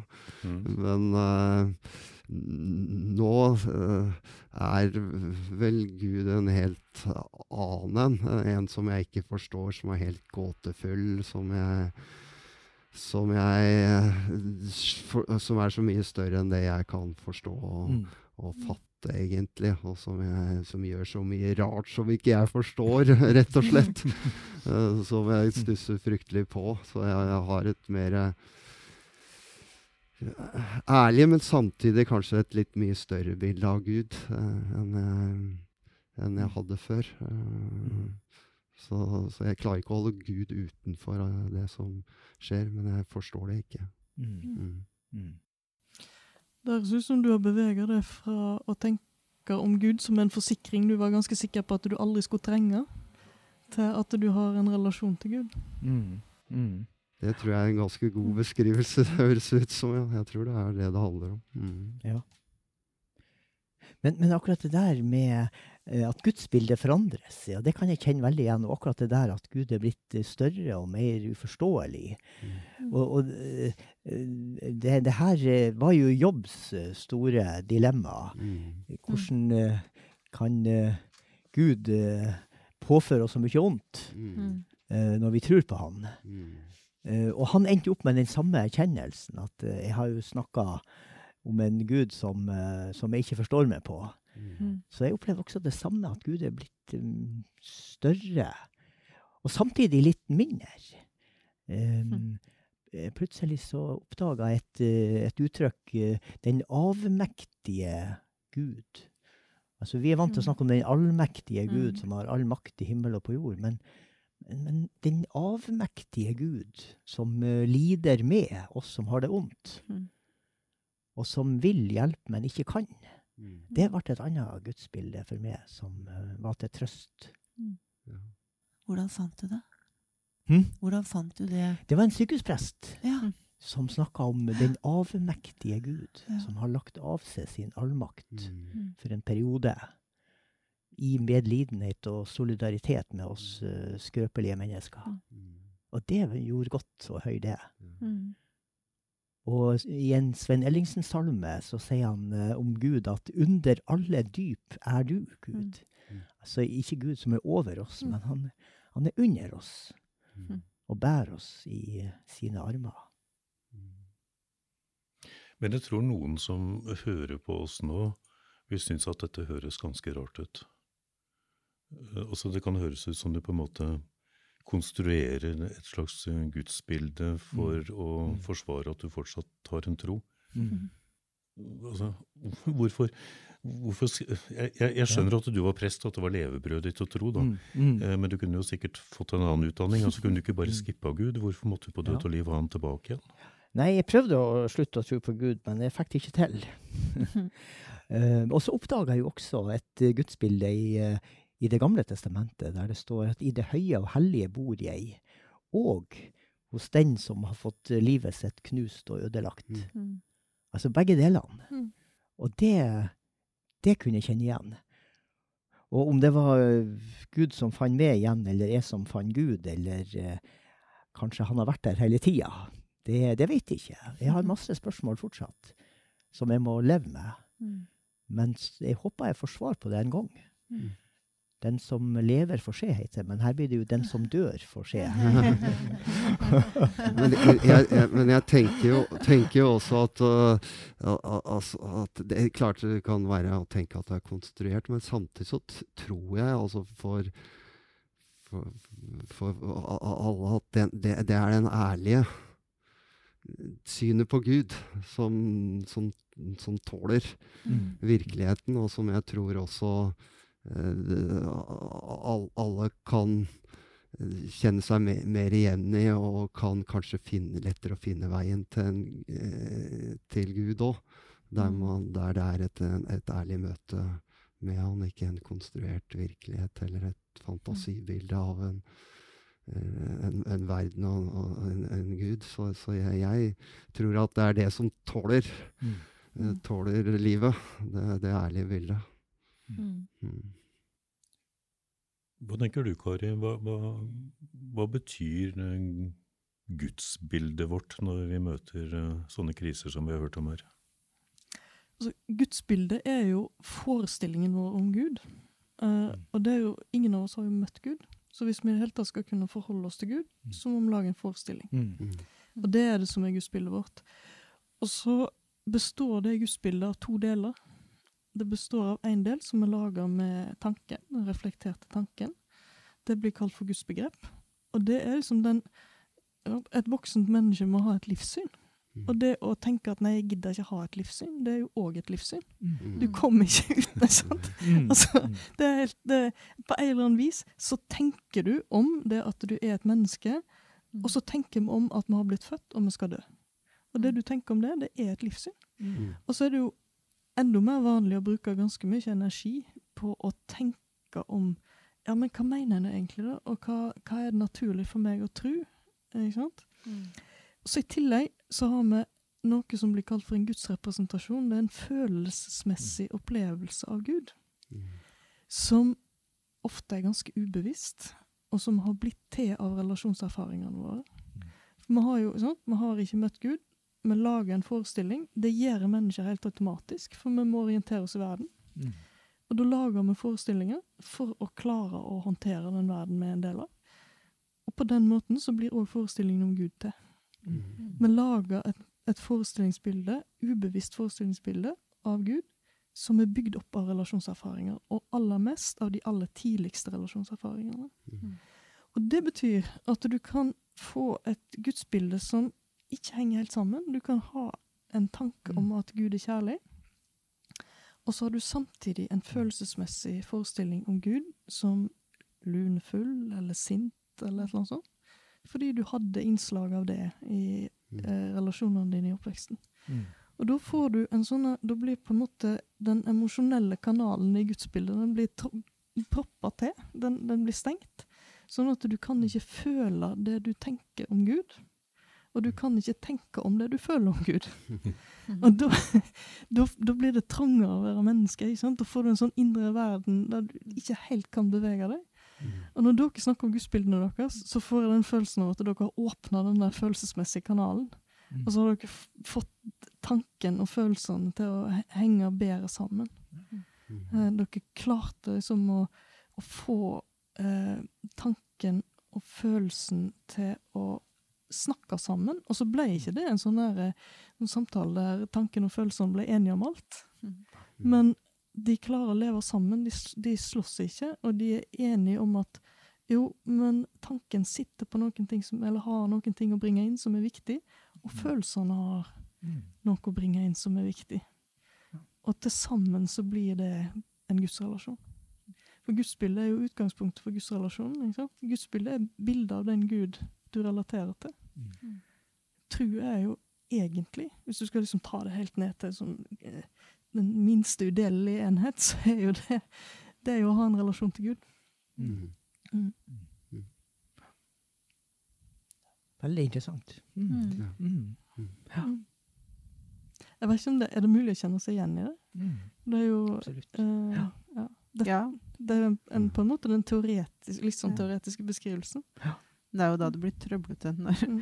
ja, det du tenker og det du opplever eller føler da, krasjer Mm. Eller, Så blir Mm. det ja, Ja, jeg, jeg tenker jo noe av det du sier der, er jo den Da, da har du Da har du ikke noe kunst Det er, det er litt av det kunstige og masse av det Mm. Det er det på en måte det er det du sitter igjen med, da. Mm. Tenker jeg, da. Mm.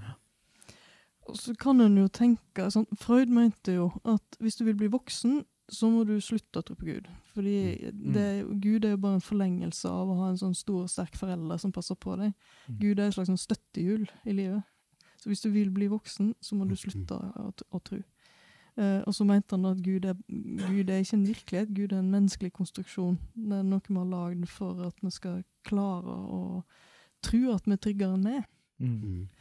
Eh, men så kan en jo Altså, de teoriene om hvordan gudsbildet blir til, rommer jo absolutt det å kunne eh, tro at Gud er en realitet. Gud er en som kan handle selvstendig. Mm. Gud er en som fins. det er ingenting i de teoriene som eh, er på kollisjonskurs med det. Nei, jeg kjente meg veldig igjen, hvis jeg bare kan få kommentere kort. Og hos oss eh, så er det her motsetningsfylte i gudsbildet, det er symbolisert i form av helt konkret eh, på gravstøtta til de to ungene våre. Mm. Så er det to spurver Mm. som står. De ble plassert helt tilfeldig, men, men de har fått en mening etterpå. Og sånn Mm. er det jo med mye. Eh, den ene spurven den eh, ser eller oppover mot fjellet som røyser bak kirkegården. Mm. Og så er det akkurat som den siterer Salme 121. Eh, jeg løfter mine øyne opp mot fjellene. Hvor skal min hjelp komme fra? Min hjelp kommer fra Herren, Han som skapte himmel og jord. Og det var den erfaringa vi hadde da vi mista den eldste dattera vår, at Gud var der i sorgen. Ga oss styrke og trøst. Den andre spurven han ser eh, sorgtung ned i den svarte jorda, og så siterer han en annen salme. Min Gud, min Gud, hvorfor har du forlatt meg? Og det var den erfaringa vi hadde da vi mista sønnen vår fem år etterpå. At Gud ble borte. Og det her er jo to helt motsatte gudserfaringer. Det er et regnestykke som ikke går opp. Men, men um, tru er ikke matematikk. Og, og begge de to spurvene de, de står under en åpen himmel. Mm. Og hver gang jeg kommer til kirkegården og skal stelle grava vår, så blir jeg minnet på om at begge delene hører med til livet mitt. Men du Heidi, som er såpass åpen om uh, hvordan du slåss med din egen tro og føler at uh, Gud er borte av og til. Mm. Tenker du at det er en situasjon du, en opplevelse du må ut av, altså du må videre til et eller annet, eller er det greit å ha det sånn? Det er jo ikke veldig greit å ha det sånn, men på en måte så er det det òg. før eller så har jeg jo tenkt at jo, men det, Eller vant til å tenke, da. At det må man Det her er ikke bra. Nå, må jeg skjerpe meg, eller nå må jeg ha fokus på Gud, eller lese mer i Bibelen, eller ikke sant. Sånne ting, da. Men eh, Nei. Nå så tenker jeg at uh, jeg, jeg, får liksom ikke gjort noe med det, på en måte. Sånn er det bare. Og så Hvis Gud er Gud, så er han vel der og sammen med meg, selv om jeg ikke merker det så godt, da. Um, og det er kanskje en erfaring, det òg, som uh, ikke nødvendigvis er dårlig, selv om det ikke føles så bra.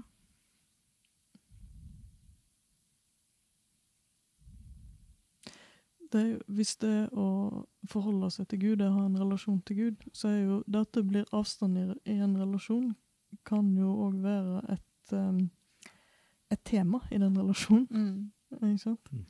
Um, er det mulig å uh, kommunisere til Gud at han er blitt vekk? Ja, jeg har jo sagt det. til meg. Både skriftlig og muntlig. Mm. Hvordan reagerer folk eh, da? Um, jeg har vel veldig sjelden sagt det sånn direkte når jeg har snakket med folk. Det, det tør jeg ikke. Mm. Men jeg har vel ofte mer skrevet det i dikt. Mm. Mm. Og jeg har jo delt dikta mine i ulike sammenhenger, og da Jeg ikke, de som kanskje reagerer negativt, sier vel ingenting, tenker jeg. De som mm. kjenner seg igjen i det, de kommer ofte og sier.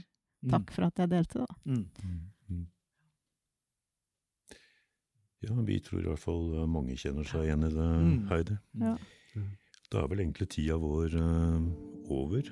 Så kanskje jeg bare må takke for at dere var med, både i de første møtene vi hadde i de podkastene som noen allerede har hørt, og i samtalen her nå.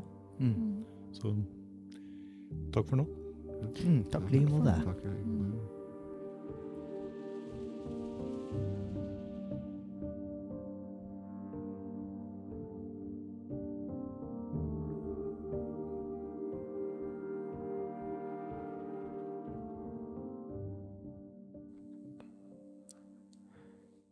En av de faste postene vi har her eh, på KABpod, det er tanker om tro. Og eh, nå litt framover så blir det eh, tanker om tro fra generalforsamlingen og forsommerfesten. Og der var temaet med troen i livet, og først ut der er Finn Tore Eivik. Jeg um, heter altså Finn Tore Eivik. Um, og det er, det er første gangen jeg er på Hurdal. Det er første gangen, um, i hvert fall på, på, 40 år, at jeg er med på et sånn større arrangement for, for KAB på denne måten. Um, og um, det var veldig kjekt å få være sammen her. Og nå har jeg ikke anledning til å være med hele tida, men jeg syns at uh, bare det lille jeg har fått opplevd av fellesskapet og det vi har hatt hittil, har vært, uh, har vært veldig bra. Og i forhold til dette temaet med troen i livet, um, så tenker jeg at uh, her, oh, her, har vi altså fått så veldig mye allerede. Um, gjennom de forskjellige bidrag som på forskjellige måter er gitt. Og gjennom det å rett og slett bare det å være her sammen, møte hverandre og samtale med hverandre, for det handler veldig mye om det. Så um, skal jeg si litt sånn til å begynne med her på nok en del ting som um, er litt sånn selvfølgeligheter, kanskje, men jeg har lyst til å nevne det for det. Um, uh, Nå er vi samla her Eh, Ca. godt og vel 60 stykk, blir det sagt.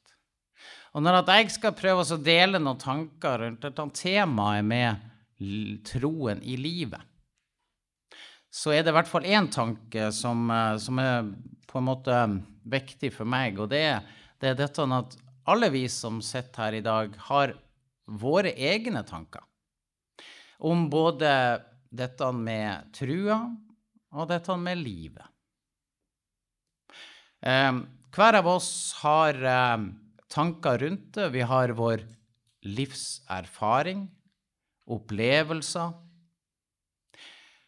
Og det gjør også det at um, når jeg skal For jeg skal ikke ha noen sånn ordinær bibeltime. I hvert fall ikke tanken. Um, men når jeg skal dele noen tanker rundt det her, så uh, er jeg sikker på at det er noen som tenker Ja, men altså um, Eller at man kanskje tenker at uh, dette her eh,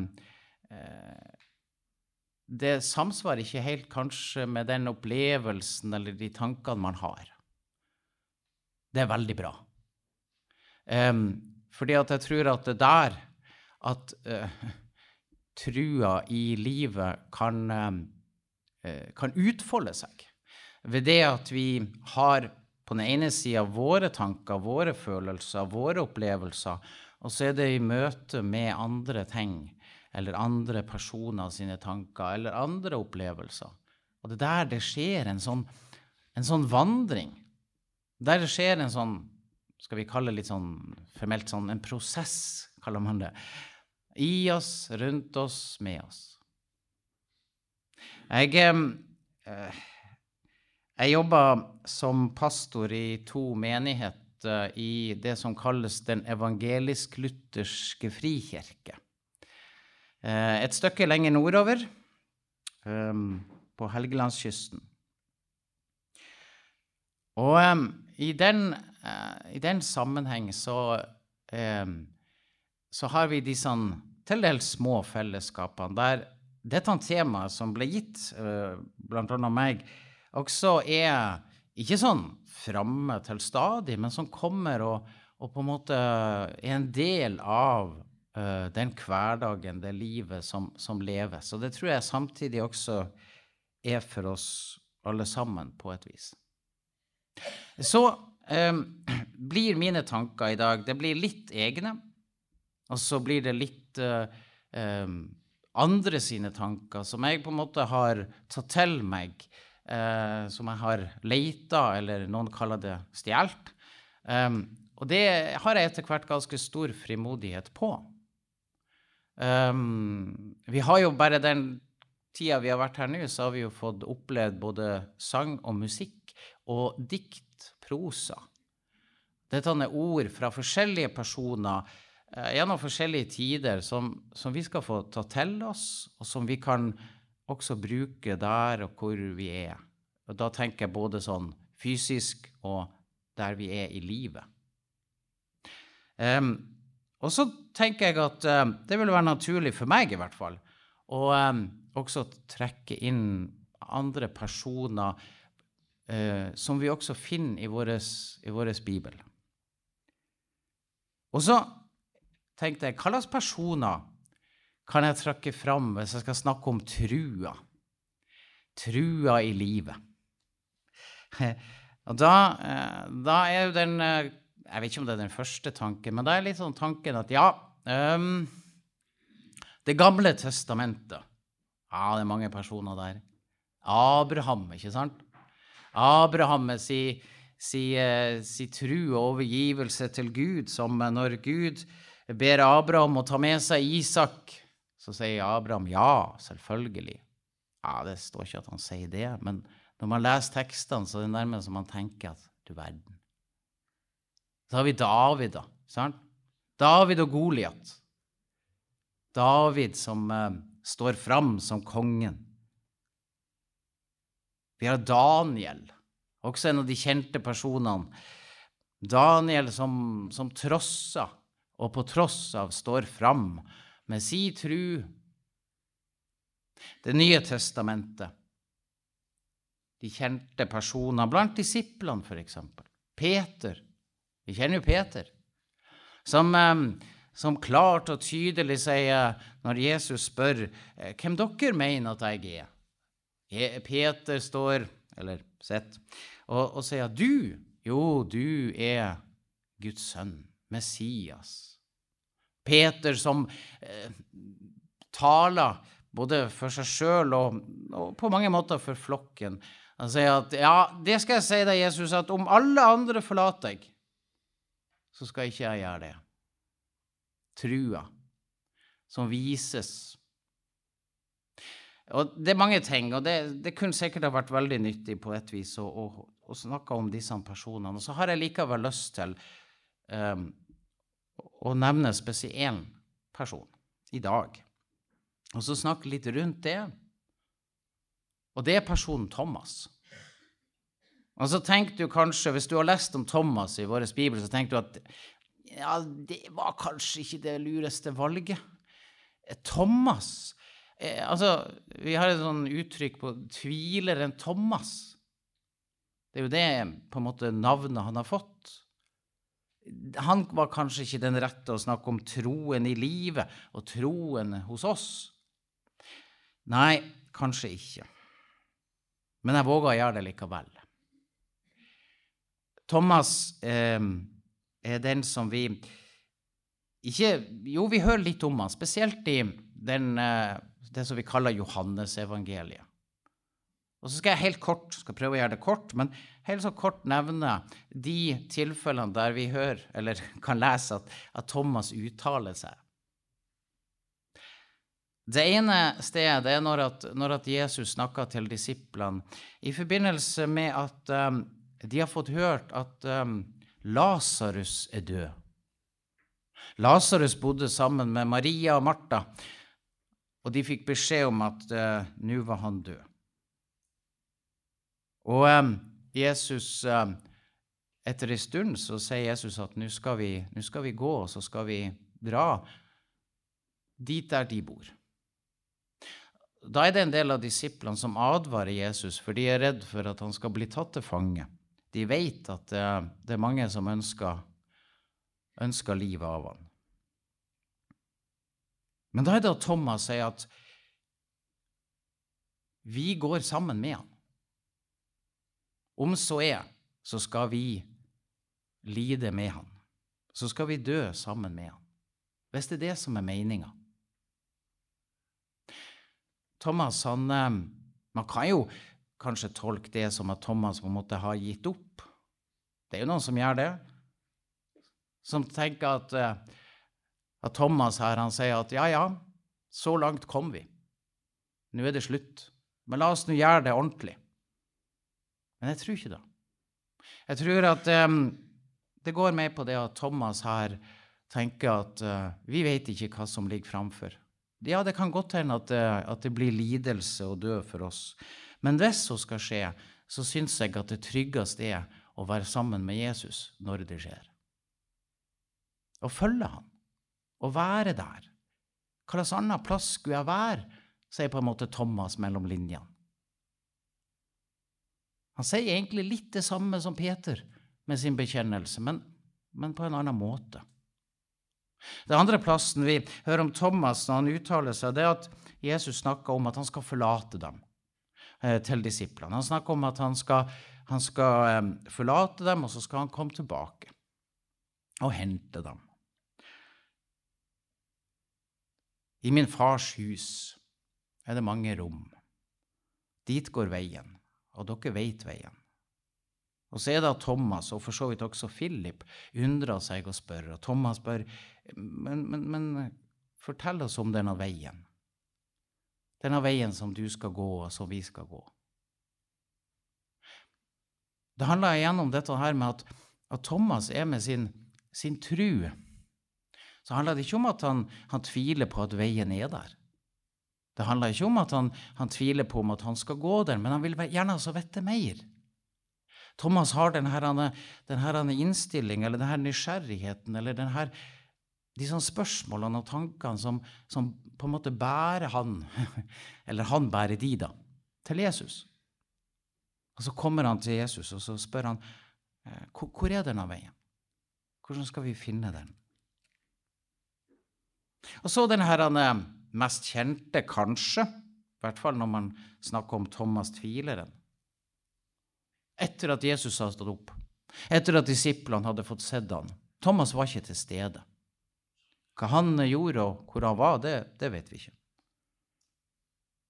Så får han høre hos de andre at 'vi har sett Jesus'. Han er stått opp. Han lever. Nja Thomas mm, Ja, dere sier så. Men hvis ikke jeg får lov til å, til å se naglemerkene Ja, hvis ikke jeg får lov til å kjenne på de, naglemerkene i hendene, såret i sida etter spydet som soldaten stakk i ham, så vil jeg ikke tro. Så kan jeg ikke tro. Tviler Tvileren Thomas. Og så leser vi videre om at Thomas får dette møtet. For det er sånn at til tross for at de hadde opplevd noe annet enn han, til tross for at han hadde denne usikkerheten, til tross for at han hadde denne ja, tvilen, så det er ikke sånn at han trekker seg unna. Det er ikke sånn at han forlater dem, eller de forlater han. Og så er han der, da, sammen med dem. Og så får han også møte Jesus. Og Vi kjenner vel historien om Jesus som retter seg direkte til Thomas og sier, 'Thomas, nå må du komme her. Kjenn, kjenn, på naglemerkene mine. Kjenn, kjenn på såret i sida.' Og så får Thomas lov til det. Jeg, jeg, jeg har prøvd å tenke tilbake, jeg, og jeg klarer ikke helt å finne ut av Men um, de første tida når jeg leste denne historien en gang, um, i min ungdom kanskje, så, så, hadde jeg en sånn automatisk sånn, sånn, sånn, forståelse av at Thomas var blind.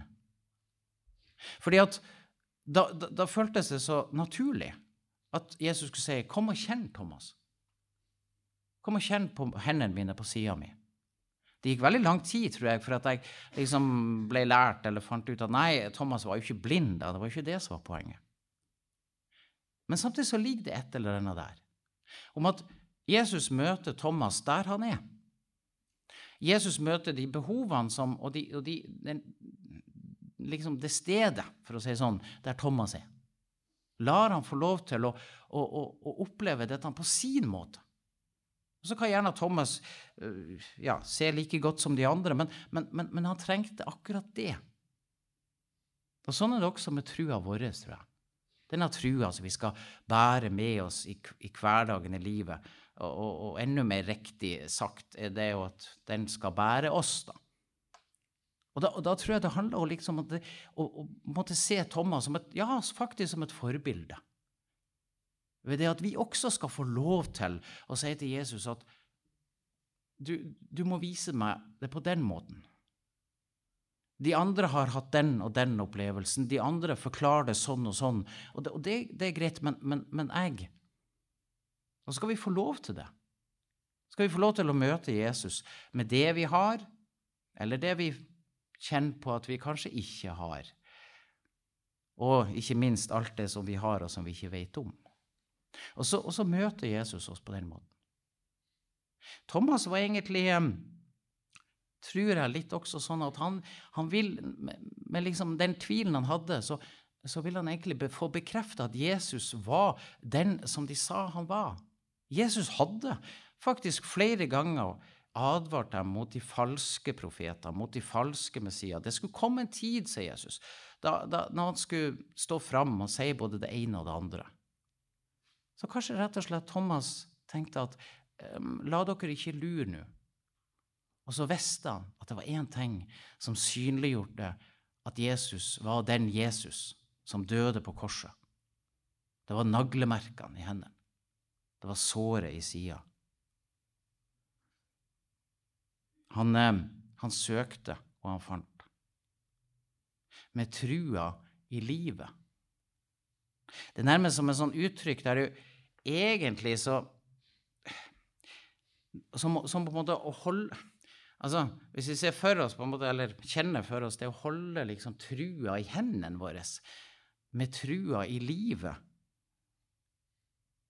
og så handler det mye om hva er, hva er, det, vi, hva er det vi på en måte legger der? Hva er, hva er innholdet for oss? Hva er det vi snakker egentlig om når vi snakker om denne trua som, eh, som skal være en del av, eller som skal være i livet, og som vi skal vandre med. Så kan man eh, gjerne snakke både om eh, mengden, altså kvalitet, eller kvantitet, som det heter så fint. Men så handler det jo egentlig ikke om det. For det er jo egentlig ikke først og fremst hvordan trua ser ut, eller, eller hvordan den er forma eller den er gitt, men det handler jo vel så mye om hva eller hvem er det vi tror på. Et bilde som ble gitt meg en gang, det var jo dette med at det som å være på klatretur i fjellet. Det har jeg aldri opplevd sjøl. Eh, men, men, men, det er jo mange ting man kan liksom sette seg inn i sånn teoretisk. da. Når man er på skikkelig fjellklatring, så trenger man eh, sikkerhetsutstyr. Og da trenger man det at man, at man skal sikre seg. Man skal, man skal, blant annet så skal du ha et, eh, et skikkelig ordentlig tau, et sterkt tau. Og så skal du sikre deg, bruke det tauet til å sikre deg, sånn at du, hvis du mister grepet, så detter du ikke ned. Ja, det er viktig å sikre seg. Så la oss tenke oss da at vi, vi, vi, vi har dette tauet framfor oss. Og så knytter vi dette, Den ene enden av tauet det knytter vi rundt venstre arm. Skikkelig hardt. Bruk så mange knuter dere ønsker. Og så knytter vi den andre enden av tauet til vår høyre arm. Skikkelig hardt. Nå er vi skikkelig sikra, er vi ikke det? Jo, vi er jo det. Så absolutt. Men vil det hjelpe oss hvis vi klatrer i fjellet og mister taket? Eh, nei. Eh, fordi det handler ikke bare om å være sikra, men det handler også om hvor er vi sikra henne? Hvor er det på en måte vi har festa dette her tauet henne? Alle sånne bilder, vet dere, de, de har jo sine begrensninger og sånne ting. Men, men, men, men dere forstår kanskje litt sånn hvor jeg vil hen. Det handler om hva vi er sikra til. Eller det handler ikke først og fremst Jo da, det handler om trua og innhold og alt sånt. Ja da, for all del. Men, men, men, men det er på en måte Til syvende og sist så handler det om hvor er vår tru eh, festa henne? Hva er det vi forholder oss til? Og det, og det er jo der det går på. Vi kan gjerne snakke om, og det har ikke jeg tenkt å gjøre egentlig i dag, men, men vi kjenner jo til det. Mange bibeltimer om, om hva trua er med sitt innhold. Um, med, med, sin både kvantitet og kvalitet, om så er. Men før vi snakker om alt det, så handler det først og fremst om Hva handler det om? Jo, det fine ordet relasjon. Eller vårt forhold til. Hvem og hva er det vi forholder oss til? Jo, det er Jesus. Det er ikke trua i seg sjøl som, som, som, redder oss, som sikrer oss, eller som frelser oss, men det er trua på Jesus og vårt forhold til Han. Og så handler det òg om at i dette livet vårt, med den trua som, som vi har, så, så, så blir det mye også å handle om både vårt syn på hvem Gud er, og vårt syn på hvem vi er. Og så står man jo selvfølgelig i fare for at det blir mer filosofi og psykologi enn en, en, en, det blir tru. Men av og til så, så glir disse tingene om hverandre. Bare det tanken på hvem er vi? Hvordan definerer du egentlig deg sjøl? Ta gjerne litt tid og, og, og tenk på det. Hva, hvis, du, hvis, du, møter et menneske eh, som, som, du aldri har møtt før, altså gjensidig, da, ingen av dere har kjent, hva vil du eh, Hva slags tre tinger La oss ta det, da. Hva slags tre tinger vil du på en måte ha sagt for, hvis du fikk spørsmålet 'Hvem er du?' Hva slags ting vil du ha liksom Hvis du måtte liksom begrense deg på 'Dette er jeg'? Ja, det er nesten en umulig oppgave, kanskje, men men det fører oss litt inn på hvem er vi egentlig? Hva er det vi definerer oss for, som? Hva er det viktige i livet vårt? En nederlandsk forfatter og prest som heter Henry Nuven, han har sagt en del om det her. Og helt sånn kort skal jeg bare nevne at han eh, han sier at vi ofte så definerer vi oss sjøl, eller vårt selvbilde, bygges opp ofte. Jeg sier ikke at det gjelder oss alle sammen her. Men, men at det bygges på en måte opp av enten eh, det vi er, altså, altså eh, status eller jobb, eh, karriere. At vi defineres på den måten. At det er det som vi trekker fram. Jo, jeg er, eller eh, ja, tittel, eller, eller noe sånt. Det, det andre er at vi kanskje defineres ut ifra hvem andre sier, enten om oss eller til oss. At det er de menneskene rundt oss som egentlig Og dette kan være veldig ubevisst fra begge sider, men at de egentlig definerer på en måte hvem jeg og du tenker om oss sjøl. Og, og, her slår det jo litt begge veier, da.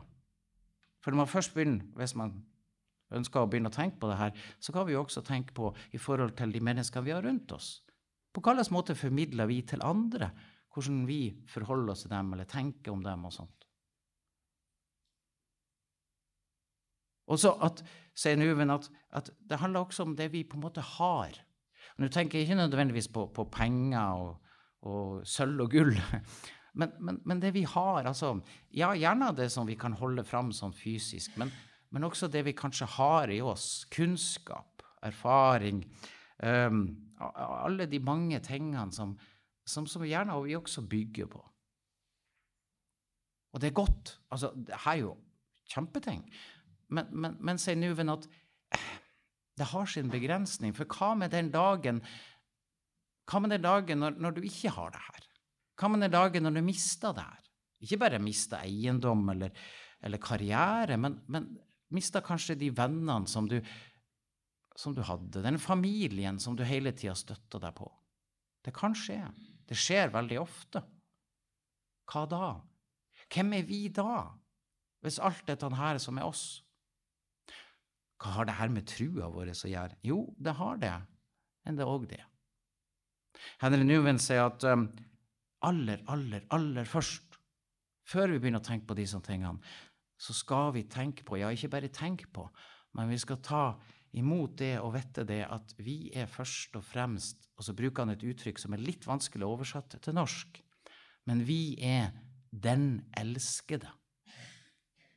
Du er den elskede. Den elskede datter, den elskede sønn av vår Gud. Der er det det starta. Det er det som skal få lov til å legge grunnlaget for alt det andre. Det handler om trua vår. Hva er det vi tror på? Vi tror med mange ord. Ja, det gjør vi. Vi tror med mange dogmer og læresetninger, og det trenger vi på mange måter. Men først av alt at vi er den elskede. Fra evighet og til evighet. Og det å kunne Og hva, hva handler det om å tro på det? Jo, det handler på en måte om å uh, flere ting, men det ene er rett og slett få lov til, kanskje det vanskeligste, å hvile i det. Bare vite det, at sånn er det. Trua i livet. Um, Jeg, som jeg nevnte, så ønsker jeg også å bruke en del av andre sine tanker og, og bidrag på det. Og jeg har jeg har veldig sans for å, for å, lese og ta til meg litt sånn prosa. Og um, det er mange forfattere, kjente og, og ukjente, gjennom historien som har bidratt med sitt på mange vis. Jeg har lyst til å bare dele her for dere i dag blant annet en Da har jeg ikke Må ha litt sånn jukselapp. jeg har en forfatter som, som heter Helge Stangnes. Hvis ikke dere har vært borti han. Eh, nordnorsk forfatter fra et sted som heter Senja. Ei stor øy der oppe, som har skrevet mange utrolig flotte dikt. Um, som først og fremst handler om naturen, om det som er rundt oss, og vi som en del av naturen. Um, men han har skrevet uh, en salme, eller han kaller det en vårsalme, som jeg har lyst til å en, Unnskyld, en havsalme, som jeg har lyst til å, å, å lese. Og det kan også leses, tenker jeg da, så kan det leses som en bønn. Som en tanke. Um, han skriver um, Du som styrer strøm og vind, utom øy og odda. Styr du strømmen i mitt sinn, så eg rette kursen finn gjennom natt og skorda. Peik ut leia på mitt draft, når det bryt om grunnene. Lån meg fliken av di kraft, hold di hand om skaut og skaft, så er berges unna. Still så stormen om min stamn, du som veit mitt beste. Los meg mellom fallene fram, til eg i di trygge hamn finn ditt anker feste. Du som ser mi veike tru, veit hvor titt eg tviler. Gi meg svaret på om du er den hjelper som kan snu angst og ank til hvile. Trua, trua som kan uttrykkes på så mange måter. Også uttrykkes med rett og slett det å, komme til Jesus og si at um, hvis du er den du sier du er, så vær så snill. Det var flere mennesker som gjorde det i Det nye testamentet. Det var en som kom og ba for, for sønnen sin. Hvis du kan hjelpe, så vær så snill og hjelp, sier han. I Det gamle testamentet, i salmene, les salmene. Det, det, det, er, det er en oppfordring. um, det er mye, um, både visdom og, og ting der. Uh, og, og, der møter vi denne fantastiske egentlig hele vår bibel, men kanskje spesielt i salmene, møter vi denne fantastiske sånn realismen når det gjelder troen i livet. Dette, at, at, dette her er noe som, som På den ene sida så er det altså, det, er ikke, det er ikke rosenrødt for fem øre, egentlig. Det handler om livet i sitt barskeste, livet i sitt verste. Det handler om klagerop. Og samtidig, så inni det her, i dette her mørket, i alt det her, så kommer da denne spiren, spiren av Kanskje du kan hjelpe? Denne spiren av håpet, denne spiren av søken. For det er akkurat det det handler om. En sånn søken etter han eller det som kan vise oss litt av veien videre. Han som høyr den nakne spønn, står det et sted. Og så vet vi jo det at det handler jo ikke om at vi må kle oss naken for at vi skal be. Men, men, men det handler om at vi altså Av og til så, så føler vi oss naken. Forstår dere med bildet? Av og til så er vi på en måte der, i en livssituasjon, i en stund der vi rett og slett Og hvordan er det å være naken? Ja, altså, det kan jo være godt hvis du er ute og bader, kanskje, men, men, men, men vi kjenner jo òg alle de her utfordringene med det, å føle seg naken. Vi, vi kjenner jo uttrykket. Det er ikke godt. Men det er, faktisk, det er faktisk et sted det kan være godt. Og det er liksom i møte med Han, vår skaper, vår frelser, vår livgiver, som ønsker det beste for oss. Trua vår i hverdagen full av spørsmål, full av undring. Full av ja, full av tvil. Tvilen er aldri, aldri det motsatte av tru. Tvilen den kan faktisk drive oss inn til Jesus. Den kan drive oss inn eh, i møte med Han, på samme måte som, som Thomas fikk oppleve, og så mange andre. I eh, vår bibel, gjennom historien, og der er også vi i dag. Vi eh, eh, I går så fikk vi høre noen dikt eh, som Heidi Halvorsen har, har skrevet. Og igjen, eh, det ble sagt i går, og jeg gjentar det gjerne igjen um, den, den boka bør dere, bør dere alle sammen ha. Den burde være obligatorisk i uh, enten ja, på lyd eller, eller i en eller annen form.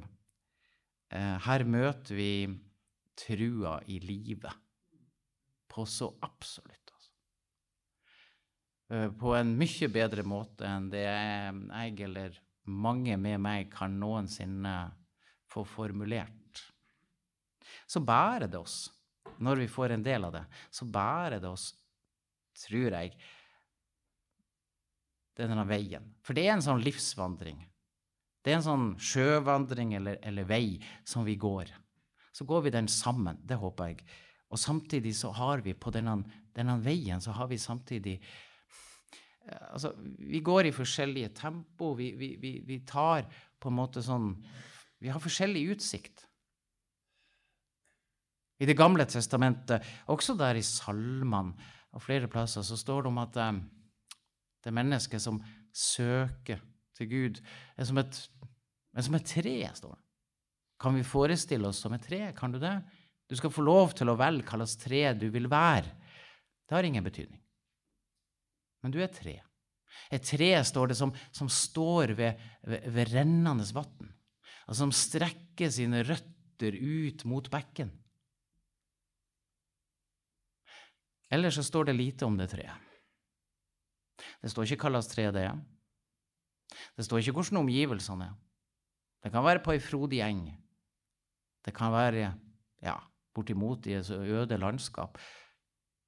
Men det som er det er å få fram der, i hvert fall, at det står ved bekken. Det står der og strekker sine, sine røtter ut mot den bekken, sånn at det kan hente næring, så kan hente det det skal ha.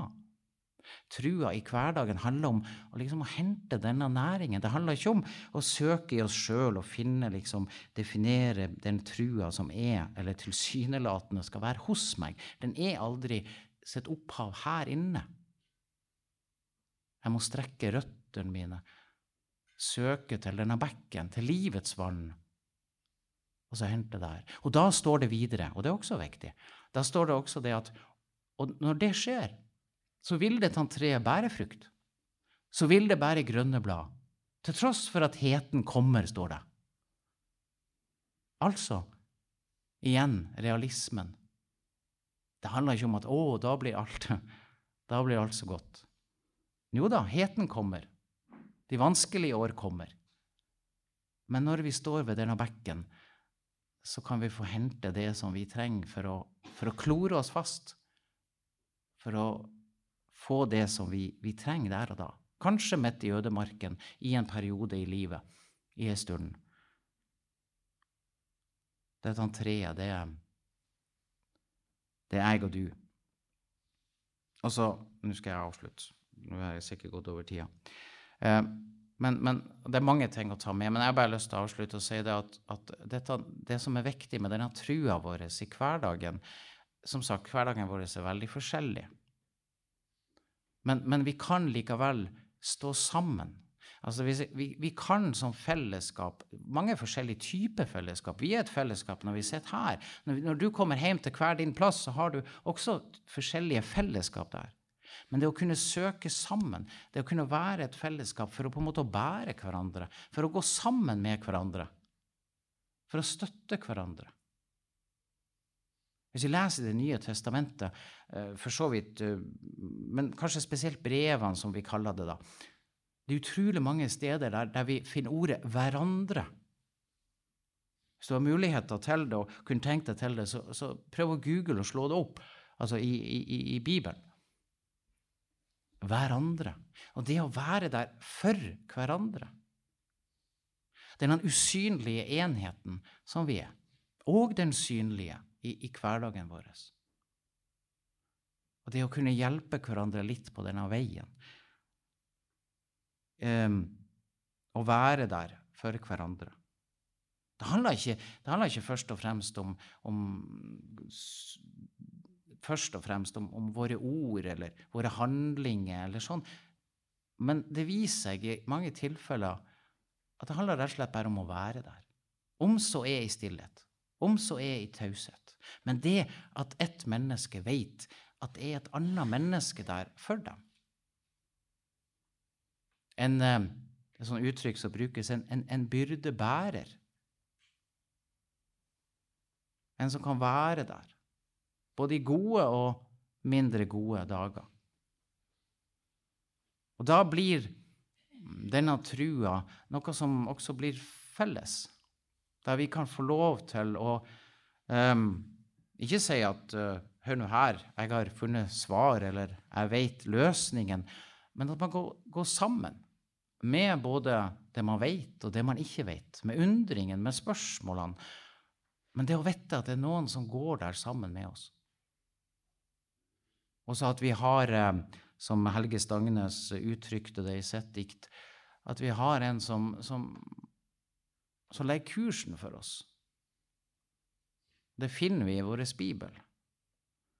Og um, vi trenger å, å, gå dit for å Ikke der, for at der finner vi til enhver tid løsninger på alle våre spørsmål der og da, men vi finner det som er det viktigste. Til tross for spørsmål, til tross for det vi ikke vet, så, um, så gir det oss kursen fremover. Til slutt nå en, um, en velsignelse. Eh, Paulus i, vår, i Nytestamentet han, han, skriver om Og det er en av de, en av de, um, de versene som er ofte referert til. Han skriver om at vi skal ha Han ber om at uh, de han skriver til, skal ha hjertets øyelys.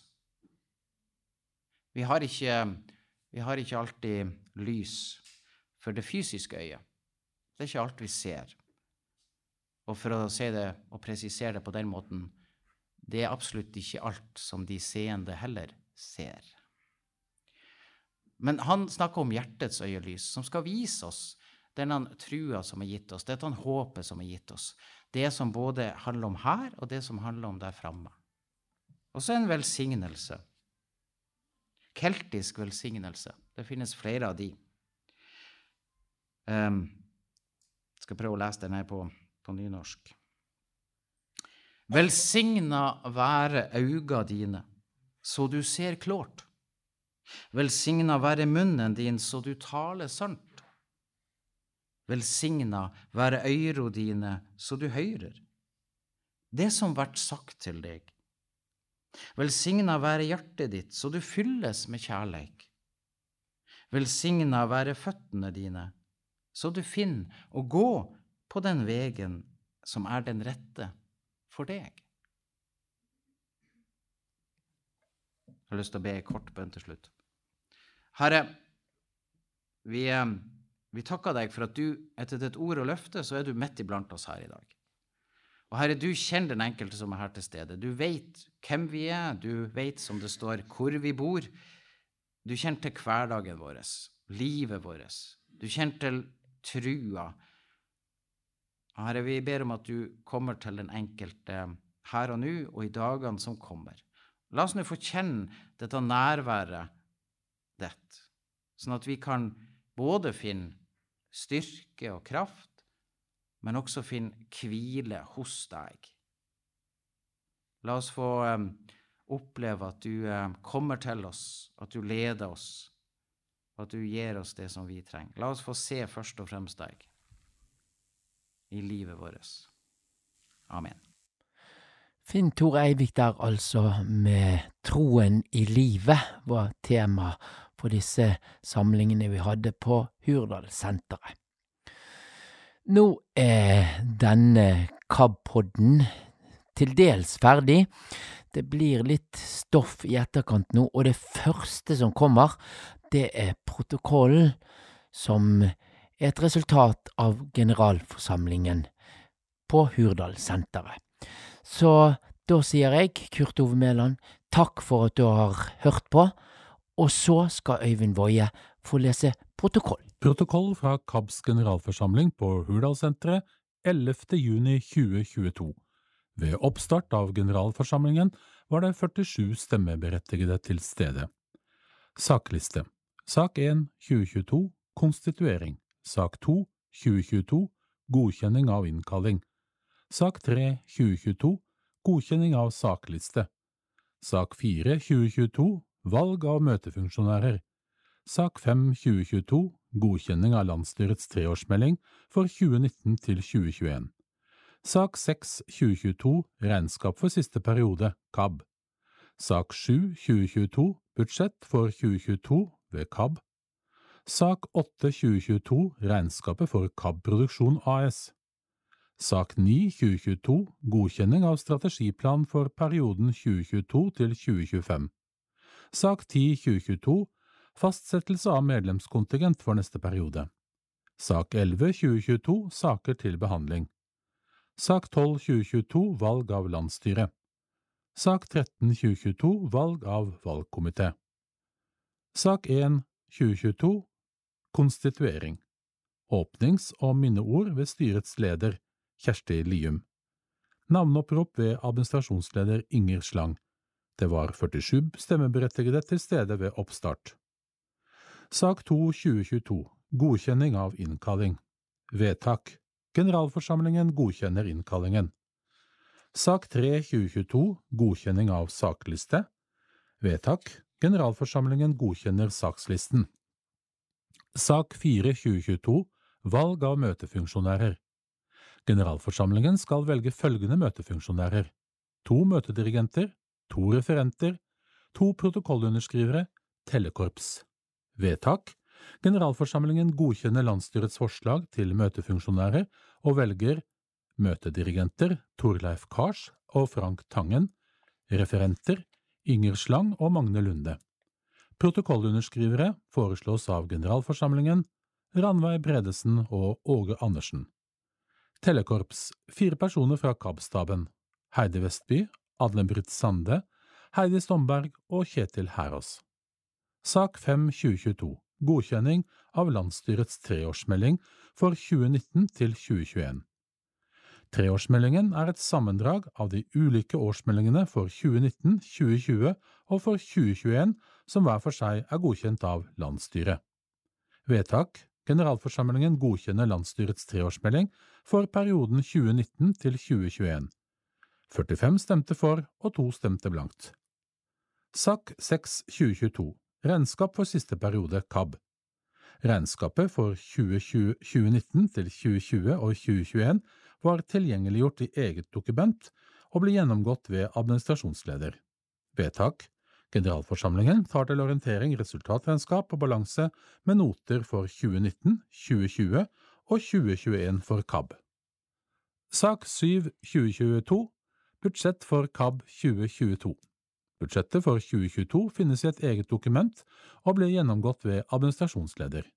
Vedtak Generalforsamlingen tar til orientering budsjett for 2022 for KAB. Sak 8 2022 Regnskap for KAB Produksjon AS Regnskap for KAB Produksjon AS finnes i et eget dokument og blir gjennomgått ved administrasjonsleder. Vedtak Generalforsamlingen tar til orientering resultatregnskap og balanse med noter for 2020–2021 for KAB Produksjon AS. Sak 9 2022 Godkjenning av strategiplan for perioden 2022 til 2025. Landsstyrets forslag til strategiplan 2022 til 2025 Strategiutvalget har bestått av Kjersti Lium, Mette Lilleng, Sissel Bredvei, Benedikte Aas, Kristoffer Lium, Øyvind Woie og Frank Tangen. I tillegg til selve planen foreslår utvalget følgende for strategiplans funksjonstid. Planen trer i kraft umiddelbart etter vedtak på sin generalforsamling 2022, og gjelder fram til generalforsamlingen 2025. Generalsekretær utarbeider handlingsplaner på basis av strategien i samarbeid med styret. Vedtak. Generalforsamlingen godkjenner landsstyrets forslag til strategiplan for 2022 til 2025, og her ble det foretatt endringer under flere punkter, så derfor så leser vi strategiplanen slik den nå lyder etter endringene. Strategiplan for perioden 2022 til 2025 Vedtatt av Generalforsamlingen 2022 Strategiutvalget har bestått av Kjersti Lium, Mette Lilleng, Sissel Bredvei, Benedikte Aas, Kristoffer Lium, Øyvind Woie og Frank Tangen, som har vært sekretær. I tillegg til selve planen foreslår utvalget følgende for strategiplanens funksjonstid. Planen trer i kraft umiddelbart etter vedtak på KAB sin generalforsamling 2022, og gjelder fram til generalforsamlingen 2025. Generalsekretær utarbeider handlingsplaner på basis av strategien i samarbeid med styret. Punkt 1. Situasjonsbeskrivelse KAB står ved et vendepunkt. Bak oss ligger en langvarig og rik historie som strekker seg tilbake til det første kristne vennelaget som ble stiftet i 1933. Da bestemte en liten håndfull synshemmede seg for å gjøre noe for å bedre sin egen situasjon som utøvere av den kristne tro. På initiativ fra Hjørdis Minge ble det dannet en forening som skulle sørge for at kristne synshemmede fikk tilgang på Guds ord i en tilrettelagt form som de selv kunne lese, oppfatte og dele, dele et kristent og sjelesørgerisk fellesskap med utgangspunkt i egen livssituasjon som et troende menneske med funksjonsnedsettelser, tilgang på tilrettelagt litteratur, informasjon og nyheter fra kristne trossamfunn og organisasjoner.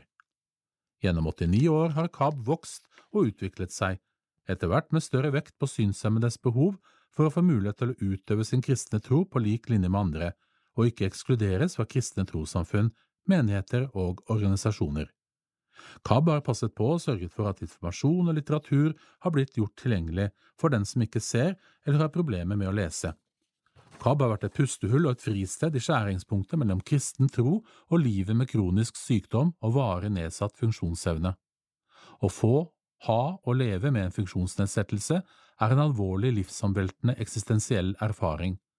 KAB har skapt et naturlig rom for å stille spørsmål og sette på agendaen hva som er meningen med slike hendelser, og behovet for å snakke med noen om tro og eksistensielle spørsmål i møte med sykdom og funksjonsnedsettelser. Gjennom tilrettelagte arrangementer, kurs, leirer, lokalforeninger, turer, nettsamlinger har vi bygget opp et levende og rikt fellesskap til utvikling, styrke og glede for den enkelte. KAB har vært flinke til å ta i bruk teknologi for å sørge for effektiv tilgang på litteratur og informasjon. Lydbånd, kassetter og CD-plater har båret tusenvis av timer med innleste lydbøker og lydaviser fram til ørene til folk. Nå står vi ved et vendepunkt, der vi ser at KAB må bevege seg lenger inn i livet til den enkelte medlemmet og brukere av våre tjenester og tilbud. Det handler om å komme fysisk nærmere der folk utøver troen sin og lever livet sitt, og å forstå mer av den enkeltes individuelle behov for tilrettelegging. Den teknologiske utviklingen gjør dette mulig, men krever også mer av oss. Her må vi legge fra oss det vi ikke lenger har behov for, og ta med oss det vi mener har, fram, har verdi for framtiden samtidig som nye arbeidsformer må utvikles. Det er utgangspunktet for denne strategiplanen, som blir grunnlaget for det nye styrets arbeid i kommende treårsperiode. 2. Verdigrunnlag Vi vil møte alle mennesker med respekt for den enkeltes liv og tro. Alle har en plass i Guds mangfoldige skaperverk, alle har samme menneskeverd og rett til likeverd og likestilling. KAB er en diakonal organisasjon Vårt verdigrunnlag er den felles kristne tro slik den er uttrykt i Bibelen og den apostoliske trosbekjennelse. Til grunn for vårt arbeid legger vi også FNs bærekraftsmål, FNs erklæring om funksjonshemmedes rettigheter, CRPD, og hovedtankene i Kirkens verdensråds erklæring Tilværelsens gave. Vårt oppdrag KAB sin kjernevirksomhet er tydelig og klart beskrevet i formålsparagrafen. Der står det KAB skal a. skape møtepunkter som gir økt selvtillit, bidrar til gjensidig vekst og utvikling, og setter den enkelte bedre i stand til å delta aktivt i samfunns- og menighetsliv. b. Gjøre informasjon og litteratur tilgjengelig for målgruppen. c. Påvirke samfunnet, og særlig kristne menigheter og organisasjoner, til å gjøre sine tilbud universelt utformet og legge til rette for at syns- og lesehemmede blir aktive deltakere.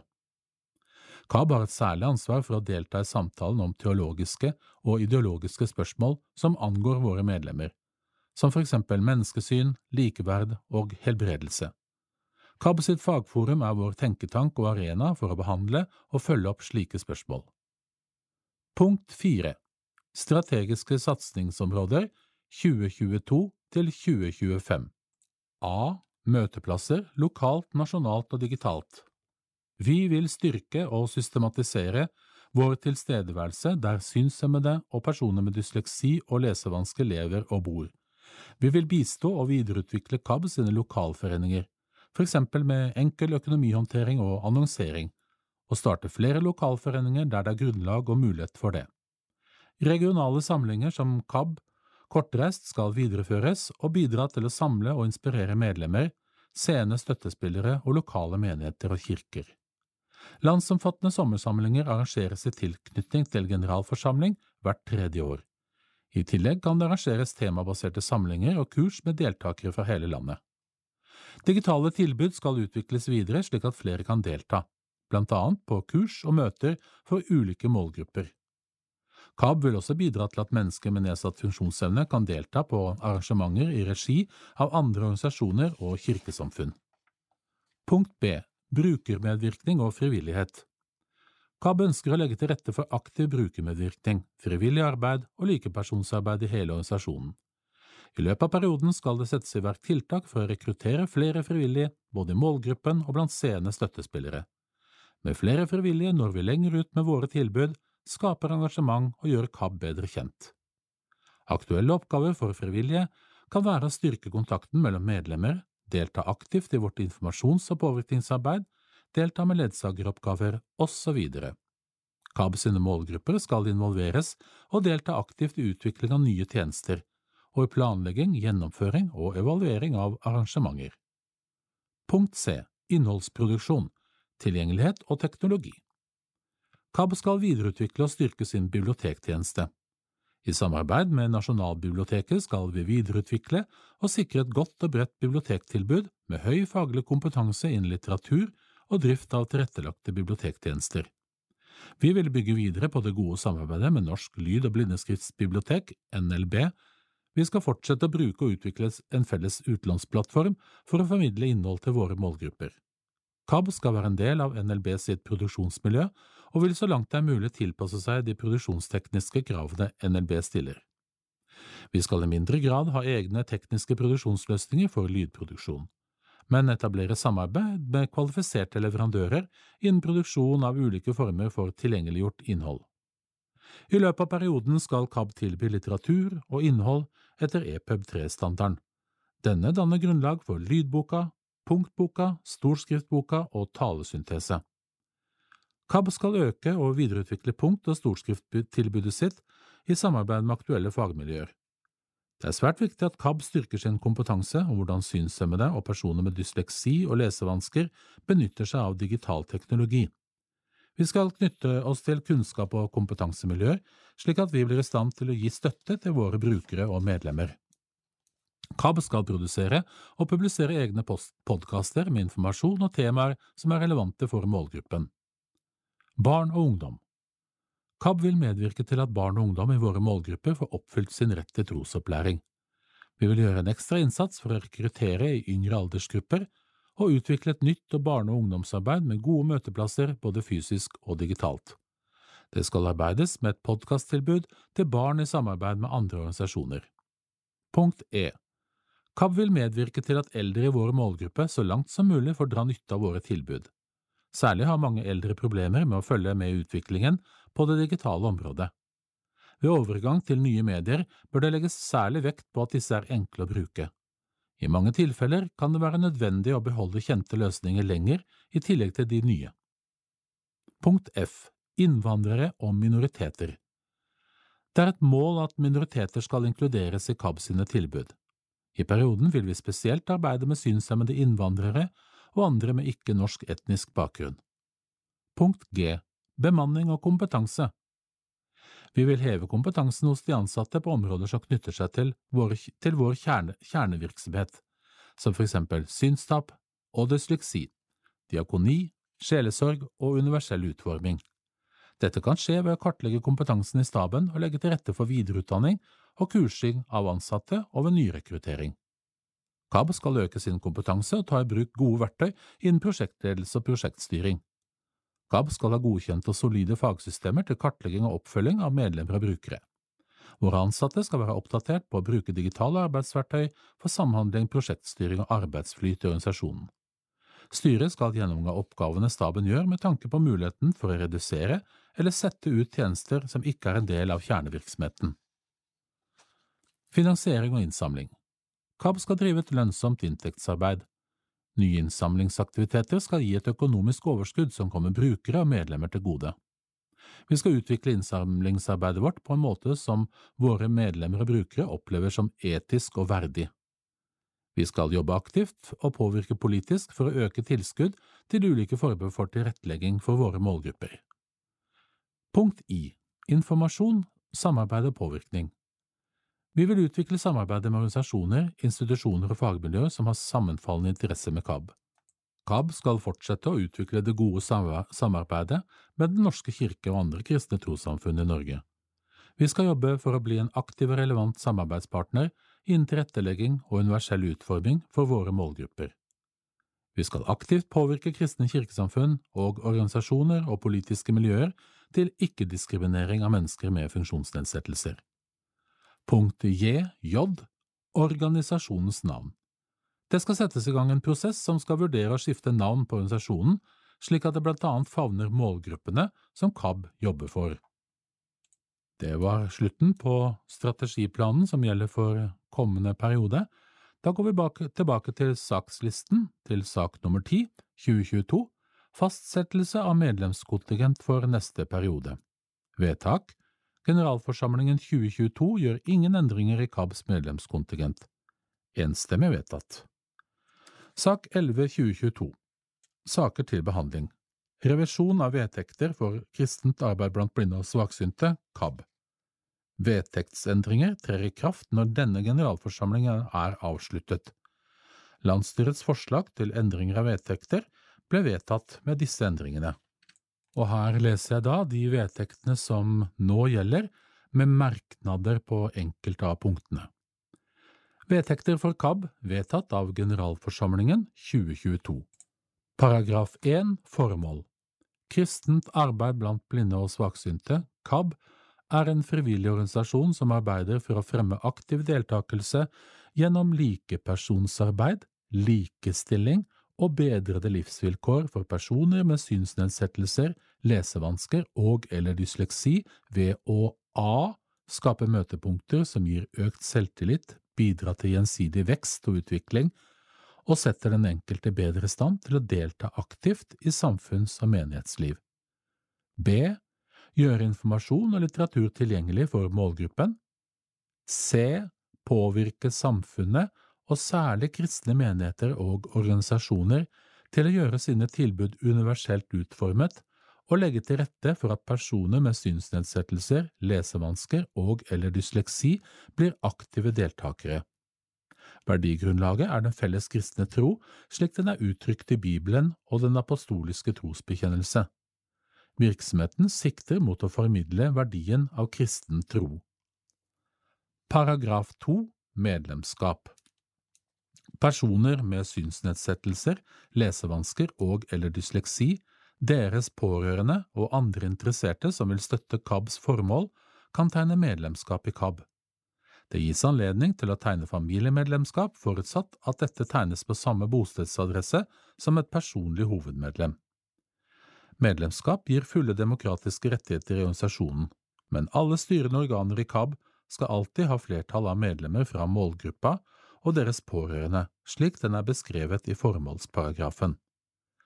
Ansatte i KAB kan ikke være medlemmer av KAB.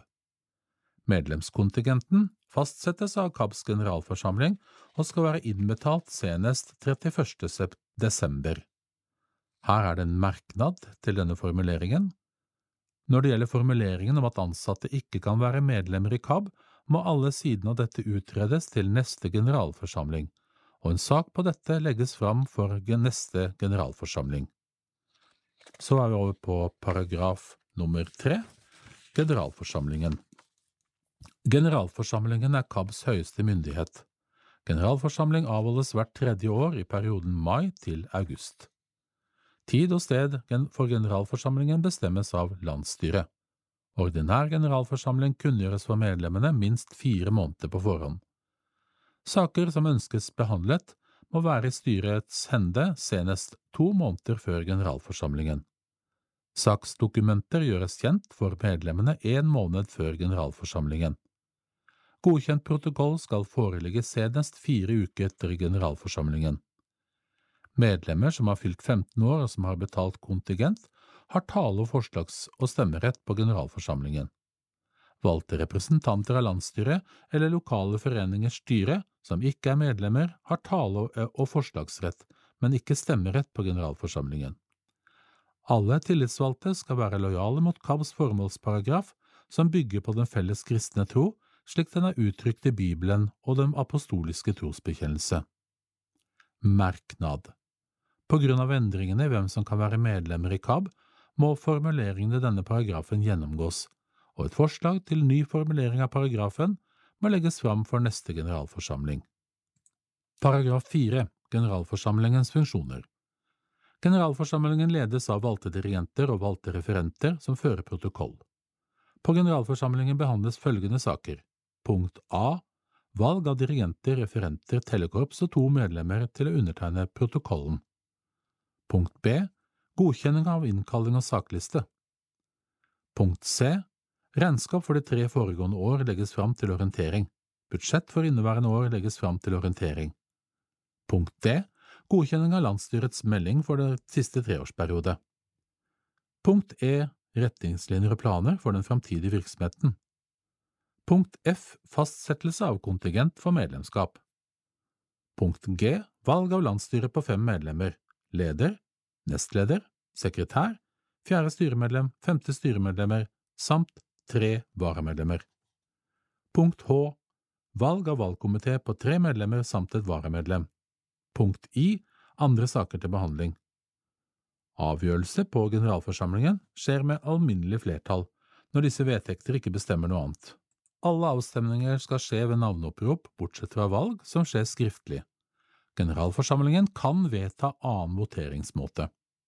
Paragraf 5. Ekstraordinær generalforsamling Ekstraordinær generalforsamling kalles sammen når landsstyret finner det nødvendig, eller når minst 25% av medlemmene krever det. Ekstraordinær generalforsamling kunngjøres for medlemmene minst fire uker før generalforsamlingen finner sted. Ekstraordinær generalforsamling kan bare behandle de saker den er kalt sammen for, og foretar de valg som kan bli en følge av møtets vedtak. Protokoll skal utferdiges og vedtas før møtet heves. Paragraf 6 Landsstyret Landsstyret skal lede KABs arbeid mellom generalforsamlingene. Det pålegger landsstyret å forberede de saker som skal legges fram for generalforsamlingen. Landsstyret skal arbeide for å gjøre KABs tilbud kjent og tilgjengelig for personer med synsnedsettelser, lesevansker og eller dysleksi. Landsstyret har fullmakt til å kjøpe, selge og pantsette fast eiendom.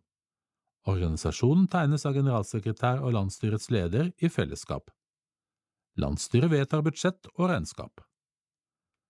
Paragraf nummer sju Landsstyrets sammensetning og funksjonstid Landsstyrets leder og nestleder må være personer med synsnedsettelse, lesevansker og eller dysleksi. Alle landsstyrets medlemmer og varamedlemmer velges på hver generalforsamling. Landsstyret er beslutningsdyktig når minst fire av medlemmene valgt av generalforsamlingen er til stede. Ved stemmelikhet er lederens stemme avgjørende. Medlemmer med synsnedsettelser, lesevansker og eller dysleksi må ha flertall i landsstyret. Landsstyret kan nedsette et arbeidsutvalg. Vedtakene i arbeidsutvalget må godkjennes av landsstyret. Paragraf 8. KABs ansatte KABs medarbeidere ansettes og står ansvarlig overfor landsstyret. Generalsekretær forbereder saker for landsstyret og deltar på landsstyrets møter med tale- og forslagsrett. Generalsekretær plikter å holde landsstyret løpende orientert om virksomheten. Intet tiltak av betydning kan settes i gang uten landsstyrets godkjenning. KABs fast ansatte medarbeidere har rett til å velge en fast representant til landsstyret. De ansattes tillitsvalgte møter i landsstyret med tale, forslags- og stemmerett. De fast ansattes representant velges for ett år av gangen med personlig varamedlem. Generalsekretær kan ikke velges som ansattes representant. Ansatte i KAB må arbeide i tråd med paragraf 1. Paragraf 9. Lokalforeningenes virksomhet Lokalforeninger kan søke landsstyret om tilslutning til KAB, og har de rettigheter og plikter som framgår av disse lovene, eller som generalforsamlingen eller landsstyret vedtar. Foreningene skal arbeide i samsvar med organisasjonens formål, jf. paragraf 1, og bruken av innsamlede midler skal gjenspeile dette.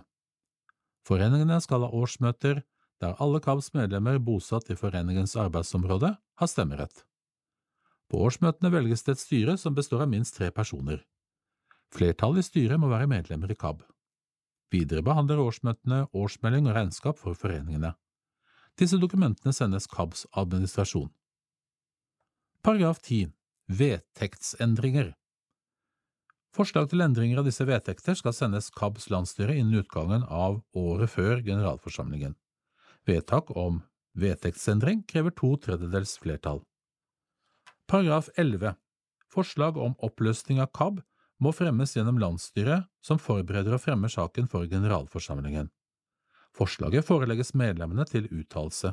Forslag om oppløsning må være tilrådd av et enstemmig landsstyre. Vedtak om oppløsning krever tre fjerdedels flertall på to følgende ordinære generalforsamlinger.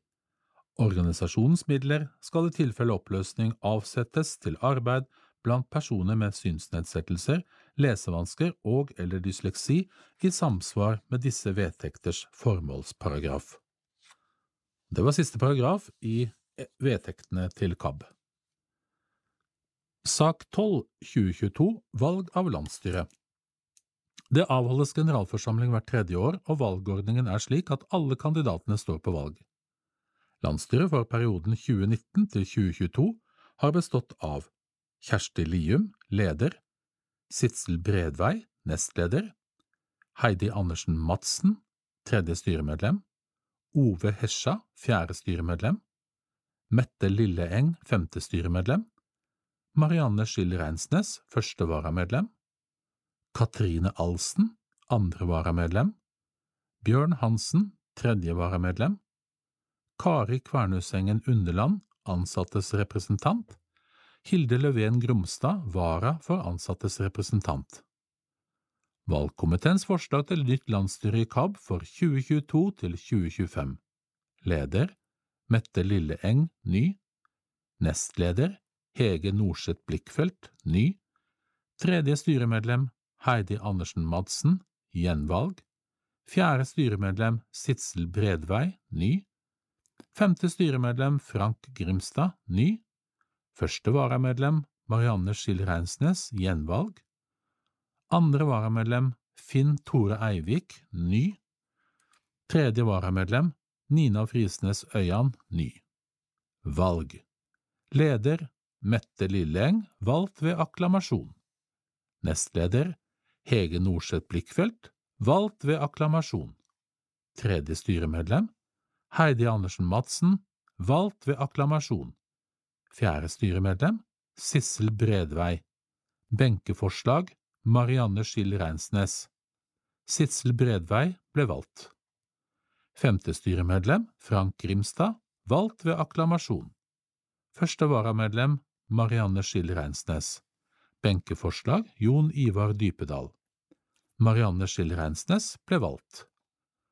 Andre styremedlem Finn Tore Eivik, valgt ved akklamasjon. Tredje varamedlem Nina Frisnes Øyan. Benkeforslag Jon Ivar Dypedal. Jon Ivar Dypedal ble valgt. Landsstyret for perioden 2022 til 2025 består av styreleder Mette Lilleng, nestleder Hege Norseth Blikkfeldt, tredje styremedlem Heidi Andersen Madsen, fjerde styremedlem Sitsel Brevei, femte styremedlem Frank Grimstad, første varamedlem Marianne Skill Reinsnes, andre varamedlem Finn Tore Eivik, tredje varamedlem Jon Ivar Dypedal. Ansattes representant Heidi Krusinski Vestby med personlig stedfortreder Hilde Løven Gromstad. Sak 13 2022 Valg av valgkomité Valgkomiteen har i perioden 2019 til 2022 bestått av Magne Bjørndal, leder, Inger Anne Ilebekk og Irene Bøhn, medlemmer, Wenche Borgen Odden, varamedlem. Forslag til ny valgkomité Leder Magne Bjørndal, gjenvalg, valgt ved akklamasjon.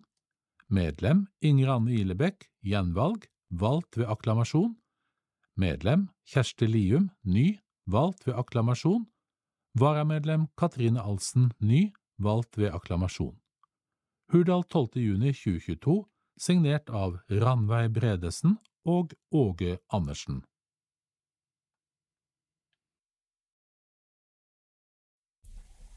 Sommermagasinet Krigsropet, nummer 26–31–2022, 135. årgang Kultur, tro, samfunn, Frelsesarmeen På forsida leser vi Surferen Shannon Ainsley, Haisommer, Woodnest, Tretopphytta.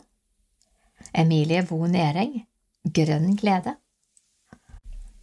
Others, En god sommer fra Others. Hva? Håndflettet væske i naturmaterialer fra Others. Frelsesarmeens konsept for rettferdig handel. Væske i sysal med innelomme i bomull og skinndetaljer. Væsken koster kroner 499, og du får kjøpt den på www.others.no. Hver enkelt væske lages for hånd i hele prosessen, fra innsanking av sysal, tvinning av tråder, innfarging og fletting av flotte væsker. Dette skaper arbeid for kvinner i Kenya som ellers ville hatt få muligheter til en inntekt. Visste du at gjennom Others skaper Frelsesarmeen viktig arbeid for mennesker som ellers ikke ville hatt en inntekt? Inntektene brukes som oftest til mat på bordet, et sted å sove og til å betale skolepenger for barna. Du bidrar til alt dette når du handler i Odders sin nettbutikk. Legg dine sommerfavoritter i en veske fra Odders, og bli med å skape en forskjell for andre gjennom kjøpene dine. Grønn glede Emilie Vo Nerengs fargerike Instagram-konto inspirerer titusener av nordmenn til å spise sunnere og grønnere. Men på veien dit har hun måttet tåle både netthat og mye kritikk, som har formet henne. Tekst Stine Frimann Emilie Vo Næreng, ernæringsfysiolog og blogger, 26 år, har 186 000 følgere på Instagram-kontoen alfakrøll Emilie Nutrition, kom til kvartfinalen i Skal vi danse TV 2 i 2019 og på delt andreplass i Kompani Lauritzen TV 2 i 2022. Emilie Vo Næreng har utrettet mye på sine 26 år. Hun drev Norges mest leste blogg som 13-åring, har blitt kåret til årets matinfluenser, hun har gitt ut kokebok, deler oppskrifter i en egen serie på Matkanalen og har blitt kjent for norske TV-seere gjennom Kompani Lauritzen og Skal vi danse. Men hun har også opplevd å bli utbrent som 15-åring, kjent på presset om å gjøre alt perfekt, og har måttet takle enorme mengder netthat og kritikk. Det endte med at hun mer eller mindre slettet seg selv fra nettet i 2017. Hun la ned bloggen, slettet kontoer på Facebook og Instagram, og slettet til og med e-posten sin. Det ga pusterom slik at hun kunne finne ut hva som egentlig er hennes lidenskap, og den fant hun. Jeg begynte å studere ernæring, og fant ut at dette er noe jeg virkelig brenner for. Jeg vil inspirere folk til å spise god og sunn mat. Et kosthold der ingenting er på nei-lista. Jeg er opptatt av at alt det gode vi kan spise mer av. Når kostholdet er rikere, blir livet rikere, smiler hun. Norges mest leste blogg. Nå er hun tilbake på sosiale medier. Rundt 186 000 personer følger Instagram-kontoen hennes, men istedenfor å fokusere på eget liv, handler det nå om sunn matglede. Det gjør at hun føler hun bidrar med noe positivt. Hun får også langt færre negative kommentarer enn før, og det som kommer er lettere å takle når det ofte handler om et tema og ikke om henne som person. For hun har dyrekjøpte erfaringer fra å våge å være sårbar og dele av sitt eget liv på nett. Emilie begynte å blogge som 13-åring. Hun la ut videoer og innlegg som viste litt av livet til en vanlig tenåring, lagde morsomme videoer og tok opp temaer hun var opptatt av. Etter bare fem måneder var bloggen hennes Norges mest leste. Bare i oktober 2009 hadde tenåringen 3,5 millioner treff på bloggen. Det var helt vilt, og i starten var det kjempegøy. Emilie opplevde at folk heiet henne frem, både i lokalmiljøet på Hønefoss og på nett. Men etter noen måneder begynte det å snu. Hun kunne få 3000 kommentarer på ett eneste innlegg, svært mange av dem hatefulle eller negative. Ivrige nettroll la inn flere titalls ubehagelige kommentarer på samme innlegg under forskjellige navn. Det var tøft å stå i for en 14-åring. Det var heller ikke bare på nett. Folk oppsøkte meg hjemme eller sendte brev. Mange unnet meg ikke det jeg hadde oppnådd lenger, og var veldig opptatt av å finne feil. Når jeg la ut humoristiske videoer, virket det nesten som om folk feiltolket dem med vilje. Det ble til og med startet egne rykteblogger om meg, der noen gutter satt og ramset opp rykter de hadde hørt, sier hun. Det var også tøft å bli fulgt med på hele tiden. Mange var opptatt av hva hun hadde på seg og hva hun gjorde. Foreldrene hennes ble også slitne. De var bekymret og satt opp til langt på natt for å moderere kommentarene, det var altfor mye til at hun kunne takle det selv. Da jeg var 15 år, hadde jeg mistet all livsgnist.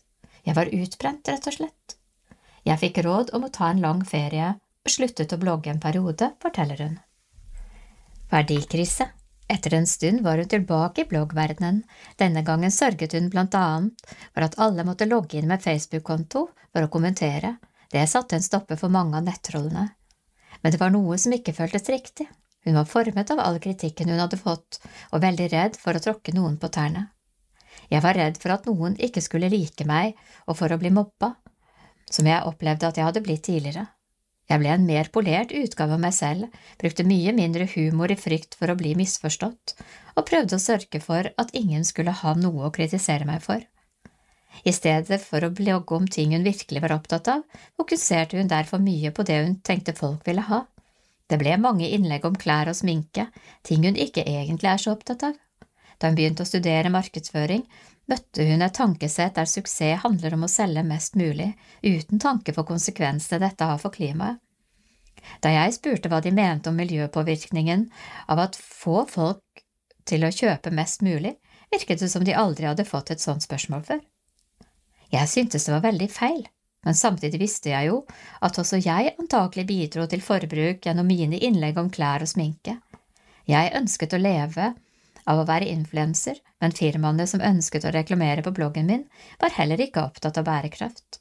Det var mange bruk- og kastprodukter og reklame som handlet om perfekt utseende. Det utløste en verdikrise for meg. Emilie trengte en ny retning og fant ut at det måtte drastiske tiltak til. Dermed slettet hun alt. Det var skummelt å plutselig gi slipp på noe hun følte hadde definert henne så lenge. Natten før hun skulle slette bloggen og alle kontoer på sosiale medier, gråt hun masse. Så lo hun av at hun gråt. Det var mange sterke følelser. Da hun dagen etter slettet alt, ble det et antiklimaks. For livet var jo akkurat som før. Emilie kjente riktignok litt på tomheten, tomrommet, når hun ikke hadde sosiale medier å drive med. Men hun nøt også friheten. Hun begynte å løpe bare for gøy for første gang og oppdaget at hun likte sudoku. Anerkjennelsen som ligger i likes og delinger, savnet hun heller ikke så veldig. Kommentarer og likes gir deg kanskje et dopaminkick der og da, men så er det glemt. Når noen faktisk kommer bort og gir meg et klapp på skuldra, betyr det utrolig mye mer enn om noen skriver Dette var bra, klapp på skuldra på Instagram, sier hun. Emilie begynte å studere ernæring, og da falt brikkene på plass. Det tente en gnist i meg. Jeg vil leve av å inspirere folk til å spise sunt og bærekraftig, med masse matglede. Selv om det gikk greit å slette alt fra nett, savnet hun noen sider av livet som influenser. Det hadde åpnet muligheter til å gjøre mye spennende, som å delta i TV-programmer, holde foredrag og gjøre intervjuer. Dessuten er det ikke så enkelt å finne jobb som ernæringsfysiolog, som bestemte seg for å prøve seg som influenser igjen. Hun ville teste ut om en Instagram-konto kunne bli populær selv om den handlet om mat, ikke mote eller noe særlig om hennes privatliv. Det viste seg å være en suksess. Håp for klimaet Klima er et viktig tema for Emilie. Hun ble skremt av å lese om klimaendringene. Da jeg skjønte hvor enorm påvirkning kostholdet vårt har på klimaet, ga det meg håp og motivasjon istedenfor bare klimadepresjon. Jeg vil gjerne vise hvilke konkrete grep hver av oss kan ta for å gjøre kostholdet vårt mer bærekraftig. Det innebærer at oppskriftene hennes er det hun kaller planterike. Noen er vegetariske, andre inneholder kjøtt eller fisk, men da i mindre mengder enn det som er vanlig for mange. Nordmenn spiser 75 kilo kjøtt hver i året. Det er jo ekstremt. Vi bør helst ikke spise mer enn 14 gram kjøtt om dagen. Mange blir litt opphengt i hvor lite det er, men samtidig bør vi doble inntaket av frukt, bær og grønt. Vi kan faktisk spise dobbelt så mye av masse matvarer som er kjempegode. Det er vinn-vinn. Mat og klimaavtrykk er selvsagt veldig komplisert, men totalt sett vet vi at planterik kost gir langt mindre klimaavtrykk. Kontoen hennes handler om matglede, gode tips og sunne oppskrifter, ikke om kaloritelling. Likevel er Emilie glad for at bare 3% av følgerne hennes er under 18 år. Jeg fokuserer ikke på kalorier, for når innhold spres organisk, vet man aldri hvem man treffer. Det kan være voksne som sliter med overvekt, men det kan også være ungdom som er altfor opptatt av kosthold og er undervektige. Når tenåringer er veldig opptatt av mat, kan det være tegn på et usynt forhold til kosthold og vekt. Jeg synes ungdom skal ha det gøy og ikke være så opptatt av mat, men jeg vil gjerne treffe foreldre, de som tar valgene om mat hjemme. Derfor har jeg mange tips om hvordan man kan lure inn frukt og grønt i kostholdet, forklarer hun. Selv vokste hun opp i et hjem der det ikke var spesielt mye snakk om sunn og usunn mat, men moren sørget for at Emilie ofte fikk være med på matlaging. Mamma spurte ofte om jeg kunne smake til maten. Jeg fikk en skje og smakte, og fortalte hva jeg syntes manglet. I starten sa jeg stort sett salt, etter hvert oppdaget jeg hvitløkspulver, det føltes veldig avansert, og mamma sa alltid ja, det har du rett i, så jeg fikk god selvtillit på matlaging, smiler hun. Emilie stortrives med å ha skapt sin egen arbeidsplass, hvor hun får drive med akkurat det hun elsker å gjøre. Men da pandemien traff landet, var det ikke lenger så gøy å jobbe for seg selv. Jeg skjønte virkelig hvor utrolig viktige sosiale relasjoner er for helsa. Jeg er et veldig følelsesmenneske. Det å lese vonde ting i media og slikt går veldig inn på meg. I tillegg ble jeg jo sittende mye alene. Jeg gikk fra å være fornøyd og sprudlende til å bli ganske apatisk og veldig mørk til sinns. Jeg gikk til en psykolog og fant ut at jeg hadde en mild depresjon. Da hun kom litt mer til seg selv, innså hun at det garantert var flere som hadde det sånn, og selv synes hun ting blir lettere hvis hun vet at andre opplever det samme. Derfor bestemte hun seg for å være åpen om det. Jeg tenkte at jeg kan bruke kanalene mine til noe positivt og vise at helse er sammensatt. Det handler minst like mye om gode sosiale relasjoner som om mat og trening. Militærstruktur I vår har Emilie vært å se Kompani Lauritzen på TV 2, hvor hun kapret en delt andreplass. Det å gå fra å være sin egen sjef til å forholde seg til alle reglene i en militær hverdag var krevende. Jeg slet med å finne mening med mye. Jeg så bare ikke poenget med perfekt sengestrekk men jeg har alltid vært litt flink pike og gjort mitt beste med alle skoleoppgaver, for eksempel. Det er ikke bare negativt, man kommer langt med en slik holdning i Kompani Lauritzen, viste det seg. Samtidig syntes hun det var godt å erfare at hun ikke bare er søt og flink, som kanskje er det mange ser henne som. Hun kan også være tøff, hun mestret alt fra tårnhopp til dykking i iskaldt vann. I Kompani Lauritzen er det viktig å være fokusert og mentalt sterk. Jeg tror det var derfor vi jentene gjorde det så bra. Vi hadde orden på tankene, mens gutta ble lettere distrahert. Det mest utfordrende var da hun måtte svømme under vann og inn i bokser der det var en luftlomme. Hun kan våkne om natta nesten gispe etter luft hvis dyna ligger litt over ansiktet hennes. Å skulle puste i en luftlomme under vann ga en skikkelig klaustrofobisk følelse. Hun måtte grave veldig dypt mentalt for å klare det. Selv om hun hylte og gråt, så hun at ambulansefolkene som var til stede, ikke kom løpende for å hjelpe. Det var ikke egentlig farlig. Hun fokuserte på pusten og klarte å gjennomføre. Emilie syntes også det var krevende å hele tiden få mye kjeft og sjelden positive tilbakemeldinger. På et tidspunkt ringte hun hjem og gråt, men så bestemte hun seg for å snu det. Jeg fant ut at jeg kan la dem snakke, og så er det opp til meg hvordan jeg tar imot det der. Jeg begynte å se humoren i det. Her står vi og prøver å re opp senga riktig mens noen kjefter på oss. Det er jo morsomt. Det hjalp veldig. Det er noe jeg tar med meg videre i livet. Tankesettet vårt er så viktig. Det er mulig å snu på ting. Leder Hilde Dagfinnerud Valen, sjefredaktør i Krigsropet. Det vi glir forbi. Skal du reise noe sted i sommer? Uansett distans og framkomstmiddel handler en reise om å være underveis i både opplevelser og refleksjoner. Å ta toget er å la tankene fly, som det het i en reklame en gang. Underveis i selve livet vil det være så mye og så mange vi passerer og glir forbi, men som vi allikevel tar med oss videre i, vårt, i livet vårt, som et minne, som en tanke, som en erfaring, som en opplevelse, som en refleksjon, som en berøring, som noe som beriker oss og gir oss noe.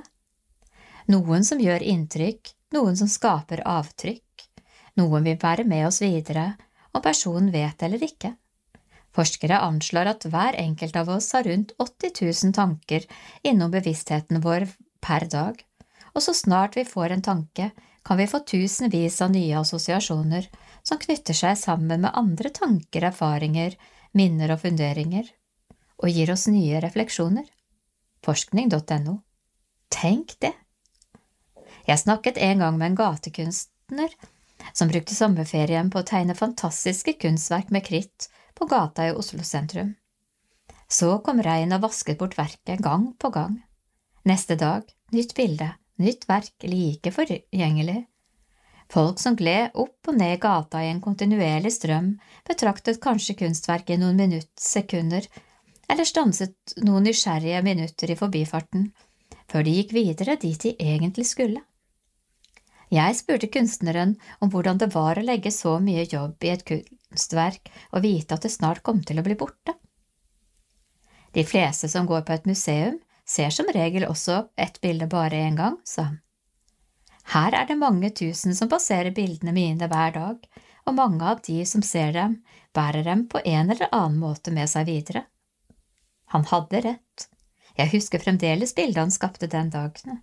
Jeg så det noen få minutter, og fremdeles står det der på en varm gate i minnemylderet mitt, mange år etter. Jeg så en robåt fra togvinduet mitt i går. Den var spent opp mellom to epletrær og duvet som en annerledes og kreativ hengekøye midt i en frodig hage. Der kunne eieren ligge på ryggen i båten uten å være redd for å drive av, myse opp mot en knallblå himmel og la humla suse. Jeg så denne hengekøyebåten bare i et kort glimt, så gled toget videre. Likevel tok jeg båten med meg som et inntrykk som ga meg noe. Tankene koblet inntrykket sammen med andre erfaringer, annen kunnskap, andre minner, andre ting som betyr noe for meg, andre ting jeg har sett og hørt. Først var det en kjent salme som kom drivende. Jeg er en seiler på livets hav, på livets skiftende bølge. Den handler nettopp om å være i en båt som er trygg, tross alt, uansett storm eller stille, sol eller regn, fordi vi har Gud med oss gjennom alt. Så gled tankene videre til neste refleksjon, bekymringsløshetens perle i Kristuskransen. Den symbolske perlekransen som pensjonert biskop Martin Lønneboe satt sammen, og som sammenlagt dekker alle aspekter ved det menneskelivet som leves sammen med Gud. Bekymringsløshetens perle er like blå som himmelen. Man ser opp i når man er som en seiler på livets hav ligger på ryggen i hengekøyebåten mellom trærne. Dette er stedet for den hellige likegyldigheten, apoteia. Dette er sommerengen i Guds rike, helliget bekymringsløsheten og friheten. Blå er Genesaretsjøen, klarblå er himmelen. Jeg er så nær at jeg kan høre Kristi røst. Vær ikke bekymret. Jeg drikker ordene, for jeg er plaget av mine bekymringer for det som har vært, for det som kanskje kommer, og det som er her og nå. Deretter reiser jeg meg, om enn med anstrengelse, og går bort til deg, Kristus. Jeg legger min tunge byrde ved dine føtter og sier, Jeg har mer enn nok med de byrder jeg må bære hver eneste dag. Noen ganger segner jeg under det, men jeg stoler på ditt løfte hver dag har nok med sin egen plage. Derfor vil jeg legge fra meg gremmelsen over det som har vært, og uroen for det som skal komme. Slik dømmer jeg min tunge ryggsekk og oppdager at den ikke rommer noe som helst. For det som har vært, er ikke, og det som ikke har kommet, finnes ikke. Jeg føler meg fri og lett til sinns. Jeg innser at jeg stadig kan leve i dette evighetens øyeblikk, like langt som et pulsslag. Fra Kristuskransen av Martin Lønneboe, Verbum. På samme måte tar vi alle med oss videre også det vi glir forbi. Mennesker vi kjente, kort eller lenge, mennesker vi kom nær eller passerte på avstand, før livet gikk videre i en annen retning, men som vi fortsatt bærer med oss og tenker på med glede, fordi de så oss, bekreftet oss, ga oss opplevelser, kunnskap eller erfaringer som betydde noe, eller kanskje bare ga oss et ord vi trengte, eller et glimt av noe fint og viktig, kanskje uten engang å vite det selv. Hei og takk. Jeg bærer deg med meg fortsatt enda livet har gått videre til neste stasjon. Slik går mange flere enn du tror rundt og bærer deg med seg i sitt innerste, glade for at det de fikk, det de oppdaget, det de lærte, det de kom til å tenke på, noe du sa, noe du gjorde, kanskje til og med noe du var som, du var som viste hvordan Gud er. Et glimt, et ord, et inntrykk, et avtrykk. I rekken av assosiasjoner kommer et dikt av Jan Erik Vold seilende. Hva som i hjertet er gjemt, ditt eget og andres. Du tror det er glemt, men hvordan kan hjertet glemme? Det som er sett, er sett. Det som er følt, er følt. Varme blir aldri annet enn varme, det. Det er noe løfterikt i dette. Bare ved å være den vi er, der vi er, gjøre det vi gjør, si det vi sier, skape det vi skaper, møte de vi møter med varme og omsorg, kan nettopp dette være noe som noen tar med seg når de glir forbi, uten at vi engang er klar over det. Slik rommer hvert eneste liv og hver eneste dag et potensial til å bli til noe større enn du tror for flere enn du tror. De som har hengt opp båten sin som en hengekøye mellom trærne, aner ikke at noen sekunders glimt av påfunnet har blitt til noe fint og oppmuntrende for noen, nærmest en sommerpreken. Nå kan du og mange flere lest om hengekøyebåten også. Kanskje du til og med har sett den for deg, og gjort deg dine egne assosiasjoner om det du glir forbi, men som du allikevel tar med deg så holder vi i et langt øyeblikk fast i bekymringsløshetens perle. I tankene legger vi oss på ryggen i robåten som er spent opp mellom de grønne trærne under den blå himmelen, og hviler. Riktig god sommer. Hilde.dagfinnrud.valen alfakrøll Ringer i vannet. Frelsesarmeen tilbyr mange ulike sommeraktiviteter for barn, ungdom og familier. Gode ferieopplevelser skaper verdifulle minner og meningsfull tilhørighet, som da sammen Grønland inviterte til rokurs i hovedstaden, med selveste Hovedøya som destinasjon. Tekst Dan Christian Christoffersen. Sammen Grønland, Frelsesarmeens fellesskapshus og nærmiljøkirke på Grønland i Oslo har rundt 16 aktiviteter i måneden for mennesker i ulik alder og livssituasjon. Stort familiearbeid med deltakere fra hele verden familiemiddag annenhver tirsdag og kafégudstjeneste én til to ganger i måneden. Koordinere ferietilbud for flere Frelsesarmeen-enheter i Oslo. Har noen her hørt om vikinger før? Stemmen til roinstruktør Marius Løkse lyder utover brygga ved Sukkerbiten i Bjørvika, flankert av Den hvite operaen og Det grå Munch-museet. Det er siste dag av et tredagers rokurs som inkluderer både historie, roteknikk og kunnskap om livet på havet. Bak ham ligger fem tjæreglinsende robåter av typen færing fortøyd i det skvulpende vannet i Oslofjorden, og hvordan venter en spent flokk med rundt 20 forventningsfulle barn og ungdommer fra samme Grønland et familietilbud fra Frelsesarmeen. Vikingene var veldig flinke til å bygge båter, og de fine, gamle båtene som vi bruker her i roklubben.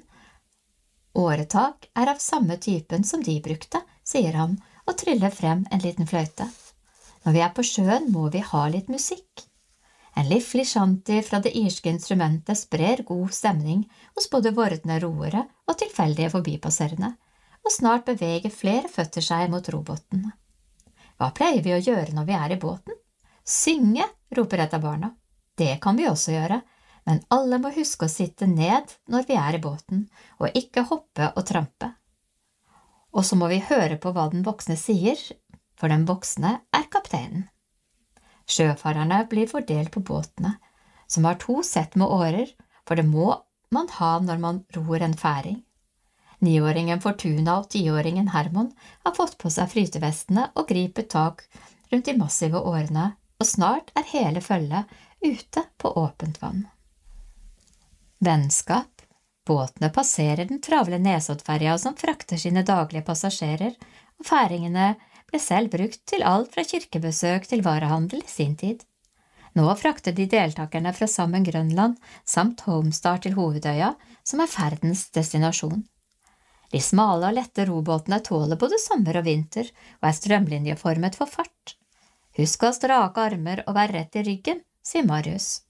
Når retningen går for mye mot høyre, justerer barna ved å styre årene mot venstre. Det koster krefter og ro, men følelsen er av det gode slaget, og roerne får en smakebit av maritimt kulturliv. Et annet år var gjengen faktisk på tur under Oslo sentralbanestasjon. Ja, vi rodde under bakken, forteller Hermon. Båter ble rodd opp fra brygga til Akerselva trebåtforening og rett inn i den mørke kulverten med svak opplysning mens Marius spilte fløytetoner som spratt fra den ene veggen til den andre. Vi lærte å ro og bli kjent med båtene, og etterpå fikk vi vafler. Herman og Fortuna har blitt kjent på rokurset og syns det er kjempegøy å ro, bruke kroppen og være ute på vannet. I går byttet vi på med Marius om å bruke årene, og så spilte han på en skjellinstrument, sier Fortuna. Båtene kommer inn til strandkanten på hovedøya, som i seg selv er overøst med skjell. Noen av barna vil bade, mens andre sitter på svabergene og prater. Kvister blir samlet, pølsepinner spikkes, og bålpanner gjøres klare for grilling. Åtteåringen Antonio, som har blitt kjent med åtteåringen Hiab, planlegger å hjelpe til. Det er veldig bra og ro og gøy å bli kjent med andre, synes de begge. Tolvåringene Natalie og Jonas har kjent hverandre siden de var små, helt fra tiden da sammen ble startet. En gang løp de rundt på kjøkkenet på Grønland med hver sin kosebamsehund som de hadde fått i julegave fra Frelsesarmeen. I dag sitter de på et sommerlig svaberg omgitt av måkeskrik, skogkratt og lette bølger som skiller, skyller inn mot stranden i den behagelige augustlufta. Jeg har rodd en gang før på hytta, men det gikk ikke så bra, ler Jonas. Hva liker dere best å gjøre på sammen? Jeg liker egentlig alt, sier Natalie, og Jonas minner spesielt den gangen de dro til Rush trampolinepark. Men nå begynner jeg å bli sulten, smiler Natalie. Noe helt annet. Rokurset er en del av sommertilbudet som Sammen Grønland arrangerer for barnefamilier i Frelsesarmeen Oslo øst, i samarbeid med Frelsesarmétilbud som familiebosatt, Grefsen korttidsboliger Frelsesarmeen Grønland, Regnbuen barnehage og Homestart-avdelingene i bydel Alna, Østensjø, Grünerløkka, Gamle Oslo og Nordre Aker. Hvorfor ville dere bli med på rokurs med roklubben Åretak? Vi synes det er viktig å gi barn og ungdom opplevelser utenom det vanlige. Rokurset gir en smak på friluftsliv og ferie i naturen, men med base i byen, sier Heidi Jørgensen, som er hovedkoordinator for Sammen Grønland. Færingbåtene har sett mer eller mindre like ut helt siden vikingtiden, så det er en del av vår norske kulturarv. I tillegg er det hyggelig å samarbeide med lokale kulturaktører som Åretak. Kurset inneholder også en robåt til den urbane gården Losæter, hvor det dyrkes flerfoldige typer grønnsaker, og hvor barna fikk lære om viktigheten ved å ta vare på skaperverket. En av guttene fra Eritrea sier, Mamma, nå trenger vi ikke å gå i butikken lenger, vi kan heller komme hit og plukke grønnsaker, sier Heidi og forteller at mange av sammenbarna selv har fått grønnsakfrø og jord i en aktivitetspakke med bugnende verandaer og stolte gartnere som resultat.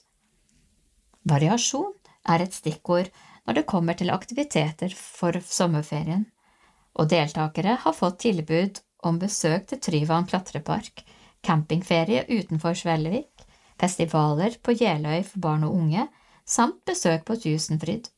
Så mye som 350 unge personer har deltatt på Frelsesarmeens tilbud denne sommeren, med både barn og foreldre. Alle smilene og latteren sitter i langt utover høsten. Heidi minnes også nasjonaldagen da fire familier fikk en unik konsert med Kenneth Lien, som er en av Norges beste munnharpespillere. Han sto på et lite platå utenfor en badstue til Badstueforeningen og spilte vakre stykker mens vi hørte på, fra færingene. Hun ser at sommerdagene og opplevelsene knytter deltakerne tettere sammen, og at det er utrolig hvor fort man blir en gjeng. Barna kommer fra mange ulike grupper, men finner hverandre raskt, og Heidi røper at det beste ved turene for hennes egen del er å se alle vennskapsbåndene som blir knyttet eller styrket underveis.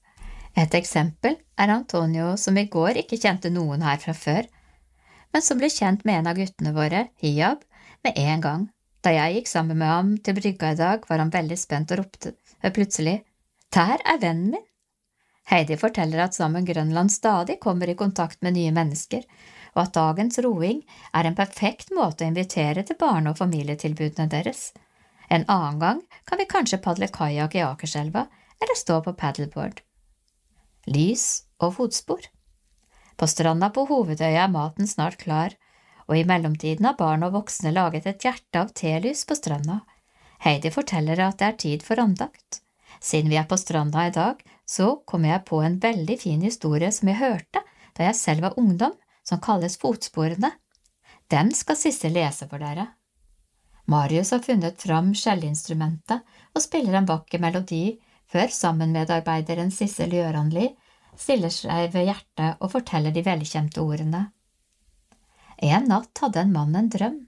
Han drømte at han spaserte langs stranden sammen med Herren. Over himmelen kom bilder fra livet hans i syne. For hvert bilde han så, oppdaget han at det var to par fotspor i sanden. Det ene var hans egne, og det andre var Herrens. Da det siste bildet for forbi over himmelen, så han tilbake på fotsporene i sanden. Han la merke til at mange ganger i livets løp var det bare ett par fotspor. Da oppdaget han også at det var de gangene da livet hans hadde vært vanskeligst og mest smertefullt. Dette forsto han ikke, så han spurte Herren, Herre, du sa en gang at da jeg bestemte meg for å følge deg, ville du alltid gå med meg og aldri forlate meg. Men nå ser jeg at da min nød var størst og livet var vanskeligst å leve, da er det bare ett fotspor. Jeg forstår ikke hvorfor du forlot meg da jeg trengte deg mest. Da svarte Herren, Mitt kjære og dyrebare barn, jeg elsker deg og ville aldri forlate deg. De gangene i livet ditt da prøvelsene og lidelsene dine var størst, og du bare kan se ett spor i sanden. Det var de gangene jeg bar deg i armene mine. Når de siste ordene ebber ut, forteller Heidi at de som vil, kan komme frem og tenne et lys i hjertet i sanden. Nå er det snart skolestart, og det har vært ferie. Kanskje man vil tenne lys for noe man tenker på, noe man er glad for, eller som man synes er litt vanskelig, sier hun. Jeg starter med en bønn. Kjære Gud, jeg takker deg for at vi kunne dra på denne turen, for det fine fellesskapet vi har, og for at vi kan finne på ting sammen igjen en annen gang. Jeg ber for alle som er med på turen. Heidi nevner hvert eneste navn, både til små og store. Ta vare på alle sammen. Fakta om færing Samlende betegnelse norsk tradisjonsbåter, de slekter på vikingbåt, men den samme tradisjonen og byggeteknikken. Man har sognefjæring, nordlandsfæring, oselverfæring osv. Færing betyr fir æring, altså en båt med fire årer. Dernest kommer seksering, åttering osv. Å ro en færing er fysisk krevende, men man sparer mye krefter med riktig teknikk, kroppsbruk.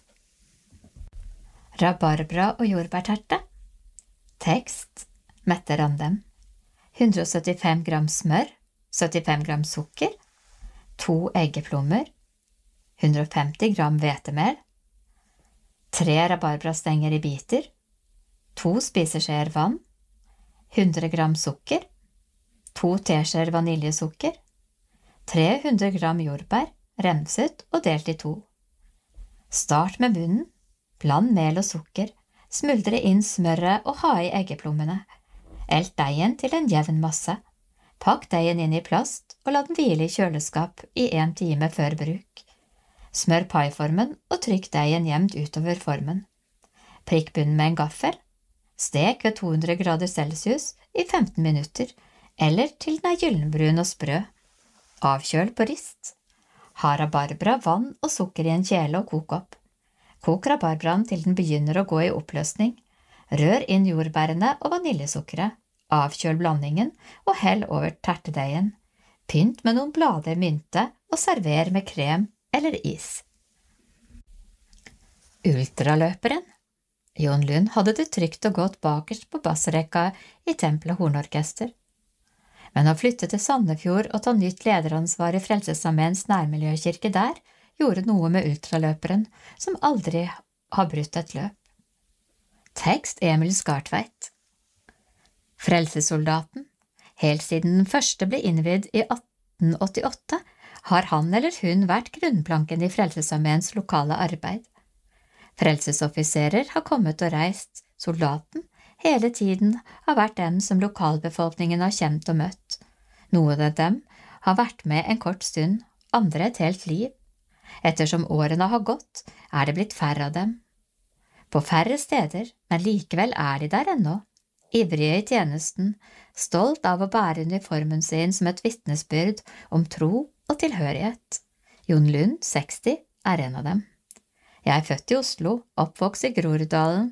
De første årene bodde vi på Veitvet, før det ble vestlig på, før det ble vestlig på Stovner.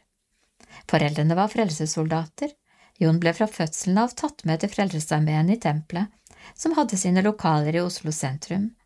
Sitt første vage minne er knyttet til å ha sunget Fola Fola Blakken fra talerstolen som treåring, antakelig skjedde det på en onsdagsfest.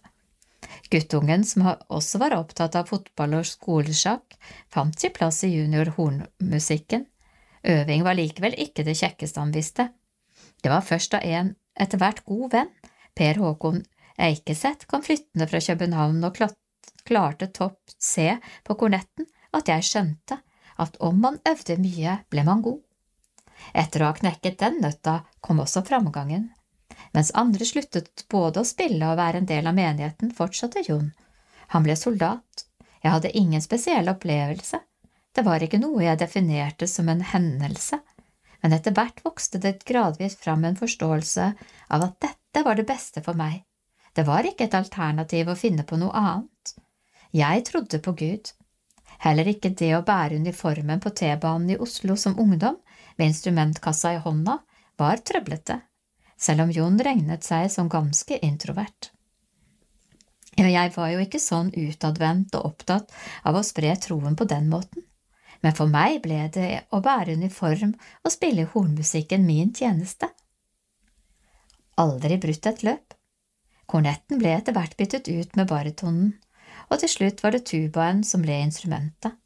Jon hadde funnet sin plass trygt plassert på bakerste rekke, viktig for hornmusikken, men personen var temmelig usynlig. Slik skulle det være i mange år. Han spilte i hornorkesteret og hadde ansvaret for å rekruttere og øve med barn som en dag skulle overta hans plass. Yrkeskarrieren begynte med befalsskole og tjeneste i militæret, før han gikk over til standard telefon og kabel. Til slutt endte han opp hos IBM, hvor han nå har vært i 15 år. I tillegg liker han å løpe. Langt. Når maraton betegnes som sprint, er det ultraløp det kalles. Det lengste Jon har løpt, er 170 km. Det skjedde i gangene under Bislett. Det lengste i dagslys er 120 km. Han har løpt på Madeira, har gjennomført ultravasaen på 90 km, har gjort det godt i sin aldersgruppe og har ofte stått på toppen av pallen. Han har aldri brutt. Det er egentlig ingen overraskelse, for Jon er nettopp den typen tålmodig og lojal, fullfører de mål han har satt seg. Jon trener regelmessig mellom 5 og 25 km. Det tyngste ved treningen er å komme seg over den berømmelige dørstokkmila. Selv for han. Det beste er å være ute, tid til å slappe av, få en pause og senke skuldrene. Jeg liker selve utførelsen, kjenner flyten i løpingen, sier han. Å være i Guds plan så skulle det for seks år siden likevel skje en ganske drastisk endring i ultraløperens liv. Barna hadde flyttet ut, tilbake var han og kona Marit igjen alene. De ønsket ikke å bli gamle i Oslo. Marit, som er fra Porsgrunn, hadde lyst til å komme nærmere sin familie, hun hadde en søster i Sandefjord. Jon kjente ingen, men var villig til å gi opp Nordmarka med sine grusveier og skiløyper. Han fikk mye tilbake, ikke minst havet. De så på et hus som ikke var aktuelt, men etter neste forsøk klaffet det. For Jon og Marit var det ikke aktuelt å finne seg en annen menighet, eller å slutte å gå på møter og gudstjenester. Vi snakket om det, men da vi var innom Frelsesarmeen i Sandefjord, ble det raskt klart for oss at det var her vi hørte til. For Jon ventet imidlertid en uventet overraskelse. Daværende korpsledere, Maria og Rune Berg, spurte Jon om han kunne tenke seg å bli sersjantmajor, tilsvarende menighetsrådsleder eller eldste i andre menigheter. Jon sa ja, selv om det på mange måter medførte et langt sprang fra en trygg plass i bassrekka og fram til en talerstol og en helt annen synlighet. Det har virkelig beriket mitt kristenliv og gjort noe med meg. Ved å ta på seg et slikt lederansvar har jeg kommet mye nærmere folk på grasrota. I vår lille menighet har vi folk av alle kategorier som man møter og snakker med. Jeg har fått en påminnelse om at vi alle er like for Gud. Han fortsetter. Jeg tenkte på det her om dagen. Jeg opplever det som har skjedd som et kall, en plan, at man ved å flytte både får bidra i en annen Frelsesarmé-menighet og samtidig får utfordre seg selv og vokse som kristen. Jon er opptatt av arven fra sin far. Jeg var jo som tidligere nevnt veldig introvert, men min far var, for å si det mildt, veldig utadvendt. Da han døde, var det et par sko som sto tomme. Jeg forsøker å følge sporene hans. Jon peker også på sønnen Johan som en kilde til inspirasjon. Han er lovsangsleder i pinsemenigheten i Vennesla. Johan gjør sine egne valg og har en supersterk toro. Nye dører skal åpnes. Menigheten, nærmiljøkirken eller korpset i Sandefjord, som det heter på Frelsesarmeens eget språk, er et sted hvor fellesskap og relasjoner er viktige. Vi har en liten, men stabil stamme, og vi opplever at det er flere som kommer og blir med. På ukens sosiale trøtt, som inkluderer både bevertning og loddsalg, er det gjerne rundt 50 til stede. Ellers deler vi ut mat til de som trenger det. Vi har turgruppe, og vi har møteplassen for unge, hvor vi blant annet tilbyr leksehjelp. Jon understreker igjen dette med relasjoner, at det å bli sett ofte skjer i mindre grupper, som blant annet husgrupper. De små gruppene er limet for å bindes ting sammen. Det gamle Frelsesarmé-lokalet er likevel en utfordring. Huset er bygget på myrgrunn og ikke lenger egnet for bruk. Muggen har i tillegg fått fritt, fritt spillerom i kjelleren. Vi måtte se oss rundt etter nye lokaler. Da fikk vi nyss om et nytt bygg hvor det skulle være omsorgsboliger i andre til fjerde etasje. Her var første etasje ledig og passet oss veldig godt. Det nye lokalet vil ligge enda mer sentralt i byen enn det vi har nå. Bussene går like utenfor, vi får gode rom til våre ulike tilbud, og vi kan også være en ressurs for de som skal bo i leilighetene over oss. Jon er opptatt av at Frelsesarmeen skal være et sted for alle. I våre nye lokaler vil det være enda bedre muligheter for det, sier han og trekker fram et gamingrom for de unge som et eksempel. Den ivrige sersjantmajoren innser at det er et krevende skritt det lille fellesskapet tar. Vi er ikke en rik menighet, så det er et stort ansvar vi tar på oss, men det var helt nødvendig å gjøre det nå. Venter vi i ti år, er det for sent. Jon Lund gleder seg likevel over det som skal skje, er glad for å være en del av det. Da jeg var ung, holdt jeg et vitnesbyrd over koret trygg i Hans hånd, hva enn som skjer, jeg er trygg i Hans hånd. Det har jeg fått oppleve som sant, jeg har ikke noe alternativ til troen, for meg er den et naturlig valg. I en hytte i et tre Historien om Woodnest er en historie om kjærlighet, storslått natur, originalitet, håp og drømmen om en tretopphytte. Tekst Dan Christian Christoffersen. Vi er en skikkelig familiebedrift. Ekteparet Kjartan og Sally Åno viser vei opp til tretopphytta Kongla, En av to arkitektoniske perler som befinner seg i granskogen til den vesle byen Odda på Vestlandet, midt mellom nasjonalparkene Hardangervidda og Folgefonna. I armene bærer de barna Lilly og Forrest opp den bratte stien med både steinheller og tretrapper. Ivrige føtter krysser en smal gangbro. Døren åpnes inn til det lune redet som ligger fem meter over bakken, og en spektakulær utsikt åpenbarer seg over den vakre Sørfjorden, en gren av Hardangerfjorden. Budnest sine hytter er de eneste av sitt slag i Norge. Det er ingen påler eller lignende som holder dem oppe. De er faktisk bygget rundt kun et tre og hviler med all sin vekt i den ene stammen, forteller Kjartan.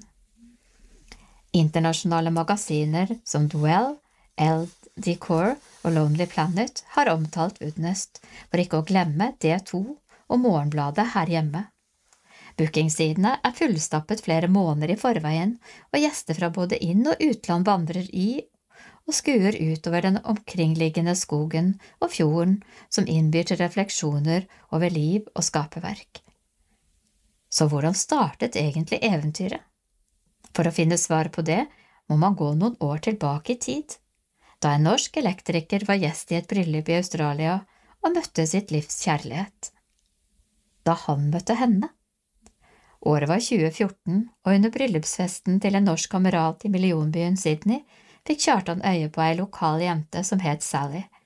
Det virket uklokt og usannsynlig å sjekke opp ei dame som bodde på den andre siden av jordkloden, men nordmannen skulle imidlertid bli værende i tre uker, og en kveld begynte han og Sally å snakke om filmen Bucketlist. De bestemte seg for å lage sin egen variant av listen som viste hvilke ting man ønsker å oppleve i livet. Da vi leste opp listene for hverandre, hadde hun skrevet at hun ønsket å bo i en trehytte, og jeg hadde skrevet at jeg ønsket å bygge en. Blikkene møttes, romantikken blomstret, og et avstandsforhold var på trappene. Han var den introverte håndverkeren, og hun var den ekstroverte familiekjære. De delte drømmer, tanker og tro med hverandre.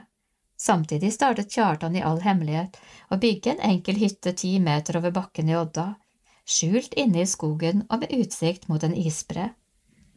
Noen måneder senere inviterte han den intetanende kjæresten inn blant skjærene. Da hun løftet blikket, fikk hun se kreasjonen, og der blant fuglekvitteret sa hun ja til å bli byggerens kone. I 2016 sto bryllupet, australieren gjorde nordmann av seg. Tiden gikk, og lille Lilly kom til verden. Samtidig begynte en idé å spire og gro hos Sally, en tanke om å bygge hytter for utleie. Etter bryllupet hadde nemlig flere slektninger fra både Norge og Australia kommet for å se på frierhytta. Faren hennes hadde attpåtil gitt klar beskjed i sin bryllupstale om at Kjartan måtte fortsette å bygge tretopphytter. Han mente det som metafor for kjærligheten, men det skulle gå troll i jord. Jeg er en type som gjerne har drømmer, men som ofte lar det bli med det. Sally er derimot en som får ting til å skje, og jeg likte ideen om utbygging, smiler Kjartan. Egentlig hadde jeg tenkt at han kunne bygge dem selv, men han er entreprenør i hjertet og mente at hvis vi først skulle gjøre dette, så måtte hyttene være unike og med høy standard, sier Sally. Kjartan tok kontakt med arkitektfirmaet Helen og Hard, som utformet planer og design, og ingeniører og lokale entreprenører sørget for å sette konglene sammen, som tretopphyttene ble kalt. Men prosjektet fikk en mye høyere pris enn hva budsjettet tillot. Pengene rant vekk i byggeperioden, bankkontoen var tom, og ekteparet opplevde å få fakturaer med millionbeløp. Vi måtte bytte bank tre ganger for å få nok lån, forteller Kjartan. Han fortalte meg ikke hvor mye kostnader det faktisk var snakk om, eller hvor stor klump i magen han hadde. Det var nok like greit, for hadde jeg visst om beløpene, så hadde kanskje ikke hyttene blitt noe av, ler Sally. Hva vil dere si at Woodnest er? Unik arkitektur i mektig natur, sier Kjartan. For oss handler det mye om å dele en bit av vår egen barndomsdrøm og de gode opplevelsene vi selv fikk fra den første hytta i tretoppene, som var vårt eget hemmelige rede, supplerer Sally. Prislappen per hytte, som byr på både bad, gulvvarme, sengeplasser, sofa, internett og et lite kjøkken, endte på over fem millioner kroner. Noen hadde vært skeptiske til hele ideen, mens andre støttet familiegründerne. Høsten 2020 var alt endelig klart, og lanseringen fikk en solid boost da helgemagasinet D2 ringte. De hadde blitt tipset om konseptet av Helen og Hard. Bookingsiden for utleie ble lansert samme dagen som artikkelen, og resten er som kjent historie. Tillit til Gud. Minus har snudd til pluss, og bekymringer har blitt byttet ut med suksess. Ekteparet tror at noe av grunnen til populariteten er de store mulighetene som omgivelsene gir for spektakulære bilder. Kombinasjonen av tretopphytte, skog og fjord gjør seg godt på Instagram. Selv bor Kjartan og Sally i en gammelt bolighus i Odda og er i likhet med gjestene glade i naturopplevelser. I naturen møter jeg Gud på en annen måte enn andre steder. Det majestetiske elementet gjør sterkt inntrykk, sier elektrikeren og tenker på Oddas fosser, fjorder, isbreer og snødekte fjelltopper. Det er så enormt mye større enn en selv, man er ikke nærmere Gud i naturen enn ellers, for Gud er alltid nær, men når man kommer bort fra støyen og løfter blikket på det mektige skaperverket, så kan man bli mer oppmerksom på ham. Ekteparet tror at tretopphyttene kan være et sted hvor det er mulig å finne fred og ro til å reflektere over de eksistensielle spørsmålene i livet. De kjenner seg igjen i ordene fra Salme 8 i Bibelen. Når jeg ser din himmel, et verk av dine fingre, månen og stjernene som du har satt der, hva er da et menneske, at du husker på det? Et menneskebarn, at du tar deg av det? Begge har opplevd hvordan Gud er med dem, ikke bare i forhold til tretopphyttene, som var et steg i tro, men også i livet ellers. Guds veier er uransakelige, det er sikkert og visst, smiler Kjartan. Jeg kommer jo egentlig fra Fogn i Ryfylke og ante ikke at jeg en dag skulle ende opp i Odda for å bygge hytter i trær. Hvordan viser troen seg i hverdagen? Helt klart i bønnen og ved at vi ønsker å leve i tillit til Gud, og være sårbar og avhengig av Ham. For flere år siden hadde Kjartan en periode i livet hvor han drev vekk fra troen han hadde vokst opp med. Han ønsket å vite hva som virkelig var sant, og ble skeptisk til både kristne og Bibelen. Det endret seg imidlertid da han lærte mer om Bibelens troverdighet og leste bøkenes bok tvers igjennom. Jeg tok faktisk et halvt års permisjon fra jobben for å konsentrere meg om bibellesningen og bodde i en kjellerleilighet uten TV, smiler han. Der fikk jeg igjen oppleve at Gud viste seg for meg, ikke ved det blotte øyet, men ved troen. Jeg ble kjent med ham og blir stadig mer kjent. Relasjonen til Jesus er også veldig viktig for Sally, og troen betydde mye da hun merket sterk uro etter flyttingen til Odda. Hun savnet alle vennene og familien som var hjemme i Australia. Jeg jobbet på Kubus, og en dag etter jobb ba jeg til Gud om hvorvidt vi skulle flytte til Australia eller bli her. Da opplevde jeg at han sa jeg ikke skulle bekymre meg, og at det var i Odda jeg skulle være, forteller hun. Samme dag fikk de høre at en venn av Kjartans far hadde tenkt mye på meg. Mannen var en forretningsmann som ofte var på farten, og som derfor hadde opparbeidet seg flere bonuspoeng for flyreiser. Han ville gi meg en gratisbillett til Australia. For meg ble det en bekreftelse på at Gud hadde hørt meg, en bekreftelse på at når jeg først hadde bestemt meg for å bli i Odda, så hadde jeg allikevel fått muligheten til å ta en tur hjem når jeg måtte få behov for det. Fire år senere ble Woodnest en realitet, og Sally trives i sitt nye hjemland. Det meningsfulle Ekteparet har flere planer for hjertebarnet. I løpet av det neste året skal to nye hytter være på plass, i tillegg til Kongla og Banksida, med rom for både badekar og svevende seng fra himlingen. De nye hyttene skal ligge enda høyere i skogen og dermed få enda mer spektakulær utsikt, sier Kjartan. Paret er glade og takknemlige for suksessen, men vet samtidig at fortjeneste ikke er alt. Da Woodnes tok av, begynt, gikk jeg inn i en slags mørk dal og fikk nesten lyst til å selge hele bedriften. Jeg var så sliten av alt arbeidet, av blod, svette og tårer som hadde gått med i byggingen, sier Kjartan. I tillegg fikk vi plutselig hendene fulle med bookinger og spørsmål som gjorde at vi måtte sitte oppe hver natt for å svare på e-poster. Da forsto han at Gud ikke hadde hatt førsteplassen i livet hans i de hektiske byggemånedene. Relasjonen med Jesus betyr noe helt konkret og berører oss på det dypeste. Suksess i seg selv kommer ikke til å gi tilfredsstille, og man kan fort ende opp med å bare jage etter vinden, som kong Salmo en gang sa. Gründerne har fått kjenne rikdommen som ligger i opplevelsene de gir gjestene, og forteller om en gammel manns reaksjon etter å ha tilbrakt en natt i tretoppen. Han ble helt overveldet da han kom inn i tretopphytta, smiler Sally. Da han satte seg ned i stolen ved vinduet og utsikten åpenbarte seg, så kom også tårene. Tenk at natur kan gjøre slikt med et menneske. Stemmer strengene mot urett? Noe skjedde med Uno Vesje da en kollega fortalte at hun hadde kommet seg ut av et mishandlingsforhold. Kunne han si noe om urett? Var det mulig å vekke folk med musikk? Tekst Marit Deli Johannessen Myke toner fra Grieg lyder fra en høyblokk på Grønland i Oslo. Ute på en diger takterrasse, bak en to meter høy gullforgylt harpe, sitter Uno Alexander Vesje og lar lange, slanke fingre plukke i strengene. Han har blåst liv i morgenstive hender og varmet opp, men nå jobber han raskt og ned strengepartiet. Mens føttene pendler mellom de sju pedalene, fylles luften og sju syvende etasje av preludium fra Holbergsuiten, arrangert av Uno selv. Harpe minner mye om piano. Hver streng har tre toner, forklarer 33-åringen, som har høstet et dryss av priser. Han er til og med verdensmester. I fjor vant han VM i harpe med komposisjonen Our Planet Our Future, et verk som handler om klimakrisen.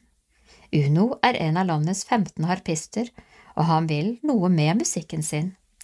Jeg prøver å få til en forandring. Det er et livsmål jeg liker å formidle til publikum. Livet hadde vært enklere hvis jeg bare spilte på julebord, men det er blitt viktig for meg å bruke musikken til å berøre mennesker, gi ettertanke. Jeg vil si noe, engasjere dem. Jeg vil at folk skal tenke over verden og samfunnet de lever i. Veien til harpen. Han har skaffet seg en Lyon og Harley, harpene Steinway, kledd i bladgull, forsynt med 47 strenger og 2000 deler i mekanikken. Uno triller den inn i stua, der får den sjelden stå i ro, ofte trer han trekket over, setter 40 kilo på trallen og farter rundt i travle gater på vei til solooppdrag. Han har alltid vært fascinert av musikk og begynte tidlig i kor og korps, men ingen av vennene hjemme i Tønsberg delte musikkfascinasjonen, så Uno tok pianotimer i det skjulte. Skole var ikke gøy, men han skjønte han måtte skjerpe seg for å komme inn på musikklinjen i Sandefjord, han hadde allerede skaffet seg en liten keltisk harpe.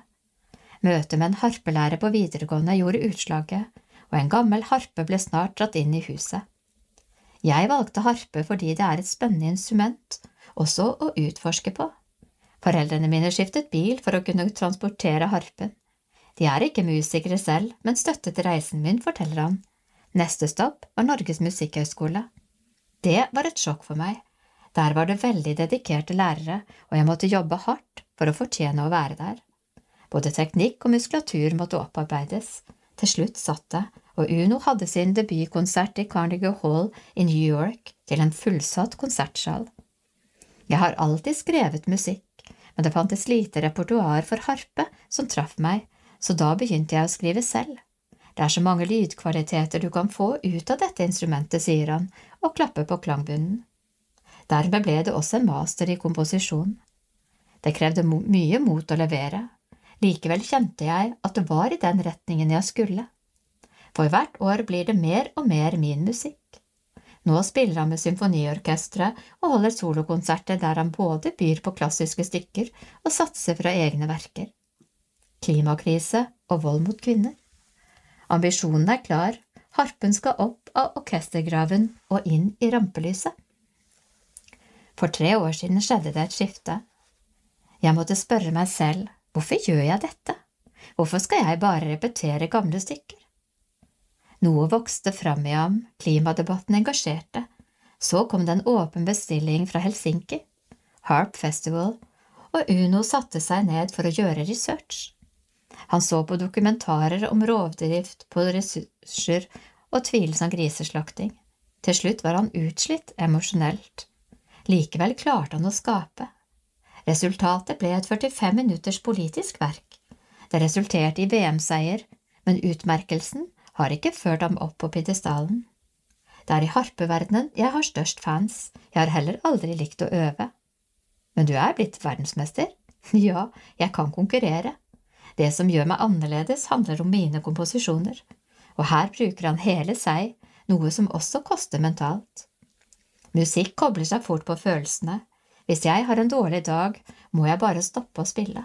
Jeg er alt, nok altfor følsom. Kanskje er innlevelsesevnen en ressurs. Uno har flere ganger klart å skape noe større ut av møtet med smerte. Etter Helsinki-konserten traff jeg en kollega. Jeg la merke til at hun var forandret. Så fortalte hun meg at hun hadde klart å komme seg ut av et ekteskap etter åtte år med mishandling. Jeg reagerte på at hun følte skyld og skam. Men å stå i en slik relasjon er jo ekstremt vanskelig, for det er jo også kjærlighet der. Tankene ble jo helt forstyrret, sukker han. Én ting var det psykologiske aspektet, hva som skjer i et menneske som utsettes for vold. Samtidig var det vanskelig å ta inn over seg at overgrepene skjer i et moderne samfunn. Jeg forsto det ikke helt. Hvorfor hadde hun stått i dette så lenge? Historien til kollegaen fortsatte å kverne i ham. Det var da han fikk ideen om å lage et verk som tematiserer undertrykkelse og vold mot kvinner. Ideen ble luftet med ledelsen i koret og Carl Vivo, som hadde bedt ham skrive et stykke til deres jubileumskonsert. De temte umiddelbart, og Uno gravde seg ned i litteratur og tallmateriale. Da jeg startet på det, spurte jeg meg selv, orker jeg dette? Det som slo meg aller hardest, var FNs statistikker. Det er så ekstreme tall. 736 millioner kvinner har vært utsatt for fysisk vold og eller seksuell vold minst én gang i livet. Det betyr én av tre kvinner, sier han. Under pandemien økte tallene, og en FN-rapport fra i fjor basert på data fra 13 land dokumenterer at én av to kvinner sier at de selv eller en de kjenner har blitt utsatt for vold under koronaen. Uno leter fram et opptak på telefonen og setter på høyttaleren. I verket snakker og synger koristene i munnen på hverandre. Det blir overveldende massivt og speiler redselen, forvirringen og tankekjøret som offeret opplever. He hurt me. Is it really abuse? Vakker klagesang ender i et crescendo, der koret konkluderer med at volden skjer her og nå, every single day musikk og menneskerettigheter. Det blir brått stille i stua på Grønland. Uno kremter. Jeg måtte avslutte med litt håp, sier han og spoler fram til sluttsatsen. Der forstår den voldsutsatte kvinnen at hun må ut, hun må bli fri uansett hva det koster. Stopp, stopp, enough, synger koret, akkompagnert av røffe harpetoner. Jeg har aldri fått så mange tilbakemeldinger. En som jobbet i kriminalomsorgen, sto og gråt etterpå. Å berøre noen slik er det jeg vil med musikken, å få noen til å innse noe. Selv var han helt tappet for energi etter ufo-framføringen, delvis på grunn av korona, men det kostet å gå inn i en så tøff materie.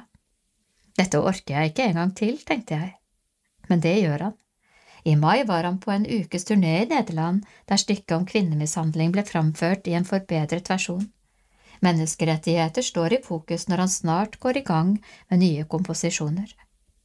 Jeg velger å stå opp mot urett. Vi må tørre å si ting høyt. Det problematiske forsvinner ikke hvis man ikke snakker om det. Kjenner du andre komponister med samme samfunnsengasjement? Nei, det er ikke vanlig, i hvert fall ikke innenfor klassisk musikk. Det er en konservativ bransje, men musikken er en fin døråpner til det emosjonelle, hadde vi fulgt logikken, hadde vi vært et annet sted. Åpenhet har mye å si. Jeg er veldig åpen av meg, det gjør også noe med andre, tror han.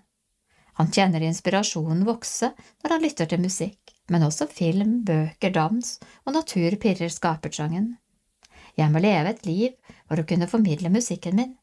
Når jeg har en idé og den er klar, koser jeg meg. Da går det rett fra hodet til pennen. Gir lindring. Harpen er et eldgammelt instrument og finnes i de fleste kulturer. Den ble brukt for 6000 år siden, både i Egypt og Irak. I Bibelen, i første Samuels bok, står det om hvordan gjetergutten David ble hyret inn til hoffet for å spille for kong Saul når han var sterkt plaget. Hva er det som gjør at harpetonene gir lindring? Det er det mange som har kommentert, og jeg selv erfart det. Hvis jeg har vært syk og spiller når feberen er i ferd med å slippe taket, merker jeg at jeg blir mye fortere frisk. Det er noe med vibrasjonene. Han setter seg bak harpen igjen og slipper til lette, lekende toner. Denne kunne jeg spille timevis en gang jeg hadde kjærlighetssorg. Den er oppløftende. Jeg har også brukt den for å roe meg ned. Bare nå kjenner jeg at den gir meg en veldig ro, sier han. Så hvor kommer musikken fra? Uno grunner litt. Jeg ser på meg selv som en troende eller undrende, og tror det er mer mellom himmel og jord, og til slutt får vi vel vite det alle sammen. Musikken er et språk, man får en idé fra noe, og for meg blir det musikk. Jeg elsker å spille i kirker, jeg vet at det er noe mer, noe annet der. Men religion kan også misbrukes, det er komplekst, jeg ser verden sjelden i svart-hvitt. Uno vil få folk til å tenke. Han trer et A4-ark inn mellom strengene, forsynt med teksten Skolstreik for klimatet fra Greta Thunbergs plakat. Han er klar for jazz, den mest krevende stilarten for en harpist. Da blir det mye fotarbeid, men aktivistens FN-tale lyder i bakgrunnen, hamrer Uno håndflatene mot klangbunn og strenger, satsen My name is Greta er rytmisk, tøff og har truffet et nytt publikum. Særlig unge strigråter mot slutten, forteller komponisten. Isbaderen. Han synes han har sluppet billig unna pandemien, mens andre kunstnere har slitt økonomisk, hadde Uno i fjor statens kunstnerlønn og kunne komponere i fred. I år må han skaffe inntekter og sponsorer selv. Du blir ikke tjukk av det, konstaterer han og arbeider iherdig mot et nytt prosjekt. I mellomtiden skal han hoppe i sjøen, noe han gjør hele året. Jeg er fascinert av isbading. Det var min viktigste terapi under koronaen. Uansett hvordan jeg har det, slipper hjernen tankene. Når jeg går opp etterpå, er jeg renset og kjenner en varme og ro som pleier å vare hele dagen. Mens andre gleder seg til den første sommerdukkerten, er Uno mindre entusiastisk. Lunkent vann frister ikke. Da er det bedre å sitte inne og skape. Eller ta en omgang kickboksing, det gir adrenalinkick. Egentlig er det idioti å holde på med det, sier han og kikker ned på hendene sine. Brukne fingre er ikke det han trenger. Men det er fint å bruke kroppen når du går gjennom vanskelige ting, og den siste tiden har vært utfordrende. Han har gått gjennom et samlivsbrudd og jobber med å komme seg videre i livet. Da er kreativiteten et kjært pusterom. I juli, i juli er Uno Vesje klar med et nytt solostykke for World Harp Congress i Cardiff. Det blir godt å se igjen harpister, vi er ofte einstøinger. Hør Our Planet Our Future på YouTube med Uno Alexander Vesje. Fakta Uno Alexander Vesje, 33, studerte harpe ved Norges musikkhøgskole, eh, The Manhattan School of Music og komposisjon ved NTNU. Debuterte i 2016 som solist og komponist med konsert i Carnegie Hall i New York. Har vunnet flere priser som utøver og komponist, blant annet sølvmedalje på The Fifths Manhattan International Music Competition 2020, vant The USA, USA International Harp Competition Composition Contest 2019, har vært solist for Bergen Filharmonisk Orkester og Arktisk Filharmonis Sinfonetta, og urframførte egenkomponert harpekonsert med Trondheim Symfoniorkester og Opera, har utgitt to plater med egne verker. Haisommer Som overlevende av det eneste doble hvithaiangrepet noensinne dokumentert, bruker proffsurfer Shannon Ainsley, 37, den utrolige historien sin til å snakke om Gud. Tekst er Maline Sofie Hekneby. Jeg er en klisjé, jeg tok imot Gud etter at han reddet livet mitt, smiler Shannon. I surfemiljøet er det ikke mange som ham, verken med en kristen tro eller med et heftig haiangrephistorie. Selv om det er lenge siden hendelsen, blir han stadig kontaktet av store internasjonale medier som vil høre om den. Snart kommer boken The Child of the Wild Coast, en biografi skrevet om Shannons spennende liv. Den skal lanseres i New York, etterfulgt av en treukers bokturné. Den profesjonelle surfetreneren sitter i sitt nye hjem i Stavanger etter å ha bodd og jobbet mange år i Lofoten. Lofoten er det vakreste stedet på jord, men her er det et voksende marked for det jeg driver med. Shannon er født og oppvokst i East London i Sør-Afrika, men flyttet til Norge for 13 år siden. Familien min bor i Sør-Afrika, selv om de er der og det er et vakkert sted, er det ikke et godt sted å bo. Det er et ustabilt land både politisk og økonomisk, noen områder er direkte farlige. Det er en av hovedgrunnene til at jeg flyttet. Trene Norges surfelandslag. Shannon jobbet mange år som surfelærer i Lofoten. I november fikk han endelig oppholdstillatelse i Norge, og da kunne han starte bedriften han lenge har drømt om, www.surfcoach.no. Folk booker private timer på nettsiden, så coacher Shannon kundene fysisk i vannet. Jeg bruker også videocoaching, der jeg står på land og filmer dem, analyserer og gir noen tips underveis. Jeg tilbyr også nettcoaching på YouTube. Ved siden av å trene middels til avanserte surfere, trener Shannon også Norges landslag i surfing. Jeg har trent konkurrerende idrettsutøvere i mange år, folk som har fått pallplass i verdenstoppen. Jeg surfet i konkurranse selv en god stund, men jeg fant ut at jeg var bedre på å trene andre, sier han. Shannon var 13 år da han gikk ut i vannet med et surfebrett under armen første gang. Det er ikke så lett å forelske seg i surfing når man surfer på hvite bølger. I begynnelsen kan man føle at bølgene er overveldende, og at man blir helt overkjørt, og det kan være frustrerende men den første grønne bølgen jeg tok, ren og ubrutt, med brettet sidelengs, det var da jeg forelsket meg i sporten. Han forteller at når man blir god til å mestre de fleste surfeforhold, så er sporten avhengighetsskapende. Det var ingen vei tilbake. Så kom haiene. Når vi går inn i vannet, går vi inn i haiens verden. 17. juli 2000 i East London, Sør-Afrika. Shannon var ferdig med første dag tilbake på skolen etter vinterferien. Han og broren Brandon, sammen med noen venner, løp med brettene sine ned til Lahoon Reef. Det er et fantastisk sted med vakre strender og gode surfeforhold. Vinteren i Sør-Afrika er varm, det var 18 grader i luften og 16 grader i vannet den dagen. Bølgene var perfekte. Guttene klarte ikke vente med å komme seg uti. På den tiden av året er det et kjent sardinløp, som strekker seg mellom mai og juli. Milliarder av den sørafrikanske sardinen, pilkard, sardinops sagax, gyter i vannet i Agulasbanken og beveger seg nordover langs østkysten. Haiene følger så klart også med, så det er i den perioden de fleste fatale haiangrepene skjer. Men det er også da bølgene er best. Jeg var ikke kristen da, men det er en kjent sak at surfere slenger opp en liten bønn før de går uti, fordi de vet at sjansen er der for å møte en hai, sier han. Shannon og vennene hadde sett noen haier der av og til, men kunne allikevel ikke motstå fristelsen. Omtrent en og en halv time inn i surfingen ble han angrepet av to fire meter lange hvithaier. Jeg padlet for å fange en bølge, så var det en hai på venstre side som kom opp i full fart nedenfra og slo meg ut i lufta. Den hadde fått grep på brettet og høyrehånden min og dro meg under vann.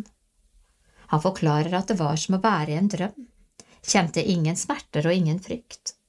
Samtidig kom enda en hai opp i rasende fart mot ham fra høyresiden, som med åpent gav siktet mot hodet og skulderen hans. Men den bommet fordi den første haien hadde tatt ham først. Når jeg ser tilbake, tror jeg den andre haien reddet livet mitt, fordi den første haien skvatt til og slapp grepet han hadde på meg.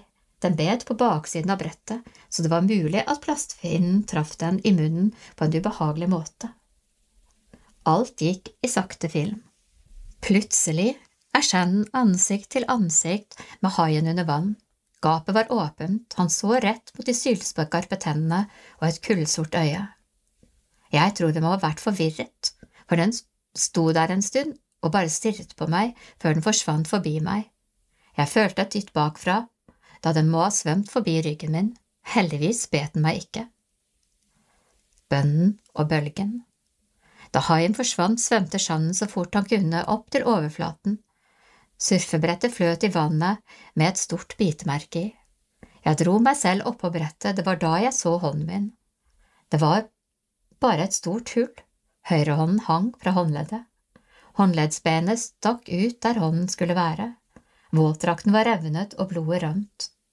Det var da Sjannen våknet. Panikken satte i, og han visste at han måtte komme seg bort, fort. Haier er kjent for å komme tilbake for å fullføre det de startet, og der fløt han, hundre meter fra land, i sitt eget blod. Alle andre hadde padlet mot stranden, ingen kom for å hjelpe. Vannet var flatt, det var ingen bølger å hoppe på.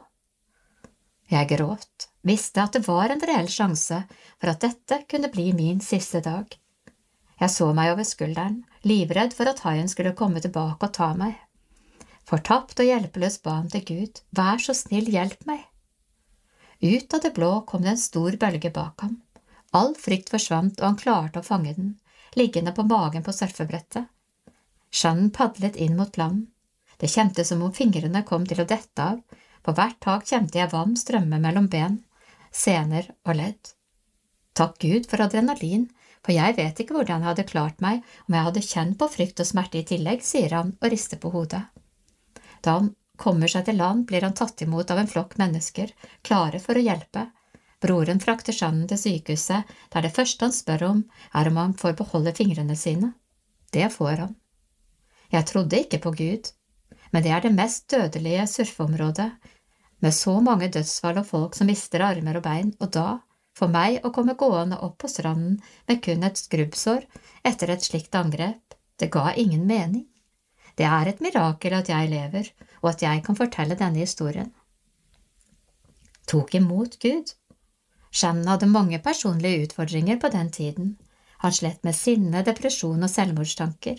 Det var også noen problemer innad i familien som gjorde livet vanskelig. Jeg hadde ingen glede eller fred i hjertet eller hodet. Jeg var så sint, kranglet og sloss hver dag. Jeg drev med karate og elsket å slåss, det skulle ingenting til for å trygge meg. Shannon ble operert, og kirurgen klarte å redde hånden hans. Samme natt etter operasjonen våknet han av TV-en sto på. Jeg visste ikke hvordan den hadde blitt skrudd på, men der var jeg på TV, nyhetskanalen viste filmomtaket av haiangrepet mitt. Jeg husker jeg ba til Gud, hvis du er ekte, og det var du som reddet meg fra haiene, kan du hjelpe meg med disse andre tingene i livet mitt også? For meg var alt det andre verre enn haiangrepet. Det øyeblikket slapp Shannon Gud inn i livet sitt, og han var fri. Siden den dagen har jeg ikke hatt noen depresjon og ingen selvmordstanker. Jeg har fred, håp og glede inni meg. Jeg føler det er en mening med livet mitt, sier han. Nå starter Shannon hver dag med Gud og et par kopper sterk kaffe. Han snakker med ham gjennom dagen, leser i Bibelen og hører på lovsang. Det er en god start på dagen, sier han. Han forteller at kristne i Sør-Afrika er mer åpne om troen sin. Det er møter midt i uka og yrer av liv i kirkene. Slik har han ikke opplevd i Norge. De fleste vennene hans i hjemlandet er kristne, også de profesjonelle surferne. Her er det motsatt. Jeg er den eneste kristne i surfemiljøet her. Folk får bakoversveis, kan ikke tro at jeg er frelst. Jeg tenker at da får de i hvert fall møte en kristen. Shannon forteller at han ofte får bruke troen sin. Haihistorien åpner dører for å snakke om Gud, og jeg er veldig åpen om det jeg opplevde. Min opplevelse av at Gud beskyttet meg, og det deler jeg. Det er min historie, og jeg vet hva det har gjort med meg. Om folk tenker jeg er rar eller gal, det bryr jeg meg fint lite om. Det er troen som holder meg gående, smiler han ikke lenger redd. Omtrent seks uker etter haiangrepet så var Shannon tilbake på surfebrettet igjen. Etter et år surfet han på samme sted der det skjedde. Etter den første gangen gikk jeg tilbake ofte. Før angrepet var han livredd for hai, etterpå ikke i det hele tatt. Jeg har hatt hai som har dultet borti brettet mitt bakfra. Jeg har reddet en annen som ble angrepet av en hai rett bak meg, og så har jeg blitt jaktet av en hai som sirklet rundt meg men det gikk jo bra. Shannon lever av å trene surfere, og om noen dager reiser han med landslaget for å delta i en konkurranse i El Salvador. Jeg har rekruttert surfere fra Costa Rica og Australia som er veldig gode, så det blir moro å se hvordan det går. Det blir fantastisk uansett, med varmt vann og tropisk vær. Noen som ser deg. Jeg har alltid drømt om å hjelpe andre som ikke har hatt det så bra, sier Mia, Mia Katrine Kaltrud. Hun vet hva det er å gå på en psykisk smell. Tekst Marit Dele Johannessen. Stå på, Mia, dette klarer du, står det på huden hennes, men det er det bare Mia som vet. Tatoveringen er god påminnelse når hun trekker Frelsesarmé-T-skjorta over hodet og gjør seg klar til jobb. I to år har hun gått av gårde til Skaperverket, den litt bortgjemte kafeen i Lillehammer sentrum, og tatt seg av sultne gjester. Jeg stoler mer på meg selv nå, sier 43-åringen som er blitt kjent for ostekaken sin. Inni en smal tarm av et kjøkken har hun fått frie tøyler til å prøve seg fram på bakstebordet. De ansatte her har gitt meg masse varme, de har gjort alt for å hjelpe meg. Det er så godt, jeg føler meg hjemme, ivaretatt og sett. Nå vil hun gi videre det hun selv har fått. Jeg vil møte gjestene med et smil. De som kommer hit skal føle at de kan få være seg. Selv om de har dårlige dager, kan de likevel kjenne at noen ser dem. Få et bra liv. Det er over 20 år siden Mia møtte veggen og fikk, første, fikk sitt første møte med psykiatrien. Årsaken lå lenger tilbake.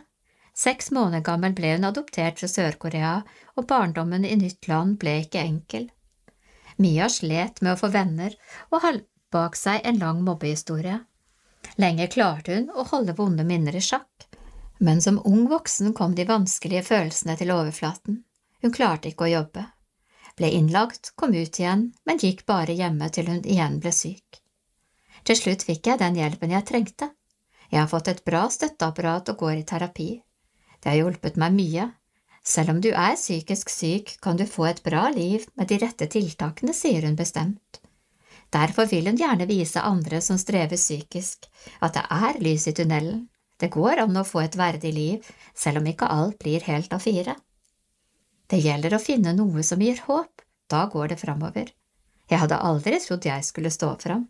Det er helt utenfor min komfortsone, men jeg vil si til folk som sliter, du er ikke alene, og du er ikke dum om du ber om hjelp. Hun stryker seg over underarmen. Der har hun fått tatovert et av mottoene hun lever etter. Livet går utfor komfortsonen. Kroppen er forsynt med ni tatoveringer, vakre blomster og visdomsord. Det er mest for å minne meg på positive ting, sier Mia og viser fram ord som holder henne oppe. I can and I will. Styrken min er å ikke gi seg. Selv om noe er vanskelig, skal det ikke knekke meg. Nye måter å tenke på. Hun vet godt hvordan det er når tankene spinner og følelsene blir et kaos. Da har det vært nødvendig med profesjonell hjelp. Hun er takknemlig for støtten hun har fått når hun har vært innlagt, men ser at den er begrenset. Der inne er det trygt, men du lever i en boble. Livet er jo utenfor, det er der ute du skal leve. Utfordringen har vært å vite hvordan hun skulle takle hverdagene utenfor sykehuset. Mia blitt tydelig på hva hun trenger, og kan kontakte et ambulant team hvis det er krise. Hun har også andre ventiler og tar en telefon til kjæresten eller en god venninne for å lufte tunge tanker. Et av målene hennes er at alle skal bli møtt på en god måte i helsevesenet. Jeg vil ha åpenhet om psykisk helse. Det kan være hvem som helst. Jo flere som er åpne, jo flere tør kanskje å be om hjelp. Det koster å være sårbar, hun vet det. For å kunne ta imot hjelp må jeg klare å formidle hvordan jeg har det. Jeg har lært meg nye måter å tenke på. Det er opp til meg hva jeg vil bruke av det. De siste årene har hun tatt grep. Hun vet hvordan hun skal roe sin indre kritiker og snakker mer positivt til seg selv.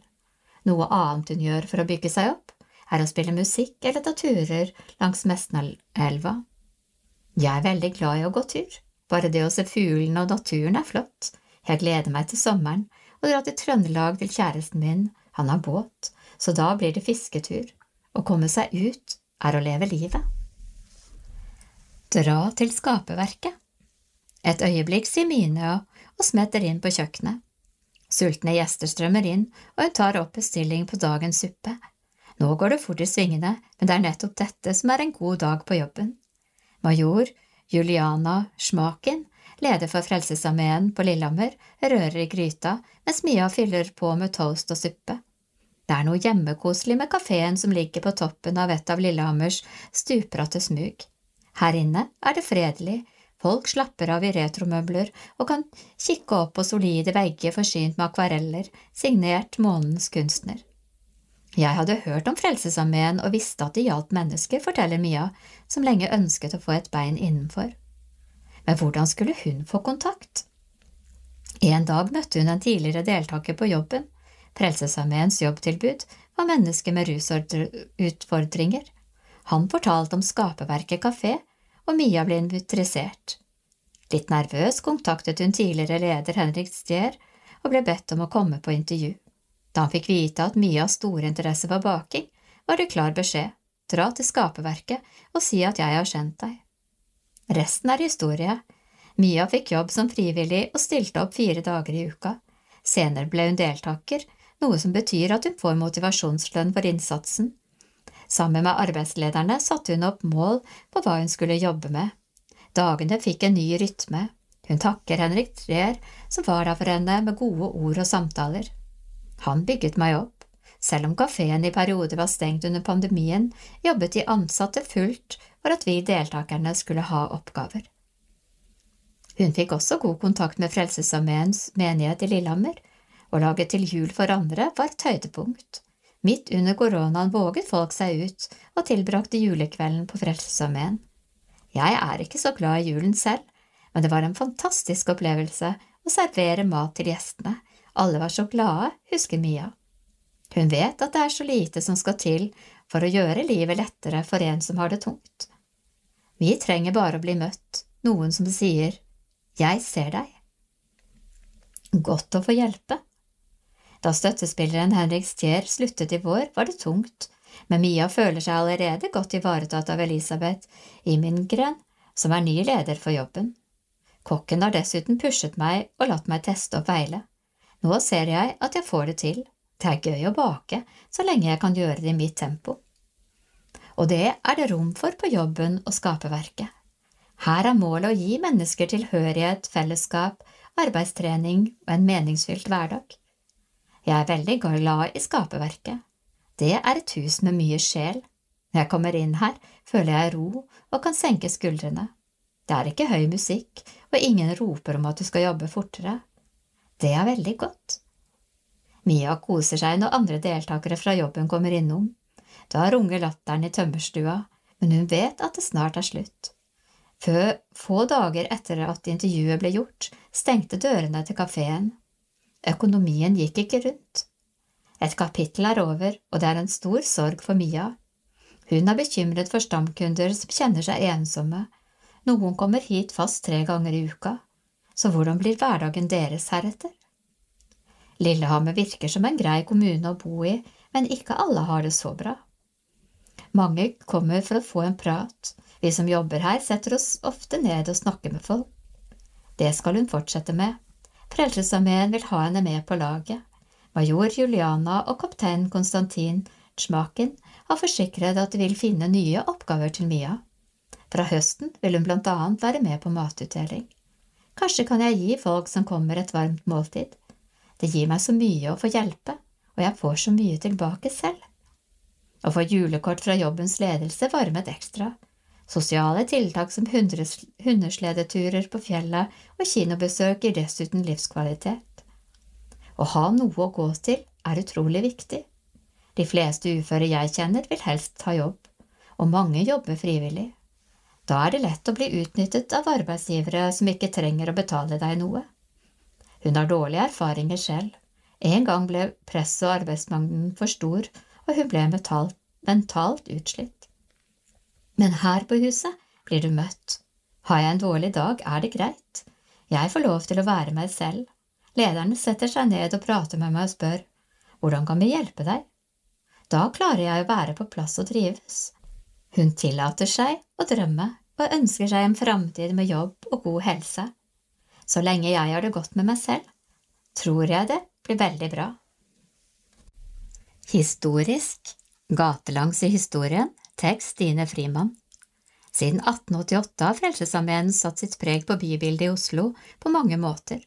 Mange bygg og steder rundt i byen skjuler en rik Frelsesarmé-historie. Slå følge gatelangs. Et Frelsesarmé-hotell, egen redningsskøyte og gudstjeneste som folk kjøpte billett for å være med på. En mengde sosiale institusjoner som var nyskapende og påvirket hele samfunnet. Frelsesarmeens historie fra 1888 og framover er mangslungen. Rundt i Oslo ligger mange historiske bygg som fortsatt er i bruk, og steder som kan skilte med en rik Frelsesarmé-historie, selv om selve bygget kanskje ikke er der mer.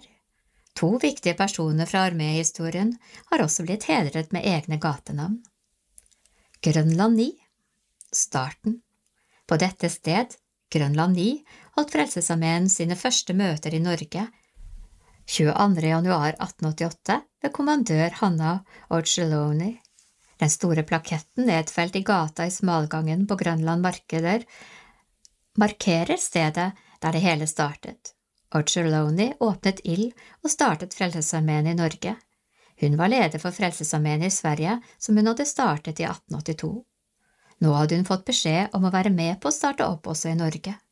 At hun endte opp med å stå ute i vinterkulda og tale til folk som stimlet sammen rundt henne, er et eksempel på at Frelsesarmeens patrikalitet, mener leder i Frelsesarmeens historiske selskap, Per Arne Krumsvik. Da lokalet ble så fullt av nysgjerrige at folk ikke fikk plass, var det bare å finne en løsning, gå ut og komme seg opp på noe høyt, så man kunne snakke til flere, selv om det var kaldt og sikkert ufyselig. Dermed kom den kjente Hanna på Tønna-historien. Om det egentlig var akkurat en tønne hun sto på, er riktignok ikke helt sikkert. Historien har blitt litt mystisk, men hun samlet folkemengder ute på Grønland, er det ingen tvil om. Hun er nok den viktigste frelsesoffiseren i Skandinavia, slår Krumsvik fast. Seks år etter talen på Tønna, i 1894, kom hun tilbake til Norge. Mens norske kvinner fortsatt måtte vente i nesten 20 år for å få stemmerett i samfunnet, ble Hanna Orgeloni kommandør, Frelsesarmeens øverste leder i Norge.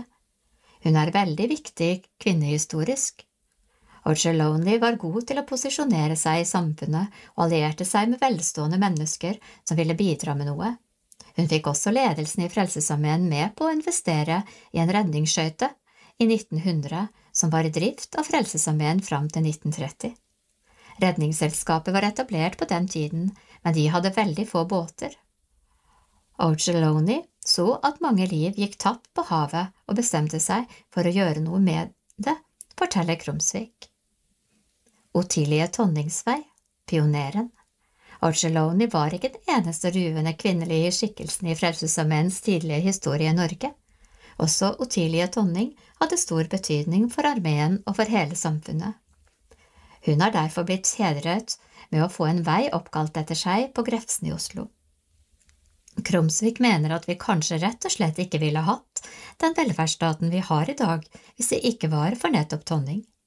Hun etablerte en mengde sosiale institusjoner for blant annet eldre, fattige og kvinner som var alene med barn. Den typen omfattende institusjonsbygging som skjedde under Tonning, påvirket velferdsstaten vi har i dag.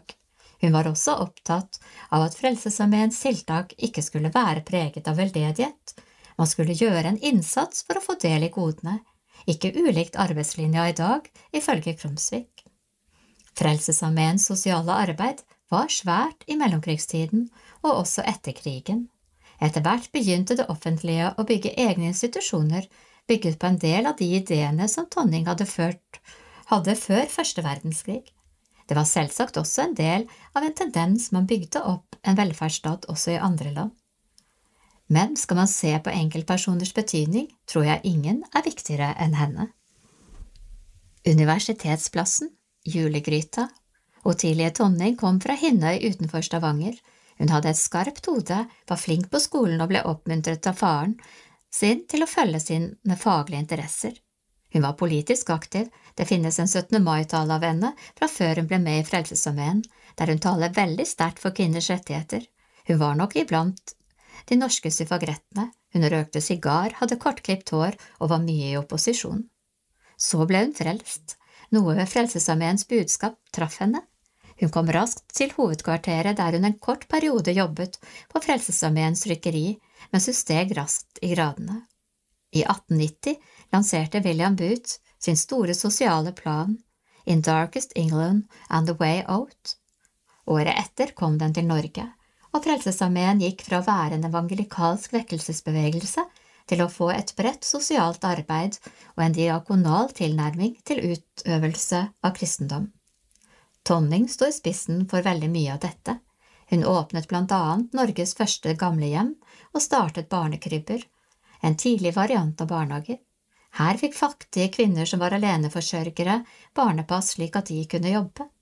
Tonning var også med på å etablere herberger for dem som trengte en sang for natten, og startet Midnattsmisjonen i Smål Smalgangen 14 på Grønland i Oslo, der prostituerte kunne komme og få hjelp. Hun startet dessuten industrihjemmet rett ved Middelalderparken. Her fikk jenter og kvinner som ble alene med barn, bo. De kunne føde barnet her og ble fulgt opp, og de drev hjelmeindustri, antakelig var det mye håndarbeidsprodukter som slumsøstrene solgte rundt i Norge. Huset der industrihjemmet holdt til, finnes dessverre ikke lenger. Det var et ganske staselig bygg med romersk preg, men det sto i veien for jernbaneutbygging og ble revet. Det var en stor sorg for Tonning, for industrihjemmet var hennes store hjertebarn, forteller Krumsvik. Slumsøstrene, som Tonning startet med, ble en slags bevegelse innad i bevegelsen. I vår tid fungerer ikke ordet slumsøster i det hele tatt, men det traff tidsånden den gang. Tenk deg hvor mye elendighet det fantes i Oslo på den tiden. Slumsøstrene kunne nesten minne om enkelte diakonalt orienterte klosterordener. De hadde like uniformer og et fellesskap litt på siden av Frelsesarmeen for øvrig. De gikk ut og virket blant mennesker og var lys og salt, og møtte de behovene som var der og da. Og så gikk de hjem til egne fellesskap for å pleie sin åndelighet for å holde ut i all elendigheten de møtte der ute, forteller han. Når slumsøstrene ble pensjonert, bodde de gjerne på Bramwell Boods minne, Frelsesarmeens hvilehjem for pensjonerte offiserer. Der fortsatte mange av dem livet ut med å samles til andakt og åndelig fellesskap slumsøstrene imellom. Ottilie Tonning startet også opp en tradisjon som fortsatt er svært viktig i Frelsesarmeen, julegryta og julegrantenningen på Universitetsplassen. Borggata 2 og Urtegata 16, Barnekrypet og Herberget. En av adressene Slumsøstrene har holdt til på, er Borggata 2. Her driver Frelsesarmeen i dag Gatehospitalet, hvor mennesker med alvorlig rusmiddelavhengighet får tilrettelagt sykehusbehandling. Før det har mange andre deler av armeen holdt til her. Frelsesarmeen kjøpte trehuset som sto på denne adressen her rundt 1910. Dagens bygning ble oppført på 40-tallet. Her har det blant annet vært slumsentral, som nærmest var et hovedkvarter for slumsøstrene i en periode. Sosialtjenesten har også hatt kontorer her, før det var det barnekrybbe i dette huset, og en periode var det hybelhus for unge kvinner. Det var ikke bare hyggelig å komme til byen som ung kvinne. Det at en kristelig organisasjon tilbød husvære ga trygghet både for kvinnene selv og familien deres. Hybelhuset var ikke i utgangspunktet for spesielt vanskeligstilte kvinner, men jeg vil nok gjette på at en del kvinner som kom i kontakt med andre tilbud i Frelsesarmeen, fikk hjelp til å få tak over hodet her, sier Krumsvik. Ser man på adressene Frelsesarmeen har holdt til på fra starten av, er det en tydelig konsentrasjon i Oslo øst, blant annet Tøyen, Grønland og Gamlebyen. Det er langt fra tilfeldig. Der det var nød og lidelse, der etablerte Frelsesarmeen seg. Da armeen startet opp i Norge, var det midt i en tid der svært mange forlot landsbygda og reiste til byen på jakt etter arbeid. Det ble satt opp en del billige og dårlige boliger, men mange måtte også selv bygge opp enkle småhus. Det var mye elendighet, slum, rett og slett, forteller Krumsvik. Frelsesarmeen startet blant annet opp i Urtegata 16, dagens Fyrlyset, allerede i 1890. Her ble det drevet ulike typer herberger, de som trengte en seng for natten, betalte noen øre for å sove her. Det at det ikke var helt gratis, hadde med verdighet å gjøre, at man kunne betale litt for seg og ikke bare tok imot veldedighet. Herberget ble avviklet på 70-tallet. Tidene har endret seg, velferdsstaten hadde blitt bygget ut. Standarden var blitt hevet, og man ønsket ikke lenger herberger med store sovesaler.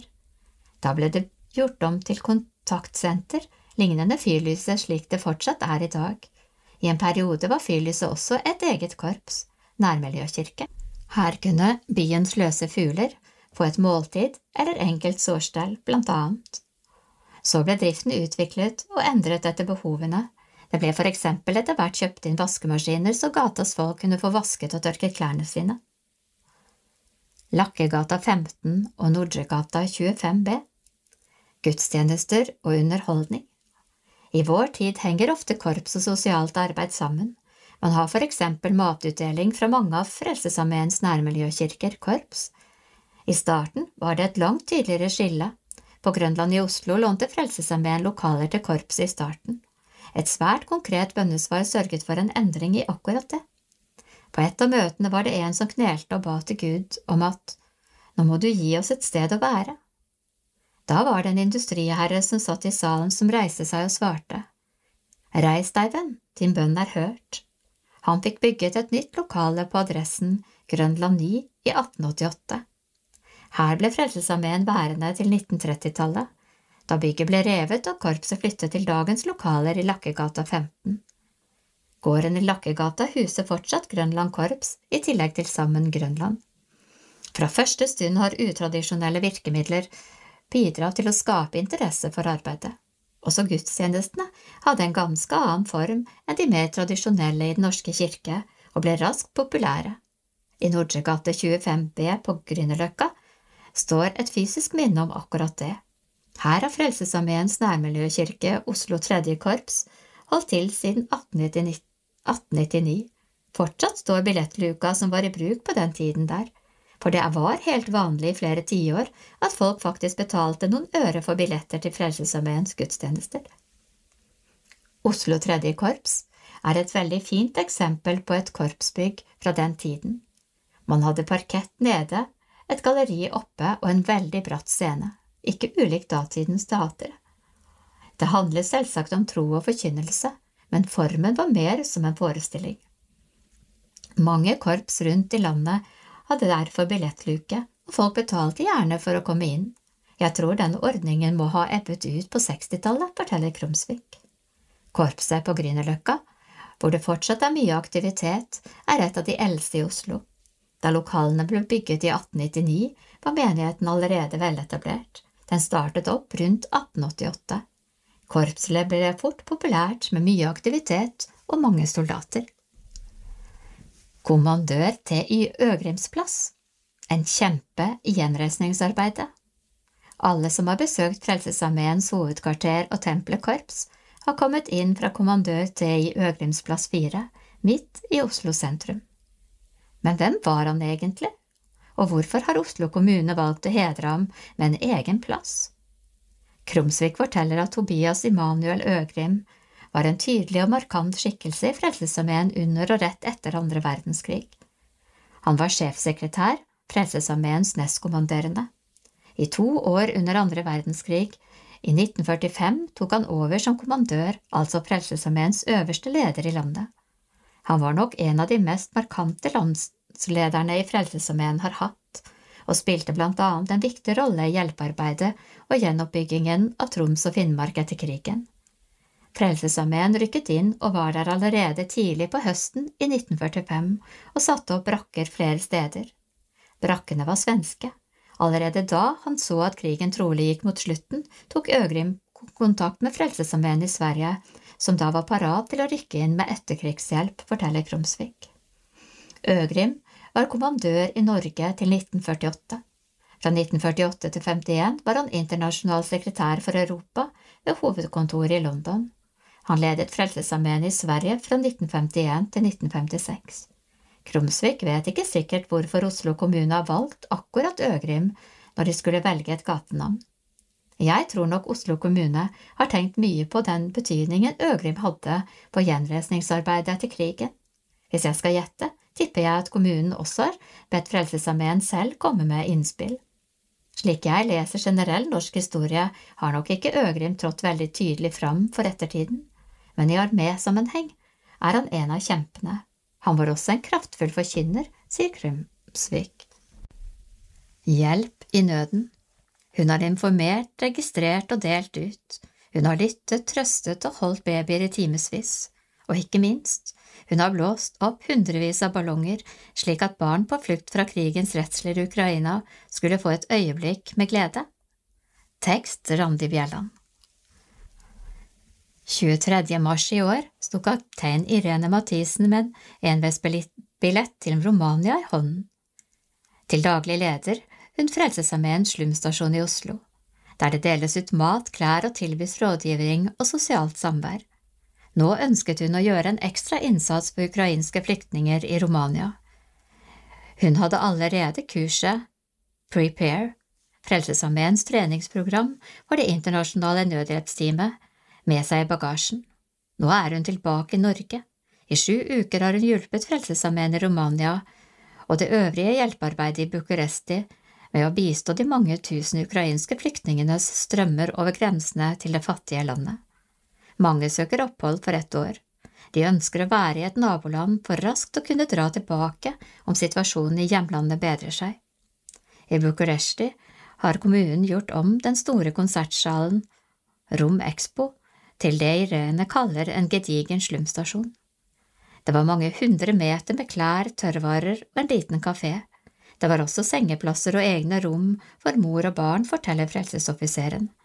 Frelsesarmeen delte ut verdikuponger som folk kunne bruke i butikkene for å skaffe seg varer som ikke var tilgjengelige i hallen, som apotekervarer.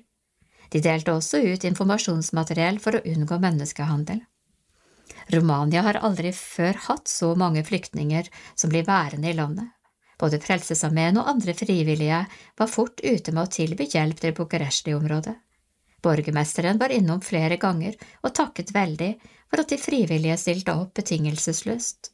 Det er ganske unikt, for Romania er et ortodokst land, der man er skeptisk til andre kirkesamfunn, sier offiseren. Frelsesarmeen i Romania er liten og sliter fra før med å få nok penger til egne prosjekter. Likevel forteller Irene at de har gjort en enorm innsats for ukrainske flyktninger. De to bilene som brukes i deres eget hjelpearbeid for hjemløse i Bucuresti, går i skytteltrafikk mellom den ukrainske grensen, åtte timers kjøretur unna, og slummen i hovedstaden. Sterke inntrykk. Frelsesoffiseren sitter igjen med mange sterke inntrykk. Det var først og fremst mange kvinner og barn som kom til Rom, Rom Expo, siden ingen menn mellom 18 og 60 egentlig har lov til å forlate landet. Har familien mer enn tre barn, får faren likevel være med. Derfor var det også en del store familier som ankom. I tillegg så vi en del eldre og gravide, som tenåringer som flyktet alene fordi de var redde for at vernepliktsalderen skulle senkes. Etter hvert så vi også noen få handikappede. Utfordringene for flyktningene var mange. Bare det å få tatt ut sine egne penger var vanskelig, siden ukrainske ryvnia har sunket voldsomt i verdi, er bankene redde for egen økonomi, og folk får bare lov til å ta ut et engangsbeløp. Det kom mennesker til oss som egentlig hadde ganske god økonomi, men som ikke fikk tatt ut pengene sine. De som var vant til å ha alt de trengte, hadde mistet alt over natta.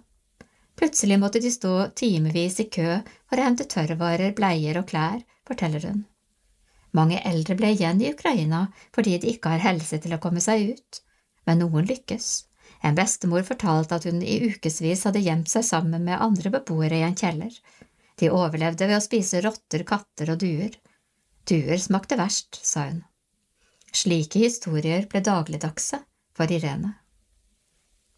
Barn på flukt Noen ukrainere hadde tilfeldigvis oppholdt seg i Romania da krigen brøt ut, og kom seg ikke tilbake. Slik var det blant annet for et turnlag for jenter på 13 år. Barna ble tatt hånd om av de to unge kvinnelige lederne. De må bli i Romania på ubestemt tid og er helt uten midler. Siden jentene er mindreårige, kan de ikke søke beskyttelse. I så fall må mor eller far gi foreldreansvaret over til idrettslederne, og det vil de jo ikke. Selv om jentene har daglig telefonkontakt med familien, vet de ikke om foreldrene er i live neste dag. Medlemmene i turnlaget kommer fra Kharkiv og Odessa. Der mange sivile har blitt drept. Kommunen holder jentene i sikkerhet for å unngå at de blir utnyttet, forteller hun. Irene tok seg spesielt av barna som også måtte stå i timelange køer, først for å bli registrert hos kommunen slik at de kunne hente det de trengte i hallen, og deretter for å få verdisjekker og informasjon fra Frelsesarmeen.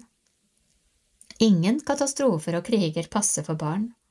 Noen var traumatiserte og uttrykksløse, andre var fryktelig slitne og leie. Da barna hylte og skreik, hoppet jeg rundt med rangler og bamser for å underholde dem litt. Jeg vet ikke hvor mange hundre ballonger jeg har blåst opp og delt ut, ler hun. En svært alvorlig gutt måtte hun jobbe ekstra for å nå igjennom til. Da han til slutt begynte å le, var det så hjertelig at det smittet over på hele køen. Utnytter sårbare. For de utslitte flyktningene som ankommer Romania, er det ikke lett å vite hvem de kan stole på. Det er lett å bli lurt når vennlige mennesker tilbyr husly og skyss. Menneskehandel er et utbredt problem, og mange blir loset inn i busser og biler og får løfte om å bli fraktet trygt til nabolandet Bulgaria eller andre land. Deretter blir de fratatt både pass og telefoner og får stygge trusler om de prøver å komme seg unna. Utnyttelsen har mange ansikter og kan spenne fra å bli holdt som gratis hushjelp til å bli fanget i sexindustrien. De som blir utnyttet, er slett ikke ressurssvake mennesker, men de er i en svært sårbar situasjon, sier Irene. Hvordan skal flyktningene vite hvilke hjelpere de kan stole på? Det lønner seg å gå til de store, anerkjente hjelpeorganisasjonene med tydelig profiltøy som Unicef, Røde Kors og The Salvation Army. For å illustrere hvor fort sårbare mennesker kan bli utnyttet, viser hun fram et bilde av seg selv og en liten baby. I to timer bar hun rundt på den lille gutten, mens foreldrene hadde mer enn nok med å ta seg av de andre tre barna.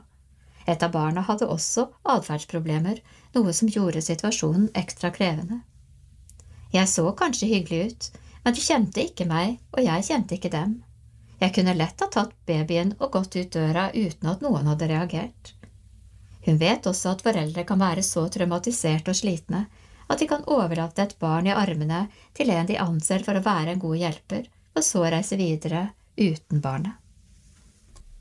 Derfor var det viktig at jeg satt i et rom med store vinduer. Hun forteller om en mor som var så utslitt at hun ikke klarte å passe på de to småbarna sine. Hadde de ikke holdt fast i klærne hennes, hadde de kommet bort fra henne. Moren var så fortvilet over at hun ikke fikk sove, og spurte om jeg hadde noe beroligende. Hvis jeg hadde vært ute etter å utnytte mennesker, hadde det vært så lett å lokke henne med meg under påskudd av at hun skulle få sovetabletter. Takknemlig. Etter å ha sett nøden på nært hold er frelsesoffiseren takknemlig for å ha fått hjelpe til der det trengs aller mest, og for at andre har holdt hjulene i gang på slumstasjonen. Hun tror bakgrunnen for å hjelp, fra arbeidet her hjemme har vært til stor hjelp. Hun er vant til å tåle folks sterke historier uten å knekke sammen selv. For nødhjelpsteamet var det også nødvendig å sette opp noen filtre for å beskytte seg selv. For enkelte var det å ta en joggetur hver dag for å bearbeide inntrykk. For Irenes del var det å unngå nyheter.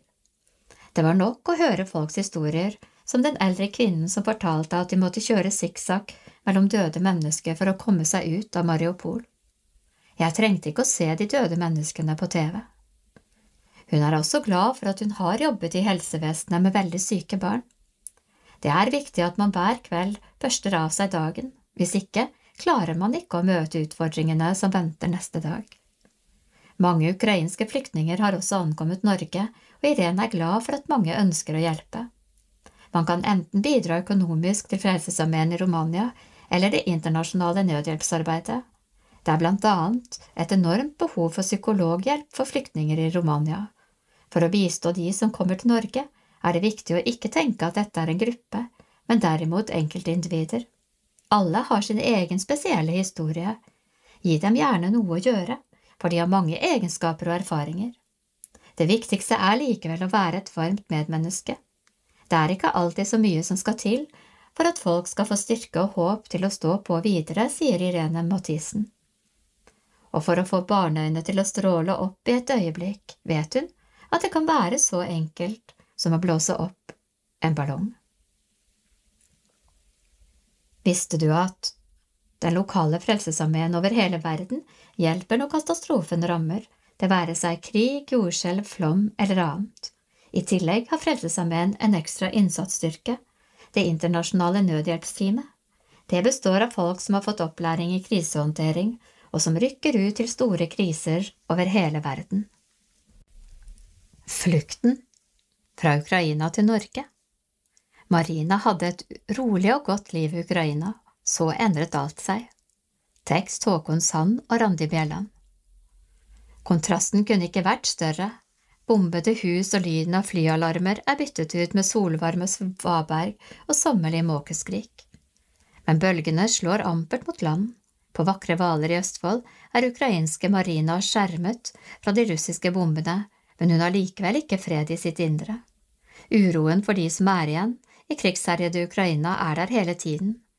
Den farefulle flukten fra hjemlandet har også satt sine spor. Det høres kanskje ut som en spennende historie, men vi lever midt i denne historien. Det er veldig vanskelig, sier Marina. Natalie Norvik, som er fra Ukraina, men har bodd mange år i Norge, har åpnet hjemmet sitt for Marina og ti andre ukrainske flyktninger. Det er Natalie som oversetter Marinas dramatiske fortelling. Dette året har vært spesielt for Marina, for hun som hadde et godt, rolig og vanlig liv med familie, jobb og venner, fikk alt snudd på hodet. Plutselig ble livet mitt delt i to. Det ble et før og etter. Det skjedde liksom noe spesielt med tiden. Den sluttet å gå på den måten som jeg ville, sier Marina. Etter nyttår tillot kranglene med mannen, og hun fikk også beskjed om at hun hadde store helseproblemer. Mannen forlot henne to dager før den endelige diagnosen ble stilt – kreft. Det var vanskelig å klare seg uten økonomisk støtte fra ham. Behandlingen medførte også at hun måtte reise inn til hovedstaden Kyiv, siden det ikke var slike muligheter i hjembyen Sumi, øst i landet. Det ble mange turer for å ta tester, analyser og følge opp sykdommen, men hun fikk heldigvis bo hos venninnen Natalia, som hadde hjulpet henne mye og var med henne på hvert eneste legebesøk. En av disse turene til Kyiv skjedde den dagen krigen brøt ut. Vi våknet opp av bomber som smalt og alarmer som gikk i gatene. Vi forsto ikke hva som foregikk, vi var i sjokk og trodde ikke at dette kunne være virkelig. Marina prøvde desperat å komme seg tilbake til Sumi, der datteren og moren var, men togstasjonen var overfylt, og hun ble tvunget til å bli værende i hovedstaden. Fanget Den første dagen i krigen beskriver hun som surrealistisk. Folk klarte ikke å forstå situasjonen som utspilte seg, og de gikk på jobb som om ingenting hadde skjedd. Området Natalia bor i, ble raskt omgjort til et militært senter. Kvinnene våget derfor ikke å dra tilbake dit, og de overnattet på jobben til Natalia i en kjeller. Gulvet var av sement, og det var ingen toaletter, Vi hadde svært lite mat. Vi var der hele døgnet, om natten hørte vi hele tiden sirener, høye lyder og rystelser. Vi hadde sement overalt, i ansiktet, i munnen og i lungene. Neste dag stengte det diagnostiske senteret som Natalia jobbet på. Kvinnene visste ikke hvor de kunne overnatte. Da måtte vi dra tilbake til leiligheten selv om vi var redde. Bombene falt i stadig større omfang over byen. Til slutt måtte vi bare ta det viktigste vi hadde, og løpe i dekning. De fant etter hvert en kafé i en kjeller. Eieren åpnet dørene for alle som trengte trygghet, de kunne ta det de trengte, alt var gratis, men bygningen var uten vinduer og gulvet fullt av patroner. De ble også svært urolige da de hørte at det hadde blitt malt et russisk symbol på bygningen rett over gaten. Det hadde blitt brukt selvlysende maling, slik at det skulle bli enkelt for russiske fly å bombe bygningen. To gutter sprang for livet for å male over symbolet. Selv om jeg da følte meg litt tryggere, tenkte jeg mye på at jeg måtte komme meg tilbake til Sumi. Jeg visste at bombene falt også over den byen, forteller Marina. Bekymringene var mange i løpet av de fem dagene de gjemte seg i kafeen, nesten uten søvn og med svært lite mat. Hele tiden hørte de skyting fra gaten. Ikke bare var det krig, men det var også et problem at Maria trengte umiddelbar behandling. På flukt. På grunn av portforbudet kunne ingen forlate hovedstaden, men Marina skjønte at hun måtte forsøke likevel. Mannen hennes hadde klart å komme seg ut fra Sumi, men datteren var fremdeles igjen der. Han ringte meg og sa at jeg måtte få behandling og redde meg selv. Prøv å komme deg til Vest-Ukraina, sa han til meg. Hun og flere fra kafeen dro til jernbanestasjonen i Kyiv, som fremdeles var overfylt av desperate mennesker. Plutselig ble TV-stasjonen like ved truffet av bomber. Da skrev Marina det hun trodde skulle bli den aller siste tekstmeldingen til datteren sin, farvel. Jeg var sikker på at neste bombe ville treffe oss. Da det første toget ankom stasjonen, ble Marina og Natalia fanget i folkemassen som bølget fram og tilbake. De var livredde for å falle. Da ville de bli tråkket i hjel. På det tredje toget klarte de endelig å få plass. Kupeen, som egentlig var ment for fire personer, var full av mennesker som lå over hverandre. Til og med i hattehyllene lå det folk. Barna gråt, husker Marina. Toget fra Kyiv til Lviv, som vanligvis tar seks timer, brukte over dobbelt så lang tid på denne turen. Da de stoppet i Sytomyr, traff bombene stedet. Toget var fullstendig mørklagt resten av strekningen. Alle som satt i kupeen forsto at denne togturen var den eneste muligheten for å overleve. Det var ingen krangling eller uenigheter, alle hjalp hverandre og hadde stor respekt for situasjonen. Håp. Da de endelig ankom Lviv, var det mange hjelpere på plass. Alt var godt organisert, de fikk mat og et sted å overnatte. Man forsto også at Marina måtte få behandling med en gang. Men sykehuset der fungerte ikke 100% så jeg måtte komme meg over grensen for å få hjelp og behandling. Marina ringte moren sin, som igjen kontaktet Natalie Norvik, som hun er godmor til. Dette er første gangen Natalie, som bor på Hvaler i Norge, hører om Marinas sykdom. Hun skriver straks en melding til Marina. Du skal til meg uten tvil, jeg skal gjøre alt jeg kan for at du skal komme hit. Hun forteller de to kvinnene at hun skal kjøre til Polen og hente dem. Når Marina og venninnen fikk et mål for reisen, ble håpet tent. På grensen til Polen var det lang kø, og de måtte gå i over fem timer. Men da de endelig fikk krysse grensen, ble alt mye bedre. En kontakt møtte dem på et motell i nærheten. Der venter de helt til Natalie Norvik kom og hentet dem og kjørte dem til Norge. Ordføreren på Hvaler tok kontakt og spurte om vi trengte hjelp. I Norge har de tatt vare på oss. Natalia har åpnet dørene for oss og gitt oss mat og et sted å sove. Vi er så takknemlige og føler oss trygge. Jeg har allerede fått god hjelp, sier Marina, som nå får strålebehandling og cellegift på Ullevål sykehus. Lenge bekymret hun seg for datteren og moren som var igjen i Sumi, da situasjonen stadig ble verre. Byen var helt omringet av russiske militære, og det var umulig å kjøre ut. De som prøvde, ble beskutt. Det er nå geriljakrig i Sumi, forteller Marina. Men etter nok en farefull ferd har nå både moren og datteren til Marina også klart å komme seg til Hvaler. Det var mange nervepirrende døgn før det skjedde. Jeg forstår at barna våre kommer til å trenge videre psykologhjelp. Under denne perioden har jeg ringt til en psykolog flere ganger for å ha samtaler for det har vært nesten umulig å overleve uten profesjonell hjelp. Fullt hus. Natalie Norvik har hatt elleve ukrainske flyktninger boende hos seg, og i skrivende stund er det åtte flyktninger i huset på Hvaler, for hun har også fått sin egen familie til Norge. Unntaket er den 95 år gamle bestemoren som ikke ønsket å forlate Ukraina, fordi hun ikke trodde hun kom til å overleve reisen. Det var en forferdelig vanskelig valg å ta for Natalie Norvik sin mor. Skulle hun bli hos moren sin i Ukraina, eller hjelpe datteren og barnebarnet i sikkerhet? Den største tragedien i min familie er at bestemor måtte bli igjen. Mor sliter med søvnen, får panikkanfall og sier hun føler seg som en forræder som etterlot moren sin i et land som blir angrepet, sier Natalie. Bestemoren bor i femte etasje i en blokk og klarer ikke å komme seg i dekning når flyalarmen går. Heldigvis får hun hjelp av min søsters kjæreste, likevel er det ikke enkelt. Foreldrene mine planlegger å dra tilbake i juni, og vi vet ikke hvordan det kommer til å gå. Hvordan har det vært for deg å ha så mange mennesker boende hjemme hos deg? Det er hektisk, selvfølgelig, og det er jo vanskelig når man har så mange personer på ett sted, og de i tillegg har store psykologiske utfordringer etter en utfordrende flukt, sier Natalia. Det vanskeligste for henne var økonomien, for igjen i en og en halv måned fikk hun ikke støtte fra staten. Men Hvale kommune var tidlig ute med å hjelpe oss, og nå får jeg også litt støtte fra Nav, selv om det ikke er nok.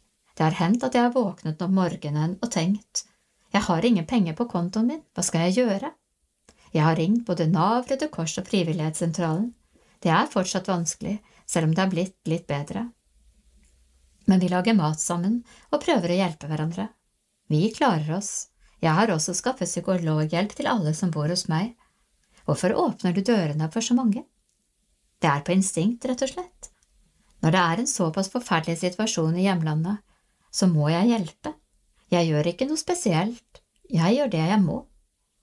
Marina håper situasjonen i Ukraina vil bli bedre, og at hun og de andre som nå bor hos Natalie, snart kan reise tilbake til hjemlandet. Jeg vil takke de ukrainske soldatene og de frivillige som forsvarer egen by og eget hjem, og jeg er også veldig takknemlig for alle i Norge som hjelper oss med et åpent hjerte. Vi ser hvor fantastisk Norge er, det er et vakkert land, men vi er ukrainere, vi vil så gjerne hjem igjen. Søndag ukens andakt Ukens baltist Christian T.H. Nygaard, rådgiver i Frelsesarmeens rusomsorg og soldat i Frelsesarmeen Moss. Jesus og barna. De bar små barn til ham for at han skulle røre ved dem, men disiplene viste dem bort. Da Jesus så det, ble han sint og sa til dem, La de små barna komme til meg, og hindre dem ikke, for Guds rike tilhører slike som dem. Sannelig, jeg sier dere, den som ikke tar imot Guds rike slik som et lite barn, skal ikke komme inn i det.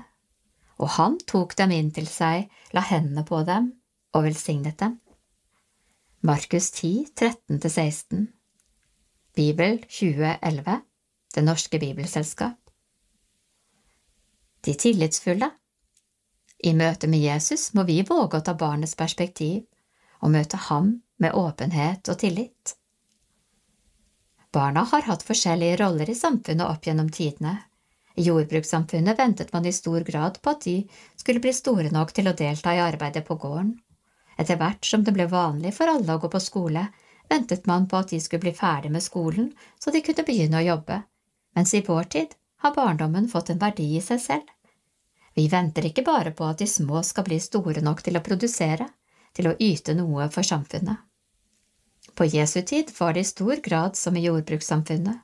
Barna begynte å jobbe så tidlig som mulig, men de hadde ikke noen egen plass i samfunnet slik vi ser i dag. Vi vet ikke hvorfor disiplene ville sende barna bort, men jeg kan se for meg at de tenkte at Jesus ikke ville ha bryet med de små. Derfor er det en viktig markering Jesus gjør når han hindrer disiplene i å sende barna bort. Han viser at hvert enkelt barn har verdi for Gud. Når Jesus kaller til seg de små barna, de som tilsynelatende ikke er så viktige, viser Jesus oss at den kjærligheten han har til oss, ikke er avhengig av hvem vi er, hvilken status vi har, eller hva vi utretter. Hver enkelt har vi en plass hos ham, ganske enkelt, fordi vi er. Som så ofte ellers har det Jesus sier og gjør, i alle fall to lag. For én ting er den omsorgen han viser for barna og den plassen han viser at de og hver enkelt av oss andre har, men han sier også noe til oss voksne. Hva er det som kjennetegner hvordan små barn tilnærmer seg nye ting? Jo da, de kan være litt skeptiske, spesielt til grønnsaker, men svært ofte møter de nye ting med en blanding av tillit og nysgjerrighet. De gir det en sjanse og våger. Jeg skulle ønske vi voksne beholdt den evnen. Etter hvert som vi vokser opp og livet gir oss noen erfaringer, blir vi også mer skeptiske til det ukjente. I møte med Jesus må vi våge å ta barnets perspektiv og møte ham med åpenhet og tillit. Det er lett å stille spørsmål ved kjærligheten han har til oss, eller å henge oss opp i teologiske spissfindigheter. Men i denne bibelteksten ber Jesus oss om å møte ham med et åpent hjerte, fordi det er den eneste måten å se ham på. Det er den eneste måten vi klarer å se den kjærligheten han har til hver enkelt av oss. På samme måte som Jesus ber barna komme til seg, ber han oss komme til ham med et barns sinn. Ikke på grunn av hva vi yter, men fordi vi er. Han inviterer oss til å leve sammen med ham i tillit, åpenhet og kjærlighet. Bønn om frelse Jesus, du har sagt at alle er velkommen til deg, og nå vil jeg komme. Jeg vet at du ga livet ditt for å sone menneskenes synd, og jeg tror at du også døde for meg. Jeg ber om tilgivelse for det jeg har gjort galt. Jeg vet at du kom for å åpne veien for meg helt inn i Guds nærhet. Og jeg forstår at jeg trenger deg. Takk for at du elsker meg, både på grunn av og på tross av. Takk for at du vil komme inn i livet mitt og hjelpe meg til å tro og til å leve. Takk for at du frelser meg nå og gir meg din velsignelse. Takk, Jesus. Amen. Signaler Tekst Randi Bjelland Styrker eldreomsorgen Frelsesarmeens eldreomsorg har blitt en egen seksjon. Det styrker eldreomsorgen og viser hvor viktig dette arbeidet er for Frelsesarmeen, sier seksjonsleder Rona Therese Reistad. Hun håper Frelsesarmeen nå vil ha et enda sterkere røst inn i samfunnsdebatten på vegne av eldre. I mai i år ble Frelsesarmeens eldreomsorg en egen seksjon, framfor å være en del av seksjonen for velferd og utvikling. Avgjørelsen er tatt av lederrådet. Frelsesarmeens eldreomsorg er i kraftig vekst, og i løpet av 2022 dobles antall ansatte. I over ti år har armeen drevet omsorgssenteret Ensjøtunet Omsorg Pluss. Til høsten åpner et tilsvarende tilbud, Omsorg Pluss på Theisen, med 87 leiligheter, døgnbemanning, tilbud og aktiviteter og matservering hver dag hele året. Vi har et godt samarbeid med bydel Alna, og vi har et felles mål om at dette skal bli et flott sted for seniorer. Det skal være et botilbud der man er sjef i eget liv. Vi må være relevante og til stede for de eldre. Aktivitet og brukermedvirkning er viktige nøkler her, sier Rona. Hun ønsker også at Frelsesarmeen skal bli en tydeligere stemme inn i samfunnsdebatten på vegne av eldre. For når samfunnet digitaliseres, faller mange seniorer utenfor. Reistad mener det ikke bare handler om å gå glipp av nettavisene, men også at det fører til isolasjon og mangel på mestringsfølelse. For eksempel slutter mange eldre å ta offentlig kommunikasjon. For å få kjøpt billett er de avhengige av å måtte bruke en app de ikke forstår seg på eller har tilgang til. Det er en gruppe eldre som opplever veldig sterkt at de ikke tas med, og da må vi hjelpe til slik at de blir hørt, sier Reistad. På nett Frelsesarmeens eldreomsorg har ulike tilbud for å øke digital kompetanse hos eldre. Et eksempel er det ukentlige drop-in-tilbudet på nett. Her kan man ta med seg telefon, nettbrett eller PC og få praktisk hjelp. Reistad ser fram til å utvikle Frelsesarmeens omsorgstilbud videre med bakgrunn i ønsker fra de eldre. Vi tar med oss mange gode erfaringer fra Ensjøtunet Omsorg Pluss. Huset står der, men innholdet skaper vi sammen, sier Reistad. Styrke og håp Frelsesarmeen er en internasjonal evangelisk bevegelse, en del av den universelle kristne kirke. Budskapet bygger på Bibelen. Tjenesten er motivert av Guds kjærlighet. Oppdraget er å forkynne Jesu Kristi evangelium og i Hans navn møte menneskelige behov uten diskriminering. Helt siden 1800-tallets England har suppe, såpe og frelse vært et viktig prinsipp og uttrykk for våre verdier. Tanken om at vi har både fysiske, psykiske og sosiale og åndelige behov, er like aktuell i dag. Dette gir oss en helhetlig innfallsvinkel i møte med det enkelte mennesket. Å tilby suppe er å møte de grunnleggende behovene til dem rundt oss. Såpe handler om verdighet og selvrespekt. Frelse uttrykker Guds grenseløse og livsforvandlende kjærlighet gjennom Jesus Kristus. Neste nummer uke 32 God sommer.